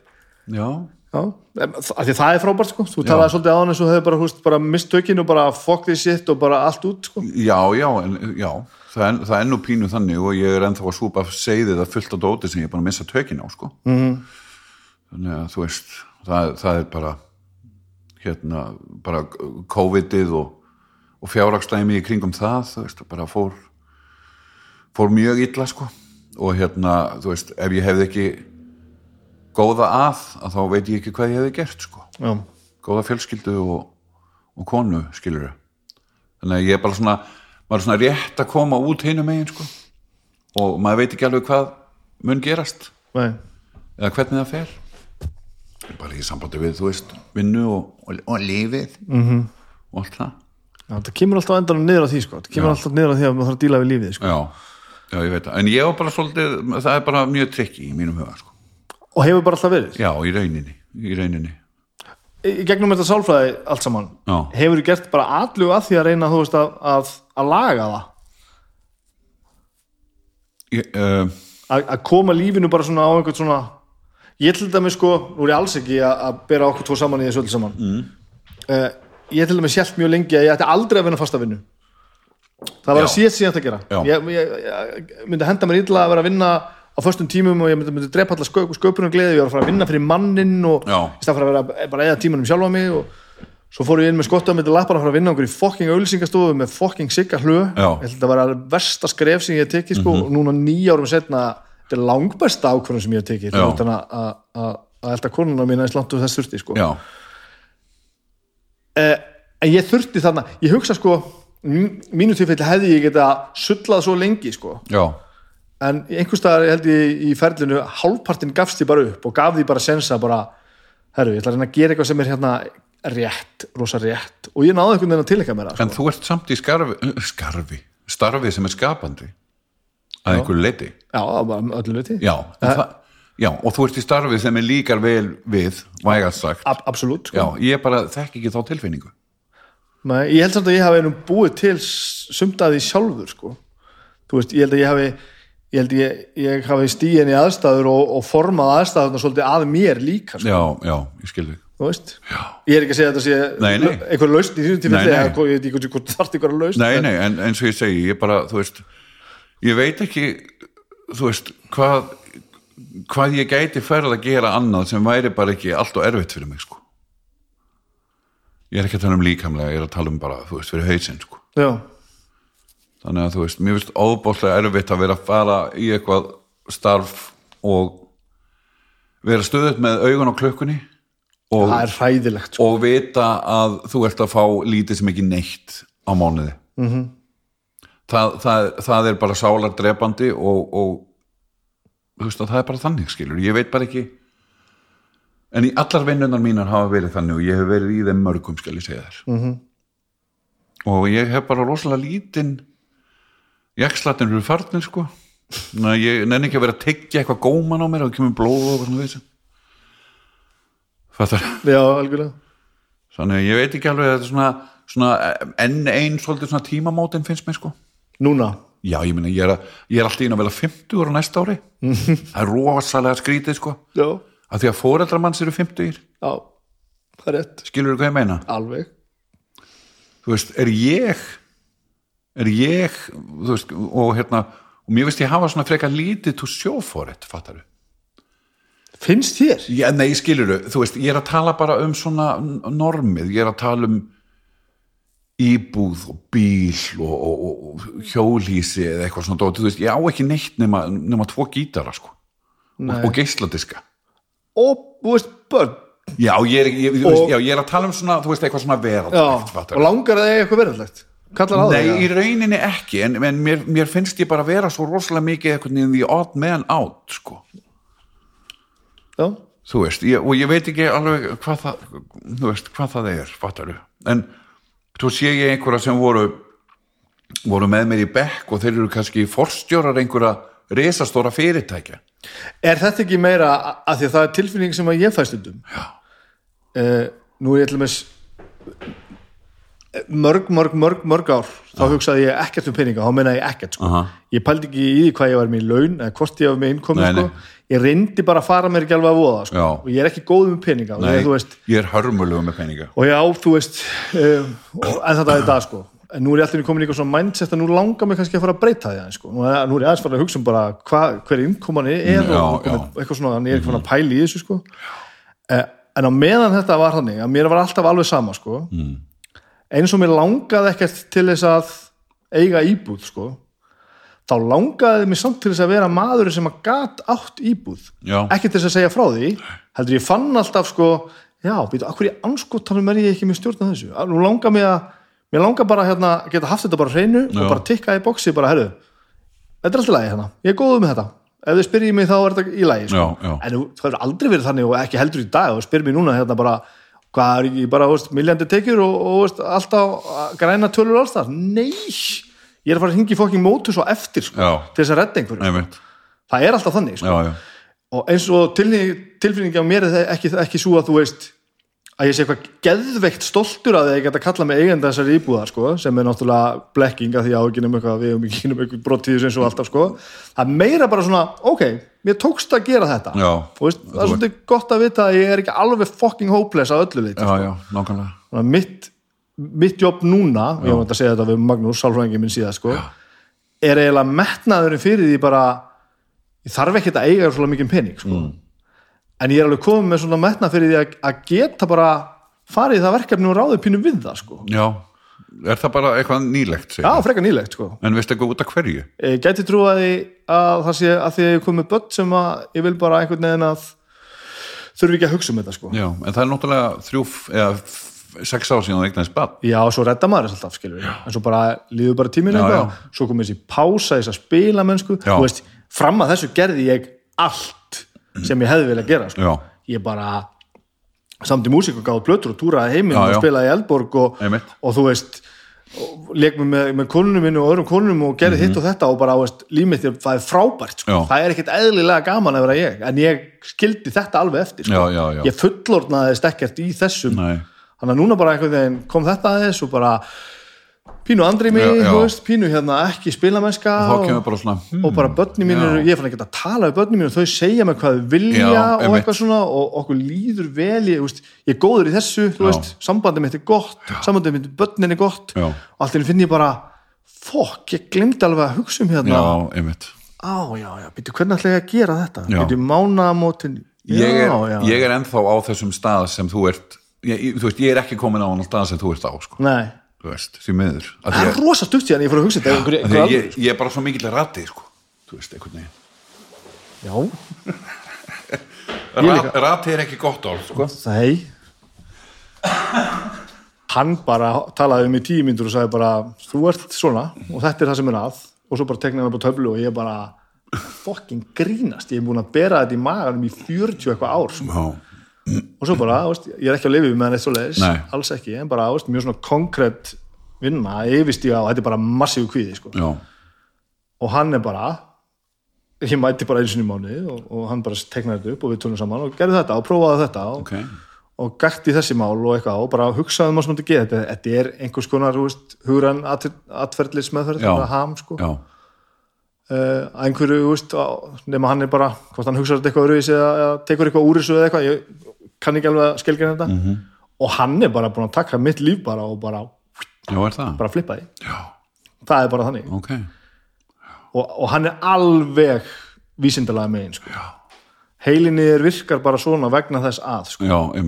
Og þetta hér sem þú gerði þegar þú varst þetta gamall þú veist, hann fór, að- hann fór að hérna, hann fór að greina hvað mögulega sko hérna, fór að greina áföllin í lífi sko, þú veist kærasta minn fyrir fór sér og pabbi minn Já. einhverju sjúkdómi og Einmitt. þetta var svona á hins ég bara, ég bara, all- alls konar sem ég hef, hef séð og upplifað sko. Og svona, svona neðal á listanum fór ég svona eitthvað, já, svo var, veist, var svona eitthvað sem svona mögulega var þetta að kalla einelt í dag í skóla, Já, já. einhver nokkur ár veist, þetta voru þessir menn sem stóðu fyrir þessu bestu vinni mín í dag, ég er lungu búin að gera þetta upp það er einhvern veginn alveg úr myndinni sko, og, og, og eitthvað svona, og hann bara, aha þetta er málið, Já. ég bara það, þetta er ekki málið, þetta situr ekkert í mér sko, hann sagði, nei, ég veit það og þú ert ekki að ljúga því. Nei. En þetta álagi þessi ár að mæti skólan uh, alltaf veltaði fyrir sér hvort það sé eitthvað fyrir aftan alveg saman hvort það hefur verið alvarlegt eða ekki, Já. þetta bara vírar heilan á þær öðruvísi. Já, þau við erum bara að tala um saman hlutin sko, svolítið mikið sko. Og hann er bara að kenna mér að flytja tengingarnar á milli sko. Já, ok, þannig að þegar ég kem inn í aðstæður Já.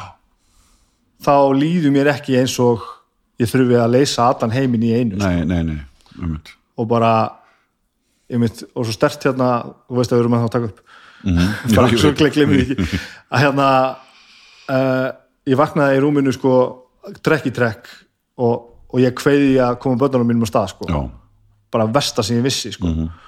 Og ég man einhvern tíma vaknaði ég og ég var ekki vissum að það var til mjólk í ískapnum já, morgun, morgum að trönda börnunum þú veist, ég var bara, veist, bara fucking seriós eða eitthvað. Ég bara, hvað á ég að gera ef það er ekki mjólk í ískapnum og ég gæti ekki eins og hugsa mér að fara aðtöðin í ískap Nei, þá er það bara issue-ið. Var bara, lá ég bara uppi bara svona vaknaður sko, ekki eins og ég var að milli sex og vöku bara, bara, nú þarf ég að fara fram Já, og ég þarf að aðtuga hvort það er mjólk í ískapnum og ef hún er ekki þarna þá þarf ég að fokkin díla við það Hva, hvað á ég að gera? Já, og svo bara fyllist þar fyrir neðan bara svona langur listi af verkefnum ef það er ekkert í mjólk, þá Já, þetta, já. þá þetta þá þetta, þá eru þessi set, þá eru þetta Já.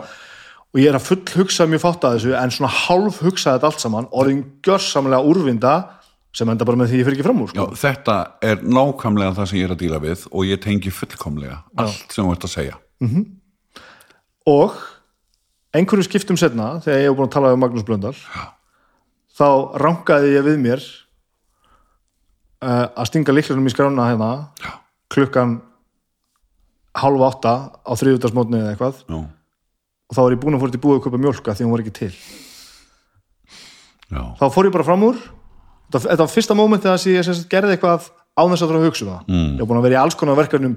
Ég ætla alltaf að smyrja bílskursurina, það tók mig hálft ár sko. Já, og það var bara, bara ongoing, bara running gag hjá, hjá mér og Magnúsi bara, ertu búin að smyrja bílskursurina og bara endaði með að ég fekk það bara, fekk það bara heim sem heimaverkefni já, að smyrja Já. það tók svona fjóra mínútur með alveg öllu jú, jú en, en sko hvernig ég gekk inn í verkefnið Já, já. og, og veist, ke, veist, það hljómar eins og eitthvað vútú sko Þetta, er, þetta En hljómar er svo vútu í mínum en ekki, ekki fara á hnefanum löður sveittur Nei. að smyrja bílskursurina heldur farðu og tekka á því hvað þú vart að gera a, a, af hverju var þetta svona erfitt og, og við kendu það sko Einmitt. og svo er þessi verkefni sem bara farðu með börnin í sund farðu með börnin í sund Já. þetta er á stórt verkefni sko. Og getur ímyndaðir allt það sem ég þarf að hugsa um ef ég fyrir með börnin í sund sko. hvað ef að hérna ef að eitthvað blotnar, veist, hvað ef eitthvað veist, allt þetta sko Hvað ef einhver stelur handlæðinu? Já, og ég er ekki að full hugsa neitt að þessu Nei. heldur ég með 1300 hluti fyrir neðan mig Já. sem er bara heilin í mér bara Já. og ég verð úrvinda Já, þetta er nákvæmlega það hjá mér. Ég hugsa kannski með eitt sem er ekki lægi og þá kemur listin bara strax á eftir með þessum 10.000 hlutum sem ég þarf að gera og ég geri engan af hlutunum. Já, þú veist að ég hefum tekið dæmi um að hérna þetta er pínu álag að fá fólk alltaf hérna á modnana Alveg, örugglega. þú veist, já, tvö börn, það er seriós út um allt Já. það er allt út um allt og ég vil hafa sæmilega hreint og fínt í kringum þegar ég fæ fólkinni heimsókn Jú, jú, það var tvö skipti sem við tókum sérstaklega fyrir ég og Magnús sko, það sem að ég hérna búin að græða allt hérna, veist, og ég veit að það er pressa. Ef það er pressa er í fýtt sko, þá er að koma hlutunum í gangi, ætla að hafa þetta í lægi sko, já, þannig að ég tek til og þetta verður alltaf lægi sko. og ég er stoltur af þessu og minnst það gaman. Og minnst gaman að geta bóðir hérna horfum um, út um hérna sú, súkula og sítrúna í vatninu og, og útsinnið er gott og þetta allt saman. Um, svo bara allavega tvö skipt sem ég man eftir, sko, ég bara græðið allt, tek rusla, ruslapókan úr, úr hérna ruslinu og ég bara kemst ekki með hann út í ruslatunum mm. ég kemst ekki með hann. Já. og ég sett hann í skáp Já, Frammi? Já, af því að svo fórum við að greina þetta ég og Magnús, hvað er að gerast? Og eftir að hafa hugsað þetta í gegn þá fattaði ég bara hugsunum var strax bara hvað ef gesturinn kemur stemma, hvað ef ég læsi mig úti? Þú veist það er líkla hús Já, úti, ég já, get alltaf já. mér inn sko. en hvað hérna á ég, að- þú verður ekki eitthvað vandræðalegt ég verið að fór- fara út með rusli, þú veist sem, er- ég verð aldrei vandræðalegur, það er ekkert þetta og svo bara, fer heilin bara á eitthvað svona, yfir snúningsspan Já. og ég enda bara með það að standa inn frá stíðapalli, já, opna hurðina og setja þetta bara svona á skóna mína og geima þetta þannig fyrir útnæst að því ég veit þú sér þetta ekki. Svo líði það sjálfur mér að ég sé pínu sniður sko. Svo bara fór ég bara mjög meðvitað út með ruslið í verkefni hjá Magnúsi Blöndal.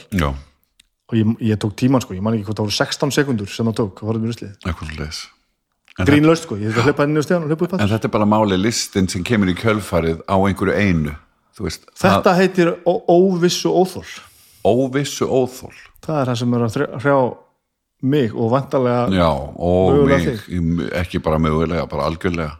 Og þetta bara, hann stakk á þessari blöru óvissu óþól og veist, er, er, ég, er ég fullkomin Mm. langt því frá sko. en lífið er svona fjóru sinni möðuldara Já, já, alveg örglega en það er samt gott sko að ég hef alveg fengið ráð og gert hluti, alls konar hluti en ég er rosalega erfitt með að tilenga mér þá.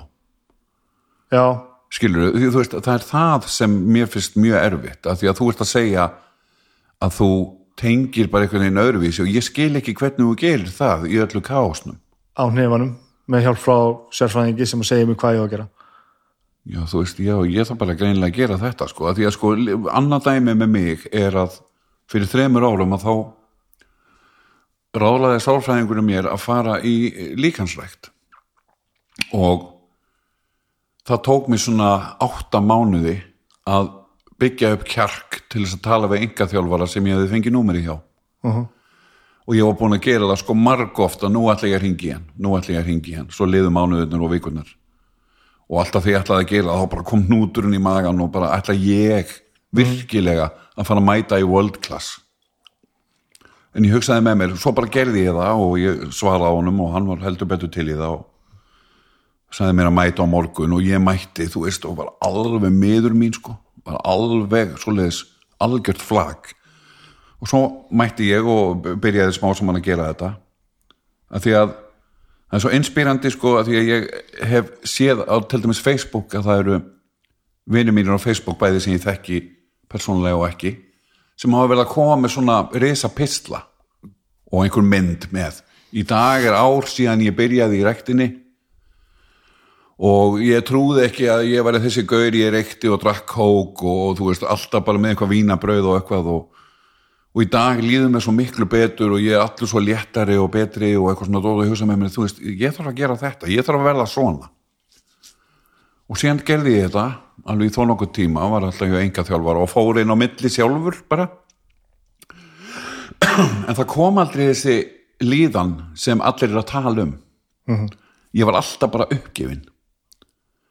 Og ég, ég saði mann, ég saði við enga þjálfarinn hérna, býtu, af hverju er ég alltaf jafn þreyttur og hann saði við mig sem meikar alveg senskilur ég byrjaði hérna niðri en núna er ég hérna af því að þú veist það er alltaf búið að aukast það sem hann lætur mig gera og ég höndla það. Fattar við en maður bara fattar það ekki af því að það er alltaf vel að auka við það.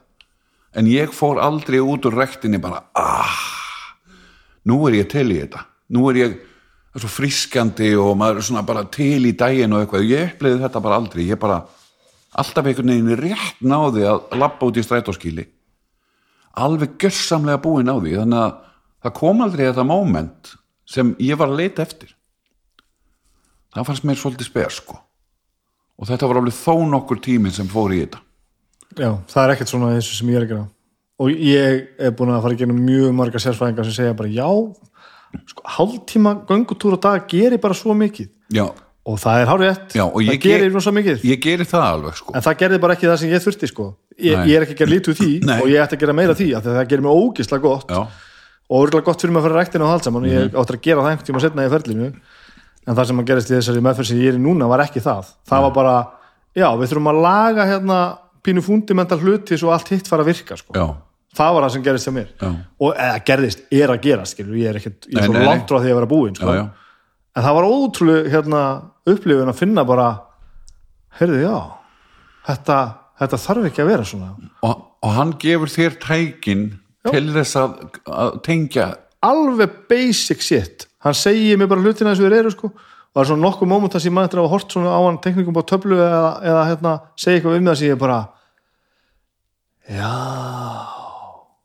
auðvitað. Alveg svona moment. Alveg fáránleg moment sko. og, og en ég meina það enda náttúrulega alltaf með því að þú þátt að fara heim og díla við sitti sko. já, já, og þú veist, og þetta er ég að challengea mér sko. þú veist, ég var búin að býða hérna einhverja vikur eftir því sko. Við gáum dóttir minni hérna fimmleikarhingi, þetta er ekki kynlífsrólu upphengi, þetta er fyrir fimmleikarhingi lúkar samt svolítið þannig en, já, og, anyway. veist, og við erum mörgulegt að nýta það sem slíkt þegar við kaupum róluna. Ég vona það. En að því ég er alltaf að tala um hvað ég sé lélugur í höndunum, ég er svo lélugur að gera allt. Já, sem er rétt og ránt mm. ég get alveg borað í vegg. Um leið og ég finna að ég er eitthvað óurugur Já. þá byrja ég að stressast upp, já, gera eitthvað í fljótfærni, búin að blóðga með allan Já. brjálaður í skapinu löður sveittur og útskýra það fyrir fólki að, að ég bara get ekki gert svona, ég er bara lélugur í höndunum og ég skil ekki, ég, ég, get þetta ekki. Já. ég get þetta ekki. Mm brjálaði að gera eitthvað öllum og við keftum þess að fimmleikarhingi og hérna og, og hérna og Anna var búin að býða hérna einhverjar, einhverjar vikur eftir að, eftir að hengt upp sko, Já, já, já. afinnar var alltaf alveg að koma afinnar, hvað, hann á býra húsaug já, já og hann kemur og gerir þetta. Já, á, það var svona ekki ég var eitthvað búin að undistinga hann sko, Já. já, ekkert mál, ég meina, hann var bara ekkert að koma í það Nei. og, og þú veist bróðurinn Agnesar eitthvað og hann var bara að gera eitthvað annað og Já, eitthvað. og hérna og ég framaldi að bílskursurni þá horfði ég hérna upp í, upp, í, upp í loft og bara ok, hann komið að því. Ég ætla að gera þetta. Mm. sagði engum þetta sko. Bara, fór bara að kifti eitthvað, talaði bara með einhvern mann í bíkó. Og ég, en ég stoppaði líka fyrir utan bíkó og hugsaði bara, ég er bara að fara að gera þetta sko. Já, ef það gengur ekki eða þetta er einhvern veginn þá er það bara alltaf lægi sko. labbaði bara inn í bíkó að láfið ég segði starfsmannum hvað, hvað ég var að gera sko. Ég sagði honum, ég veit ekki alveg hvað ég er að fara að gera. Mm -hmm. viltu hjálpa mig með þetta hér? Og hann sagði, já, þetta er geðveikt. Bara, byrju, keftu þetta hérna. Og ég sagði, að þið þurfum ekki samt held ég upphengi fyrir 1,5 tonn sko, eitthvað svona stóra augu. Þetta er barn að leika sér fimmleikar og hann sagði, já þetta, tökum frekar þetta hérna. Glæsilegt, þessi boltar hérna og borraða með þessu. Og ég bara, ok svo kom ég hérna heim, einn lagði á þetta borð hérna allt sem ég vissi að ég þyrfti til að hengja þetta upp. Og í staðin fyrir að fara hérna já, svona, Já. stinga borðvílinni í samband, komast að því að hann var ekki nógu löng snúrunni inni, hann ég myndi tengi eitthvað millistikki hérna og eitthvað, eitthvað að stíga á hérna snúruna og að veist, strax komið með blóðbræði í munnin sko. Og fór ég, laði þetta hérna borðið og hellti mér upp á kaffi og hugsaði bara Magnús Blöndal í smástund já, og bara svona, ok og hérna, svo boraði ég annað gati sko, sem var ekkert mikið mál sko. Bara svona, hú veist, bara með borðvelinni og hellti mér svo aftur kaffi í botlan, settist þetta niður og dundaði mér svona Já, sko, já. í stað fyrir að vera bara já, svona sko. Einmitt. Og klukkutíma setna þá var ég bara búin að hengja upp. Já, og af því ég gerði, veist, nú er ég náttúrulega að fara inn á einhvers, einhvers sviði sem ég á að gera að fara, því ég er ekki sálfræðingur þetta sko. væri ennþá í forstofunni hjá mér sko þessi póki og það er svo margt svona sem er ennþá í fórstofunni hjá mér. Já, en af því að ég fór inn með þessi, þessi tól sko, að hugsa mig þetta er þessi hugurana held ég at, atferðlis eða eitthvað, fór svona í gegnum þetta systematist og svo næsta, ég meina ég fór með börnum mín í sund, það var bara sama bara af hverju, af hverju ætlar að af hverju ætlar að humma það fram að þér að fara með börnin í sund, þú er Já. ógeslega ánægð með þig börnin vera miklu glæðari mm -hmm. fara fyrr að sofa eru og allt betra við þetta hvaða afsökunum er eftir að koma með núna? Að fara ekki með þessu. Að þú ert svo lélugur í, þú ert ekki lélugur í Nei, nei. og svo bara, ok. Anda djúpt, hugsa sig aðeins í gegnum þetta. Ok, ekkert að þessu skiptimáli það er það versta sem getur gerst? Nú gerum við þetta, ég ætla að fara fram í fórstu taka til skóna þeirra, svo þau fara ekki hérna apeshit ekki þegar við komum hérna fram. Já. og svo bara, krakkar, förum í sund. Klukkutíma á hálfum með tveimur var ég komin heim og það var of cake já, og ég var búin að fara svona í gegnum þetta. Og jafnvel skemmtilegt. Nei, þetta var geðveikt, þetta var frábært. Og ég er náttúrulega ógeðslega ánæði með mig já, já, akkurat. Búin að smera bíl, bílskursurina, búin að Já. hengja um filmleikarhingina búin að fara í sund, þú veist, ég erum að tala um að mörgum vikum að dögum. Já, já, og, en, svo, en samt. og svo kom þetta moment loksins þegar ég stóð bara hérna á, á pallinum með mjölkuferðinu sem ég var búin að kaupa og hafði ekki hugsað um það og bara nau, hvað gerðist maður? Það eru tvö moment sem ég man eftir sko, þar sem ég fyrir fram með börni mín að modni Nú, og ég hef þurft að setjast niður og býða eftir að Agnes vakni því ég var bara með súrt bræði í munninum alveg niður í maga og ég gat ekkert. Ok. Eina sem ég gat gert var bara að passa sig að þau dræpu sig ekki Já. og fyrir viki var bara allt í einhverju kaos og pínu lítil sko. Og svo bara þegar hún vaknaði þá var ég bara, var ég bara hálf blindur að þreytu sko og skreið bara svona inn og gjössamlega örmagnaði Já. það fylgir kvilli í þessu á mér að og ég held hjá mörgum hann allavega að tala um það Magnús að hérna verður svona ofsa þreyta já, kannastu við það? já, ég, ég er bara sífelt með ofsatreitu eiginlega bara meira eða minna er það bara ástand. Og þetta er þetta kemur hjá mér í svona perióðum sko. ég kem heim eftir daginn, gekk geðið til í vinnunni. Svo bara, já það er þetta og þetta og þetta. Býtum við, já, já, og svo er svona fimmleikæfing og það er þetta. Og svo byrjar þetta, þetta hlaðast upp Já. og þetta, þessi bakvinnsla sem að já, ég veit það. Og listin, Já, þú veist, fucking listin helvitislistin hann kendi mig það, Magnús að þessi, það, þessi bakvinnsla, hún er svo erfið sko, já, að þú, það, það er þreytan sem þú finnur, Já. heilin bara get ekki meira, nei, og eina sem ég get gert þá, er bara að fara svo já, ég veit og það er það sama hjá mér. Og Agnes er farin að læra svolítið vel á þetta. Ég held að þetta hafi gerst núna einu sinni á síðasta halva árinu hjá mér. Aha, og hún sá það á mér og sagði bara Bibi farin í rúm, já, af því það er ekkert við þess að gera. Meni fram að þessu var þetta bara Ertu til að hjálpa mig með þetta hérna? Eðlilega, því Já, ég bara, já, veist, ég, hérna, það var bara erfiðu dagur og eitthvað, koma henni einhverja afsakanir, sko, uh, sem er náttúrulega eðlilegt, því að maður á Að að sjálfsögðu. rullast til þess að gera hlutina, sko. Uh, en bæða því að hún veit núna meira hvernig þetta fungerar og að þetta gerist miklu sjaldnar, sko, Mhm. þá miklu öðuldar að ráða við þetta. Og, og ég fann þetta ko- var að koma og hún benti bara á mig strax og sagði bara, farðu og vaknaði, gæti ég greint að bara af hverju var þetta að gerast núna aftur? Eftir allan tíma sko. þá var ég bara eitthvað pínu illa fyrir kallar og gleymdi bara aðeins að hugsa en um það. en ekkert sérstast sem tryggir Nei, það ég fann ekki fyrir því. Nei. svo gengur þetta í bylgjum, þú veist, ég bara fer upp og niður aðeins skiptis en, en veist, ég er alltaf, einhvern veginn alltaf á leiðin upp sko. ok, þetta er bara mjög áhugavert en ég er nákvæmlega þarna það sem þú vart að segja, ég er bara sífælt þreytur og ekki bara þreytur bara með höfuð ofan í bringu sko bara alveg, alveg að bugast sko held og sérstaklega ef það er eitthvað framundan sem ég þarf að fara að gera ég þetta að díla við alveg það sama og ég, sko. og ég er aldrei upplæður til að gera nokkuð skapa hlut ég getur trúið að þú sett kannski að díla við aðeins stær, stærri útgáðu seldur en ég sko. já, en það, það er að að bara ég ætla að greina það sko. Já, en það er líka þannig hjá mér sko sem er rosalega skrítið að ég veit í rauninni ekki lengur hvernig tilhlökkun hvernig ég finn tilhlökkun af því að þegar ég veit að ég er að fara að gera eitthvað eins og að fara í stúdíói sem er fyrst skemmtilegt að það er eiginlega bara þú veist, tilhlökkun er svo kvíði.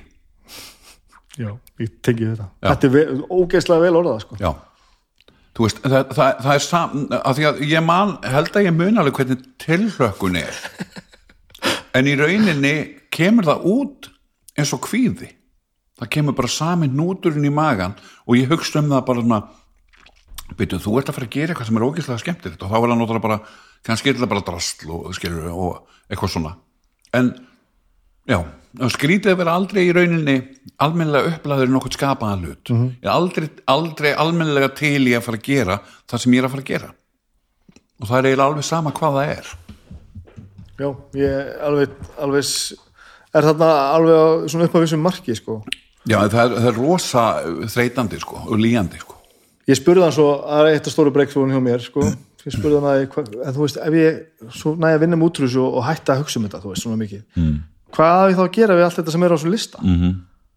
listin er það til staða sko. Hann, listin er ekki þarna þú veist, það er ástæða fyrir að listin er þarna og öll atriðin á listanum eru yfirleitt mjög valið atriði allavega hjá mér ég held þetta líka, þú helst þetta líka hann sagði við mig já, byttu listin hverfur og ég trúði ekki að hann hvarf Men það lítur að vera eitthvað eftir á samt. Já, en það er bara ekki lengur listi, þetta er bara eitthvað verkefni sem ég þarf að leysa. Ég er ekki með sko to-do listan sem ég hérna, á, þetta er allt eftir, þetta er allt eftir hérna, á. Það er bara svona, það er bara svona hluti Já. sem að, já, það þarf að gera þetta hér.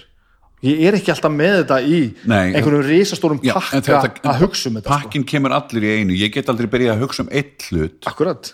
Af því að allir hínir hlutinni koma líka Einmitt. og þá er þessi eini hlutur sem ég ætlaði að gera í dag ég ger hann ekki í dag Já, þetta er bara sama og ég var að díla við. Og ég er, ég er að díla við, Já. skilur, ég er ekki alveg búið með þetta. Já. Og veit ég hvort maður verður nokkuð tíma alveg búið með þetta. Nei, nei. En, En þú, mér það, líður ekki lengur eins og ég sé að hugsa um allan heiminn í einu, sko.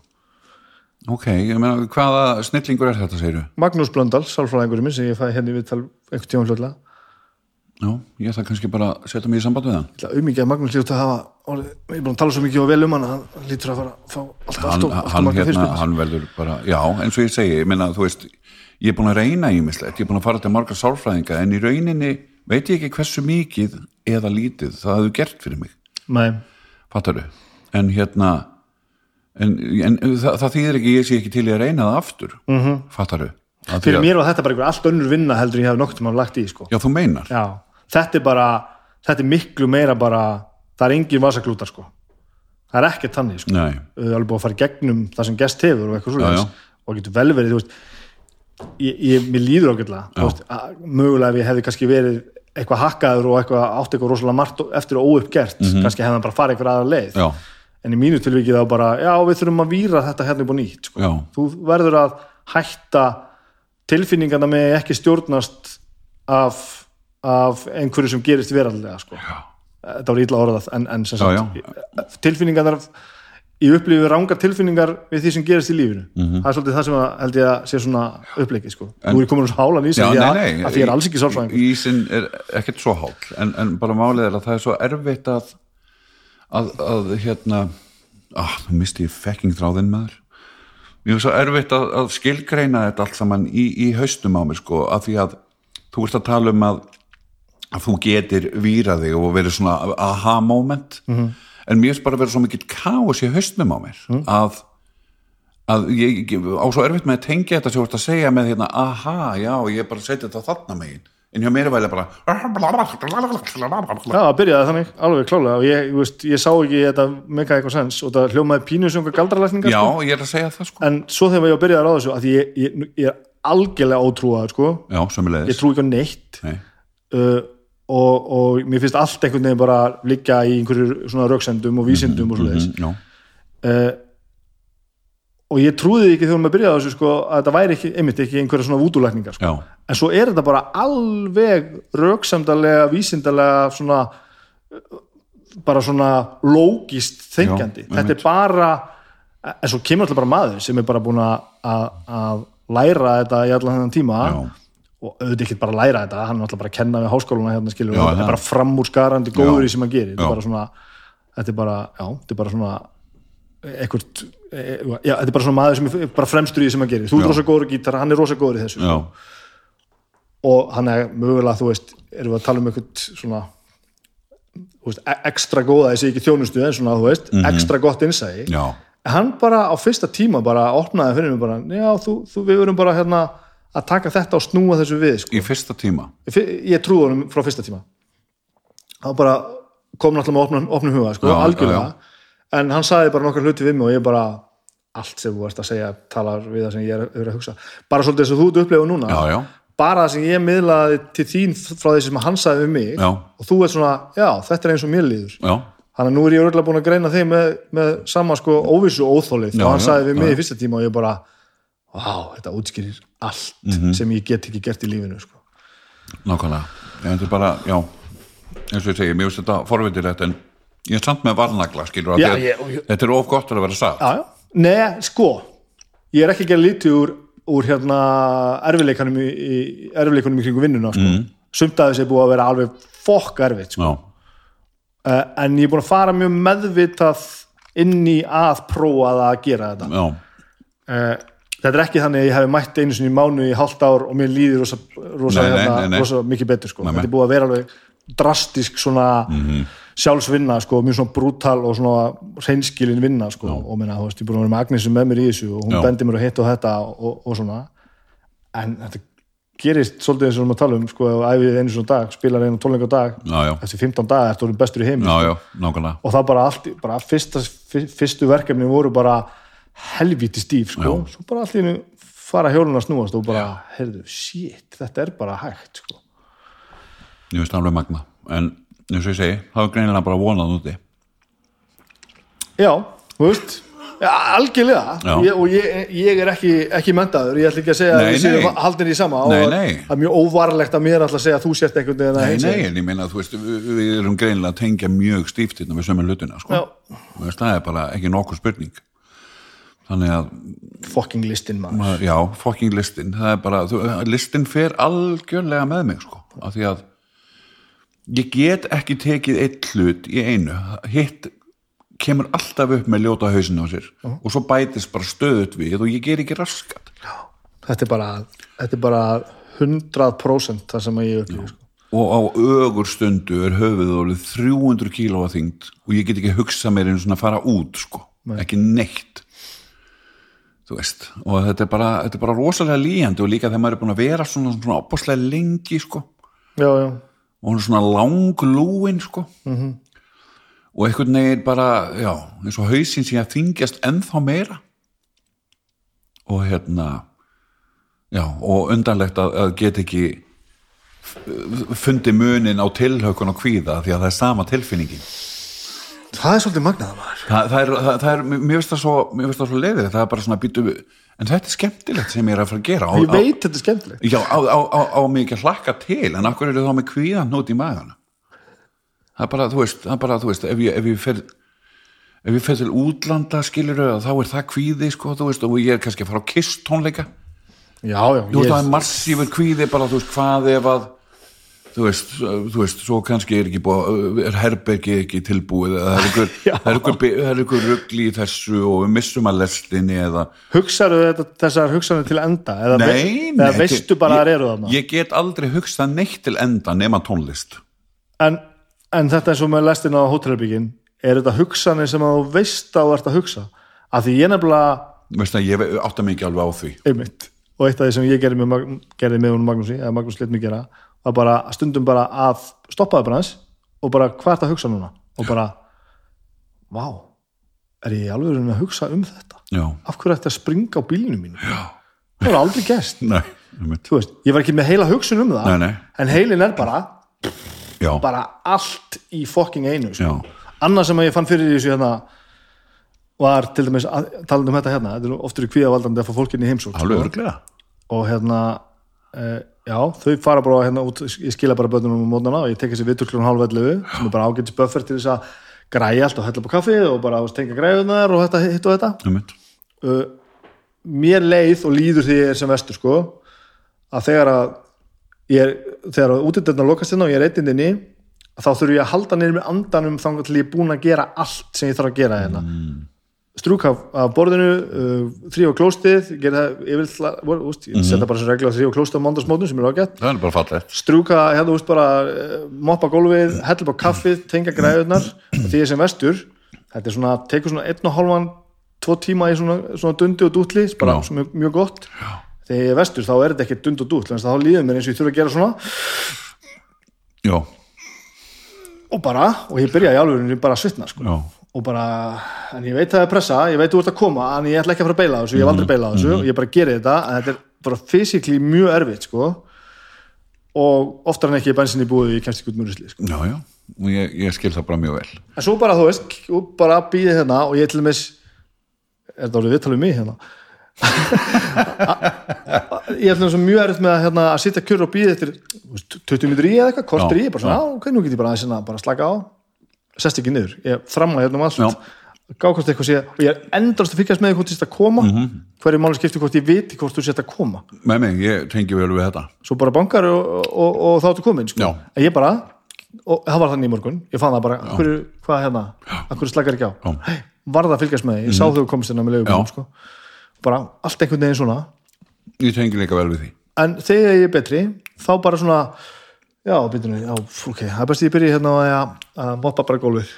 Kvikja okkur í sjónvarpinu eða eitthvað Já, málið sko, þú veist, þegar eitthvað er að fara að koma eftir 20 mínútur, þá er það það eina sem maður getur hugsað um. Já. og þess að 20 mínútur fara bara í já, það. já, akkurat. Og þú veist, þú veist ekkert að spá í neitt annað. Það er bara, já, hörðu já, já, nú er það alveg að fara að koma. Það er bara 20 mínútur sem fara bara í að býða fokking óviss og óþólið, ég er að segja þetta er bara, þú ert að tala um nákvæmlega sama og svo náttúrulega, þú veist, þetta, þessi fragmentit hugsun Mhm. það er bara svona brot hér og þar, aldrei til enda og ekki einu sinni til helminga. Nákvæmlega. Herðu, já, nei, býttu, þú ætlar, nei, býttu, það kemur, þeir, hvað með hérna, þeir kemur, nei, býttu, ég var, já, það, þú er framand á milli, tengjandi eina snúru vaskur tvo diska. og, svo gerist ekki neitt og maður er bara, verður ónað með sjálfa sig já, bara virkilega vonsvikinn, sko, bara, þú veist, goddammit, gæti, ég ekki farið, gæti ég, ég gæti ekki einu svona farið í bankan, ég ætlaði að fara í bankan, ég ætlaði bara að fara í bankan sko. Já, ég ætlaði bara að fara í bankan og ég hef alveg farið í bankan en, æ, þú veist, ef ég ætla að fara í bankan er það ekki best að ég ger fyrir ekki bankan þú veit, bara svo að lesa innan á heilanum Já, sko. þetta er nákvæmlega þetta. Þá bara fyrir ég ekki í bankan og, og veist, þetta bankadæmi er, er sönn saga því ég fór í bankan í síðustu viku og ég ætlaði að gera það fyrir mánuði. Af hverju fórstu? Hverju fór ég? Ég, ég gerði það bara það var ekki neitt meira en það ég man, ég man að skrifin voru þung en einhvern veginn bara gerði ég það -hmm. ég fór í bankan en ég get ekki útskipt af hverju Nei. en ég man eftir þungum skrifin ætli það ekki verið út af því að ég bara ákvað að fara í búðina í leiðinni, það var ekki neitt til heima að borða. Og bankin er rétt hjá. Já, já, En ef ég ekki þurft að fara í búðina þá hef ég þið sleft fresta, fresta bankanum aftur. Já. skilur þú veist, þetta var bara þetta er mánadar task að fara í skrambarsbankan í fimm mínútur. Og, og ég, ég var að setja pening inn á af einum reikningi yfir á annan já þetta er ekki, snýst ekkert um hvað verkefni er. Nei, nei, eða, jú, að sjálfsögðu já, eitthvað, ég meina eitthvað, kann, eitthvað kann, svolítið. kannski, ég veit það ekki en þú veist, já, þú veist þannig að pe- peningunum var bara eitthvað starf sem ég komst ekki í hann. Það tók mig samt mánuð að gera það. Já. og ég bara, þú veist, mér, mér, ég fór bara ógislið í töðanum mér við það, sko. Þú veist, anskotin hafið það drullaði bara í bankan, þetta er ekkert mál. Nei, það mm bara frábært. Og svo að maður að hugsa fyrst- mann er svo rótlega að skrýta hvernig maður funkar ekki svona að staðaldri.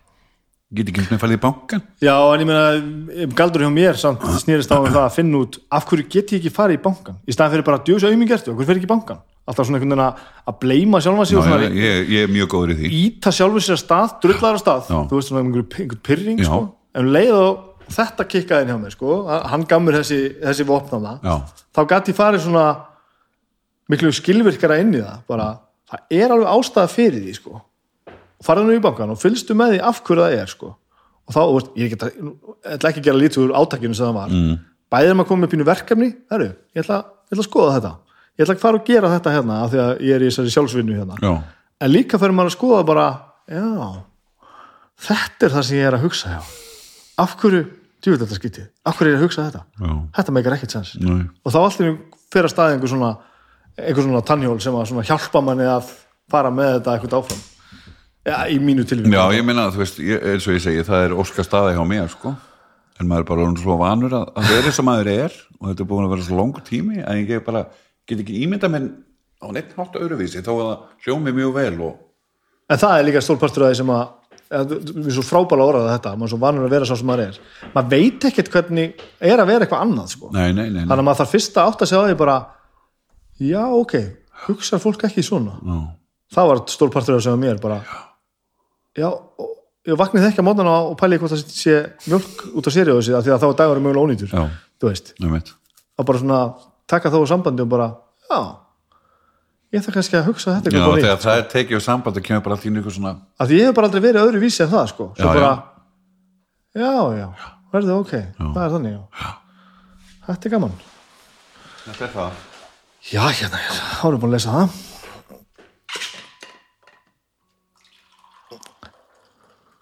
Hæ, Turi minn er sko minn, hvernig snakki ég að vel? Bara, við erum hérna, ég og Snæbjörn að tala saman sælurum minn, Já, fyrirgeðu, Hæ? Sorry. Hérna, já, heyrðu bara í mig þegar þú ert búinn. Já, hérna, lífskátan er, er að leysast hérna hjá okkur Já, það er gott. Ég bjóst ekki við því en það, það er bara gerast Þetta er svona etro trúnó. Þetta er edrótrúnó Já, með, með súkulaði og, og, og sítrúnuvatni Já, tekja. Skilaðu kæri kæri til hans. Gerð það bara sjálfur Sæl. Sæl, Skilaðu kæri frá mér. takk hérna fyrir það Já, ok. Það bara heyri ég. Já, ég heyri þér á eftir Heyrðu þú hvað? Ok Já, sirka. Bye. Herðu Við getum ekki hætt fyrir að hérna, ég spyrði það samt að einu sko. Já, Hvað gerir þú þegar þú ert ekki að vera bara þú og, og tónlist? Ekkert. Við erum eiginlega ekki búin að tala um neitt annað sko. nei en tíminn þá er dagurinn bara búinn. Átt engin áhugamál eða þú veist? Nei. Jú. Tónlist. Kvikmyndir. Kvikmyndir, ok, Já. ok. Ég elska kvikmyndir og ég er á rísastórt ég átti ég hef sapn og, og, Já, já, já. og bara og þú veist, já, en, en aðalega er það bara tónlist og hefur alltaf verið. Það hefur í rauninni aldrei verið neitt annað. Það er í rauninni ekki neitt annað. Er það ekki svolítið erfitt að geta ekki flú, flúið út úr því sem ert að gera? Nei, af því að það er bara svona mörg andlit tónlistar. Fattar þau? Hlusta, semja flytja. Það finnst mér bara að vera ólík andlit af, af tónlist. Ef ég er ekki að vinna við það eða, eða semja það, þá get ég alltaf hlusta á það og notið þess og er stöðut að leita. Finn yfirleitt alltaf eitthvað sem bara svona ah, bara plástur á sáluna það, það er basically bara útskýningin sko. og það hefur aldrei neitt bæst við sko. ég, þú veist, það er aldrei, aldrei þú veist, aldrei verið stangveiði eða skotveiði eða, eða, sem, það sem, sem, sem, sem margir gera. Þú veist, það er bara Og aldrei kalla á því, þú er aldrei, aldrei þú veist, pælt í því að það væri gaman að hafa eitthvað eða... nei, nei, af því að það, það, af því að það er bara ekki aldrei inn í myndinni sko. Það er bara aldrei þú veist, það, það er svo það er svo ég myndi spyrja, skilur af hverju ertu ekki í landsliðinu í Boccia í Belgíu? Þetta er alveg það langt Þetta er bara ekki þarna. nei, þetta er bara ekki það þú veist, það er ekkit ég veit það ekki, ég er bara þú veist, ef þetta tekið út sem þú ert að tala um, þá er dagurinn bara búinn og ég er bara að fara að sofa það er bara svolítið þannig en það er í rauninni alltaf bara verið þannig sko. mjög víðtæk og, skritin spurning, sko. Finnst þér gaman að vera til? það er bara rosalega misjönd En þú nýtur þess sem þú ert að gera? ég held það en þannig kemur upp í það sko að ég nýt þess rosalega mikið að, að búa til tónlist og svona og vera með börnunum mínum og svona en, en það er fullt af momentum þar sem ég var bara mjög erfitt með mig sko. Hvað gerir þú? þá reyni ég bara að ég reyni yfirleitt bara að setja eitthvað gott á fónin sko það er, það er rosalega mikill svona þráður sko það getur, getur breytt svo rosalega miklu fyrir mig sko ég bara Heldur þetta sé hækja þá? Veist, Já, bara... líklega einhverju leiti, já Ég veit samt ekki hvort að það er jákvætt eða neikvætt Nei, ekki heldur. Skilur þau? Hækja er svolítið neikvætt orð. Já, ég var að, ég var að meina það þannig, sko. Já, en ég, ég, þú veist Ég held að þetta sé ekki það neikvætt. Af því að, ég veit ekki, þetta gefur mér bara svo mikið. Gefur þetta mér of mikið? Uh er, þetta, er, er þetta of mikill partur? Já, að flýja frá einhverju pælum aðri, sko. Þú veist, það getur vel verið sko. Ég átta mig bara ekki alveg á því. En ég kannski get ekki kallað það hækju ég bara, veit ekki ég er bara svona ofur, kannski bara einhver ofur áhuga maður um tónlist og allt sem við kemur inni sko. Og það, og það er í rauninni ekki pláss fyrir neitt annað. Nei, nei. þannig að þú veist, ég veit um vini mína sko sem, sem setja aldrei neitt á fónin og ég er alveg gáttaður. Er að benda mönnum á einhverja plötu og maður, já, já, svo bara, ertu búin að hlusta? Nei hvað Hvað er það að gera við þú lífið? veist, ertu, ertu eitthvað belaður ég er hérna, ég er að færa þér himnaríki.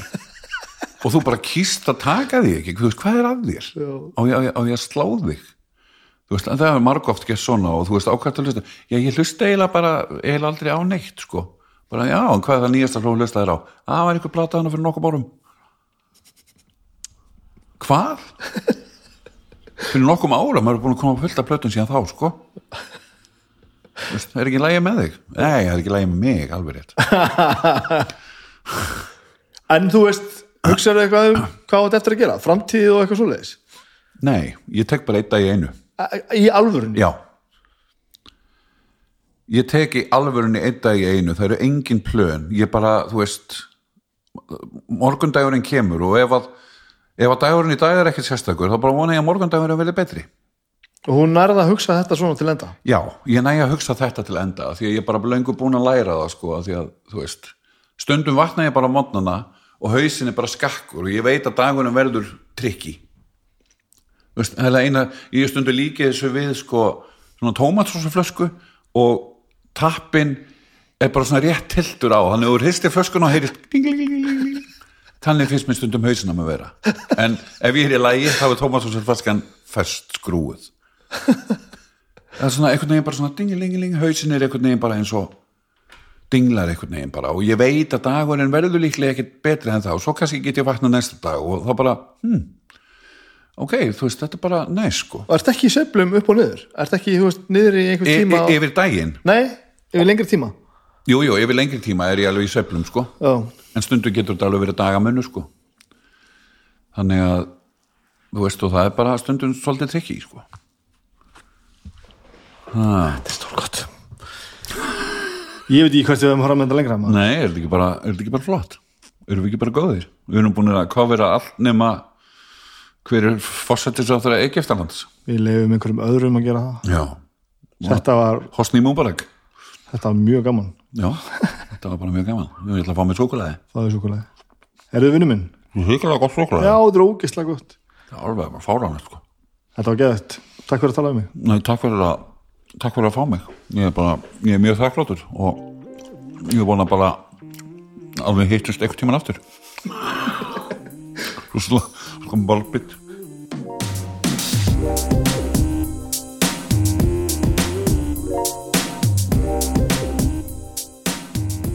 Já, þetta var ekkert stutt svo sem Við höfum allt að segja djöfull sem að við tengdum mikið skrítið að tala um þetta kvíðamál mitt uh, og þetta, þessa vinnu sem ég er búin að vera í tala við mann sem að augljóslega er uh, aftur, ég er ekki sérfræðingur en er svona búin að vera á svipuðum slóðum og er ekki komin einhvern veginn var ekki búin að koma auga á þetta. Sam og ég gerði þetta fyrir nokkur mánuðum síðan þegar ég vissi ekkert hvað var að gerast. Mjög áhugavert og kannski sagði ég eitthvað sem ég átti ekki að segja. Ég er ekki sálfræðingur og ekki trúa því sem ég segi. Ef ykkur líður ekki vel þá skulle ég leita á, á náði sérfræðinga. Auðvitað frábært að leita til fólksins sem að þykja vendum en að minni reynslu þá hjálpar eh, á endanum ekkert meira heldur en það að tala við sérfræðingana og láta sérfræðingana leiðbuna sér. Því það er það sem við gerum. Við verðum góð í því sem við sérhæfum okkur í. Og eitt er nú að vera góður að tala við en annað er hennilega að vita hvernig allt virkar. Þannig að gerið það, ef ykkur líður ekki vel farið og, og, og, og leiðið einhvern með að hjálpa ykkur, það bjargar mannslífum það er bara svoleiðis, og ekkert bara bjargar mannslífum það líka bara gerir gott betra, mitt líf var brilljant en núna er það bara orðið ennþá meira brilljant, bara því ég tók þessi mál mín og bara gerði eitthvað í þeim sko. gott, við þurfum ekki að tala meira um þetta. Heyriði mig eh, hlustiði á hljókirkjuna þið verða að gera það. Um, við erum að skipuleika næsta, um, næsta viðbur hjá hljókirkjunni sem verður að hurra vorum við ekki búin að tala um að þetta er alltaf síðasta fymtudag í hverju mánuði? Ég man ekki, fyrsta, hvernig var þetta síðast? Ég man það ekki, við auglýsum þetta, nú er ég bara að segja eitthvað best að ég hætti því þið skulið uh, hlusta á domstag þar sem Agnes er komin inn. Ég held að löngu búin að segja ykkur það að Agnes er eitt á stjórnendum domstags sem gerir að sjálfsögðu gott betra. Þið skulið gera það. Eh, hlustið á, býtur ég að flesta, flesta, þessu upp. Húsalega er ég ör og undalegur hérna, ég þarf að borða eitthvað. Listamenn síðasta lögadag sem var ekki síðasta lögadag, það náttúrulega þeir voru eitthvað tæpir á tíma og, og senkuðu þættinum þáttunum kom held ég á sunnudegi. Það breyti því ekki, þáttunum er 8 síðasti þáttur var uh, bjó, top 10 bjórar sem fóst í ríkinu á fráskúsfyrði það er gestur í settur í á þeim. Tekja á listamönnum, snildalega, snildalegir ógeðslega skemmtilegir. Og svo er það náttúrulega besta platan á morgun. Og það er eitt af þessu stóra. Eitt af þessu stóra það er Smashing Pumpkins. Þeir ætla að tala um Smashing Pumpkins. Ég held að doktorinn hafi komið með þetta inn og hann ætlar að velja Melancholy and the Infinite Sadness. Og ég bara veit ekki, ég er ekki búin að heyra þáttinn hann, ég hef ekki hugmynd um hvernig þetta fer. En þetta er svona, þetta er eitt af því sem var mikið beðið um á meðan ég var við stjórnvölin hann í bestu plötunni. Og ég hef svona bara ágættis insýn í Smashing Pumpkins en, en ég svona einhvern veginn ég veigraði mér alltaf við að taka þetta verkefni sem var gænilega góð, uh, góð hugmynd en ég held að þessi er miklu betri stakkbúinu til þess heldur en ég. Þannig að besta platan, förstu dagur á morgun ef þið er að hlusta þetta í rauntíma, tjekkja því. Ég er alveg búinn á því. Þetta var bara fínt fyrir daginn dag. Við skulum ekki gera neitt meira. Þið skulum bara fara út í daginn og, og gera eitthvað frábært og við gerum þetta svo aftur út í viku því að það er alltaf þannig og það er alltaf gott. Takk fyrir að hlusta á okkur, við heyrumst næst, bye